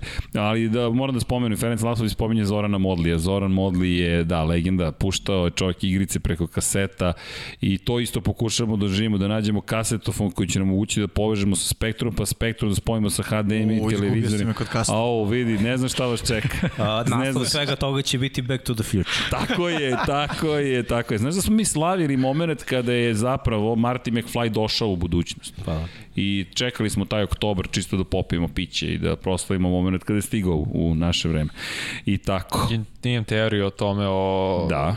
time travelingu, ali bolje da ne ulazim to. Mislim da ćemo stvarno O, ostati. Pazi, ne, baš prošla je ponoć, ostati. možda je ovo pravi trenutak da počnemo Baš dugo tim. ćemo ostati, to je za, ne, za nešto drugo. Govorimo o putovanju kroz vreme. Putujemo već 3 sata napred. Da. Tako je, tako je. E da, Branislav pita par puta vaše mišljenje koji je X faktor u oba tima. Ja ću da kažem hmm. Charlton Davis. Dobro. U, za, za Tampu, kao choker. A za, da pa, Okej. a za Kansas City X Factor Kelsey. To, što kaže Vanja, on je za sad pokazao da je nezaustavljiv. Hill je imao neke loše partije, ali Kelsey uvek tu. Ja, ja ću da kažem za Tampu uh, Tom Brady, a sa druge strane Edward Ziller. Ja ću Devin White, Mihol Hardman. Koje smo se dogovorili sve različite. Da, vrlo zanimljivo je. Ovo je navika kad Ja sam biramo razmišljao, ali... heroje. Ovo ne smeš. Da, da, ovo ne smeš. Dobro, mogu Johnsona da spomenem za Tampu da to da tako da tako nešto bude, a za ma Matija mislim da će biti X faktor da. za za za Kansas City da će opet ako ako ide na njihovu stranu, ali ja sam tipao na Tampu, to, to je Kansas City da može da bude, ali dobro, tako da eto. Da, ne mogu da kažem da će neko da bude kad će da izgube, to je ne, ne, nemoguće. U svakom slučaju, kako komentarišete kvote na kladionicama? 1.5 na Tampo, 2.5 na Kansas City. A? Gde je to? Šta, kako? Ne, obrnuto, obrnuto je, obrnuto je. Ne, ne, Kansas City ima nižu kvotu, Tampa... Favorit je. Da, favorit je, favorit je. Uh, ja bih rekao plus hendikep na Tampu. Što bi to, ako je 1,5 i 2,5, mislim da je hendikep oko, oko 6,5, verovatno. Ne razumijem se toga, stvarno, tako ne mogu ništa da... Znači ne ideš u kladionku, a? E, Miksa, bilo je neko pitanje, e da, kad ćeš da se briješ? Kao da su znali o čemu smo pričali. Pa ne, gledaj, iskreno nisam se obrio baš dugo. Ti je to znaš koliko. Da. Nisam Ja te ne znam bez brade. Ne, ali čekaj, čekaj, čekaj, čekaj. Ja srednje škole moram može, bradu. ko, može challenge sledećeg novembra, svi puštamo brkove za novembar. Ja, srđane. Pazi, dobio sam srđane. Nije. Mislim, Okej. A šta ću ja? Obriješ sve, ostanu samo brkovi. Samo brkovi. Reci. ili, pošto kratiš, o, kratiš sve osim brkova, njih pušta da nabujaju. Da, da, da budu jači. Pa da, znam. bude, da budem Hajde, ako hajduk. moramo. Kažu, Može li se Vanja- Tampa naglo. Ajde da U vidimo tim da godinama rastuli. Da, Dovoljno. jedva. e, ne ovih danas se jedva stigao se ošišam i da se obrijem, da budem ličim na nešto, tako Miksa, da ja sve ću cool. da pogrešim ako kažem, dokle ne budemo imali sponzora Tako koji je. krati dlake Miksa neće. Tako je. Bre, sponzori kad platite možda razmislimo o tom. E, okej, vidi, ja ću ovo da šaljem sponzorima. Kažem, evo, evo. Čovjek je Govorio čovek. Da. Nisam pristao. Ne, ne, Govorio je, pa, Možda ću da razmislim. Evo, gledam kvote, nisu pale kvote. 2-5-5, 1-6, 2-5-5 je na Tampu, Kansas City 1-6. Ne znam sad ovde da je izjava da su pale kvote. Nisu pale Tu kvote. gde su pale odmah... Odmah u plavi. Možda, možda jedino zašto, zašto Fischer ne igra su možda pale, jedino Ali to mogu razlog. da se zamene. U, Ne, da se zamene ne mogu. Saša ima ozbiljan izvini challenge. Ajde. Miksa, ukoliko pobedi Tampa da se šišeš na nulu. E, pa imao sam frizuru na nulu, ali ja ne kažem da Tampa ovaj, ne mogu to da prihvatim. To je, ovaj, zato što, što je baš izjednačena utakmica. Znaš, nije, nije kao da dajem toliku prednost, kažem, Pa ta rekao si, 3% da. zbog trenera jel mi nisu možeš, dovoljno da, da budem ćao. jel možeš ako Baltimore sledeće godine osvoje? Ako osvoji Baltimore, To je da. bio ćela sve. Mislim, E, nek se Zato što mogu. Da. Može. Okej, u, O, opa! Ne, ok, evo, šta, ako I bradu Jetsi i osvoje sve. titulu, šta ja treba da radim? ofarbaš se u roze.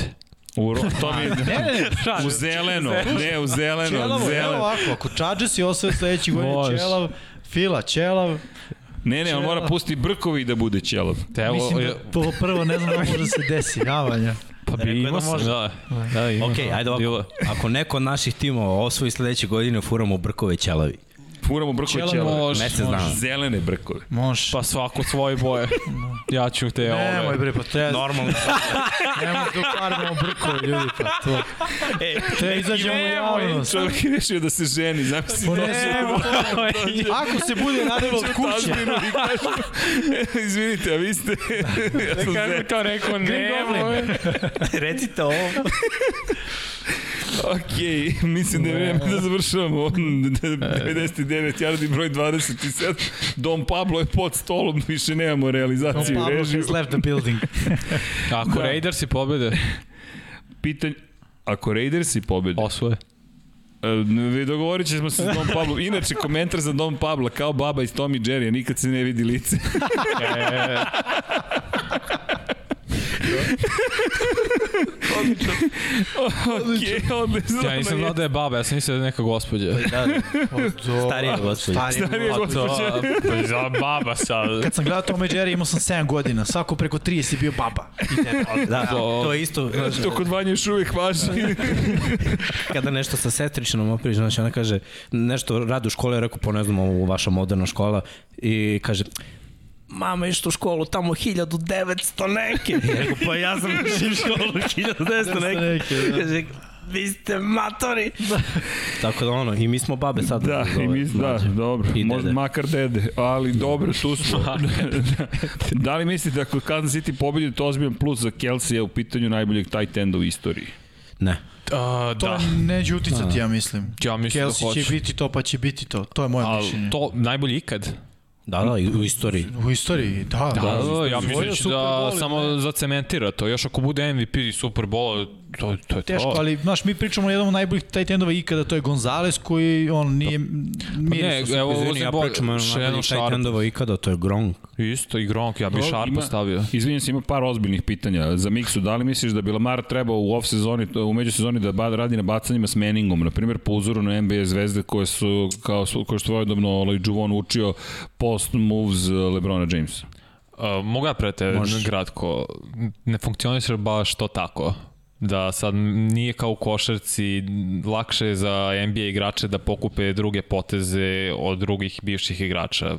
Sad ti ćeš tu bolje da Češće, objasniš. če, lakša izolacija u NBA-u Da. gde ćeš, na primjer, hoćeš da vežbaš post, na, na low postu, da vežbaš Određen jedan na jedan. potez. Ti ćeš dovesti igrača koji je dominantan i pokupit ćeš njegove taktike jer u toku utakmice često može playmaker da ti spusti loptu na, na post. Tako je. U, M, u NFL-u je druga priča. Quarterback, prvo Lamar Jackson nikad eh, neće dodavati isto kao Peyton Manning iz džepa, da. jer je čitava poenta napada oko njega, read option, izlazak iz džepa, play action, izlazak iz džepa i, i dodavanje. On bi mogao da radi s Michael Vickom na, na nekim tehnikama izbačaja, ali da bi on uopšte bio bolji, mora da uh, radi sa hvatačima koji će biti u Baltimoru. Jer ono što je Brady, Brady činilo uspešnim godinama dok je igrao za New England, jeste što on pokupi svoje hvatače iz New Englanda, odvede ih u Miami i onda oni mesec dana vežbaju rute i dodaju se. Da. I zato je Brady žmureći mogo da pogodi Edelmana ili Velkera i A s kim je radio Lamar s Antonio Brownom? Ali vidi, Ne, ma ne, to, nije radio sa svojim. znaš šta bih samo rekao? Nije Lamaru diskutabilna tehnika izbačaja. Mislim, ja to ne vidim kao problem. Ja kao ja. veći problem vidim upravo to što je sad Miksa rekao, to je ono da radi sa grupom svojom. A pa Lamar U tom je... smislu ne vidim kao sad, znaš, da on ima lošu tehniku pa treba da je ispravi. Nije to problem, on zna da baci sidearm i zna da se slobodi lopte onako na neke nesvakidašnje načine, a da to budu potrebljive lopte. Ja mislim samo da je više limitiran prosto, postao ovaj određen limit što se tiče talenta u ruci. To, bar tako, to ne može sa treningom, ni sa meningom, ni sa da to se poboljša ko zna koliko. Ili, da, ili uopšte se poboljša. Da, mala stvar oko tehnike, jer on drži loptu, sad ću pokažem.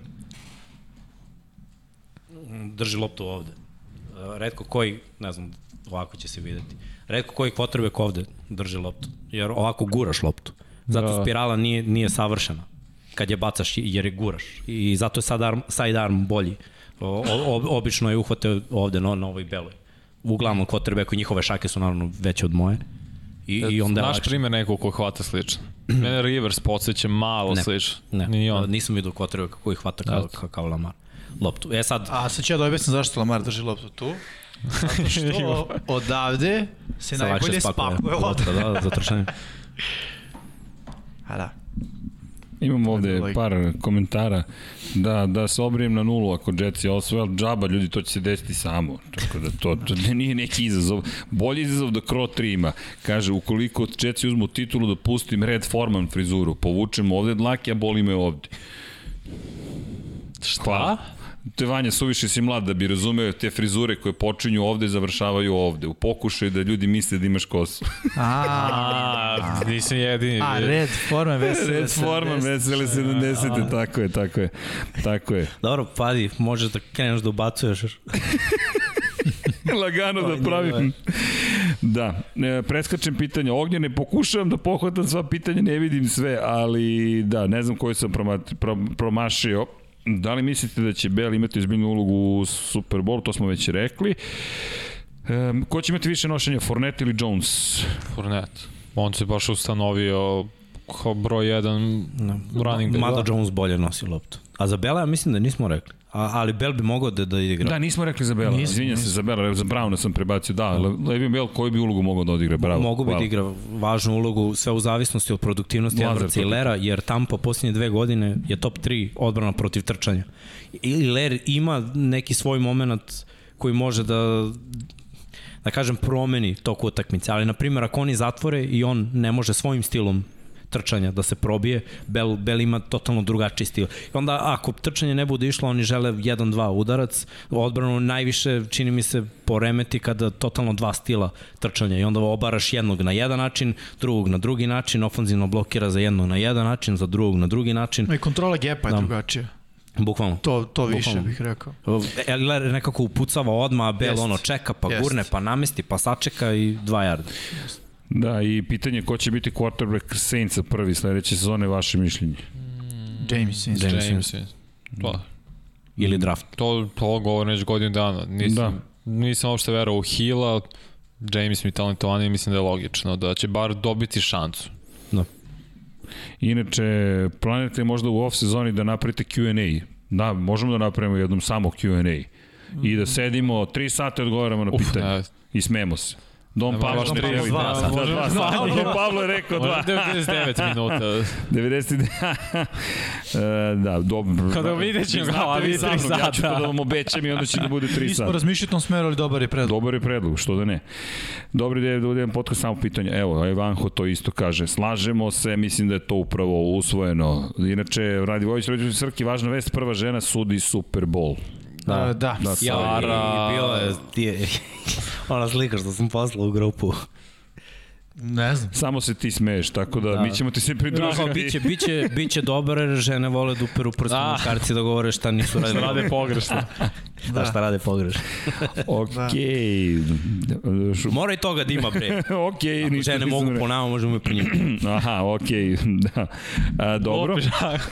da, da, super ćemo proći sa ovim. Inače, to nije, to nije stav Infinity Lighthouse.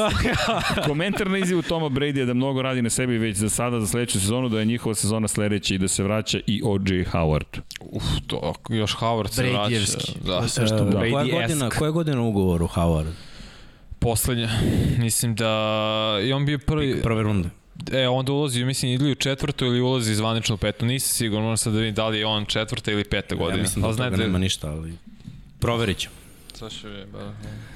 Da, Winston hoće imati 30 touchdowna ako starta za New Orleans. Nije problem broj touchdowna, problem je ona druga kolona. Popravio INT, oči. koliko Ali već će je bolje presečeno ove davljati. godine. Da, ba, da.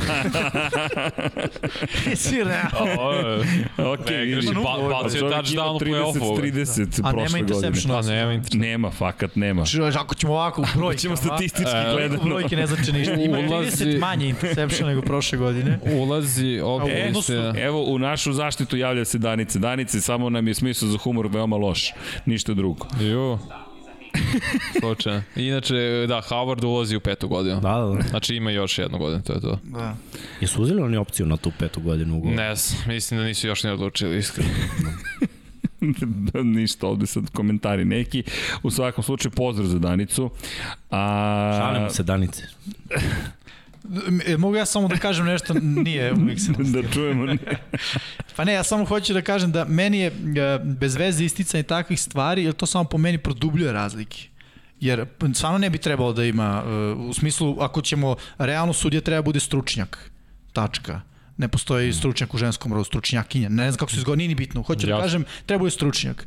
E, Valjda ne treba da merimo po tome ne znam, boja kože, da. pol, visina, ne znam, nisam, ne znam šta je sledeće. Zato mislim da po meni su takve vesti uh, okej, ali isto A tako mogu da kažu... balans. Pa da, ali po, zar to malo ne produbljuje, ono kao bacaš baš spotlight vid- na to. Znaš kako? Stavljaš pritisak. A, Ali to je zato što to, to u tvojoj glavi zato što ti posmatraš to ravnopravno. Ti, Ba, ni, ne, ti ni ne vidiš razliku. Tako je. Ti ni ne vidiš, ali um, to je sad taj balans. Kada da istakneš, a da opet ne odeš u drugu krajnost, da time Ali isticanjem... uvek se ode u drugu krajnost, zar pa, ne? To, ali zar Pre nekoliko godina je bilo kao prvi Afri, afroamerički sudija, će suditi Super Bowl. Da, okay. da, ali prva Mislim ekipa. uh, da je okej A ove godine za... je bilo prva ali ekipa. da, koja- smo, Sa komi- nit- ali, koordinatorima. pazi, niti smo mi afroamerikanci, niti smo žene. Znaš, mi ne znamo kako je u njihovom, u njihovoj koži, bukvalno, kako, je, ka, ka, kako to izgleda. Ja to nisam doživeo. Znaš, doživeo sam neke druge neprijatnosti. Tako je. Pa ja to ne gledam, ja, ja to ne, pri- nikad ne pripisujem to zaista bilo kojoj vrsti podele. Mislim da je to samo zao čovek preko puta koji će naći Apsolutno. bilo koji razlog da me diskredituje zato što mu je to neki cilj.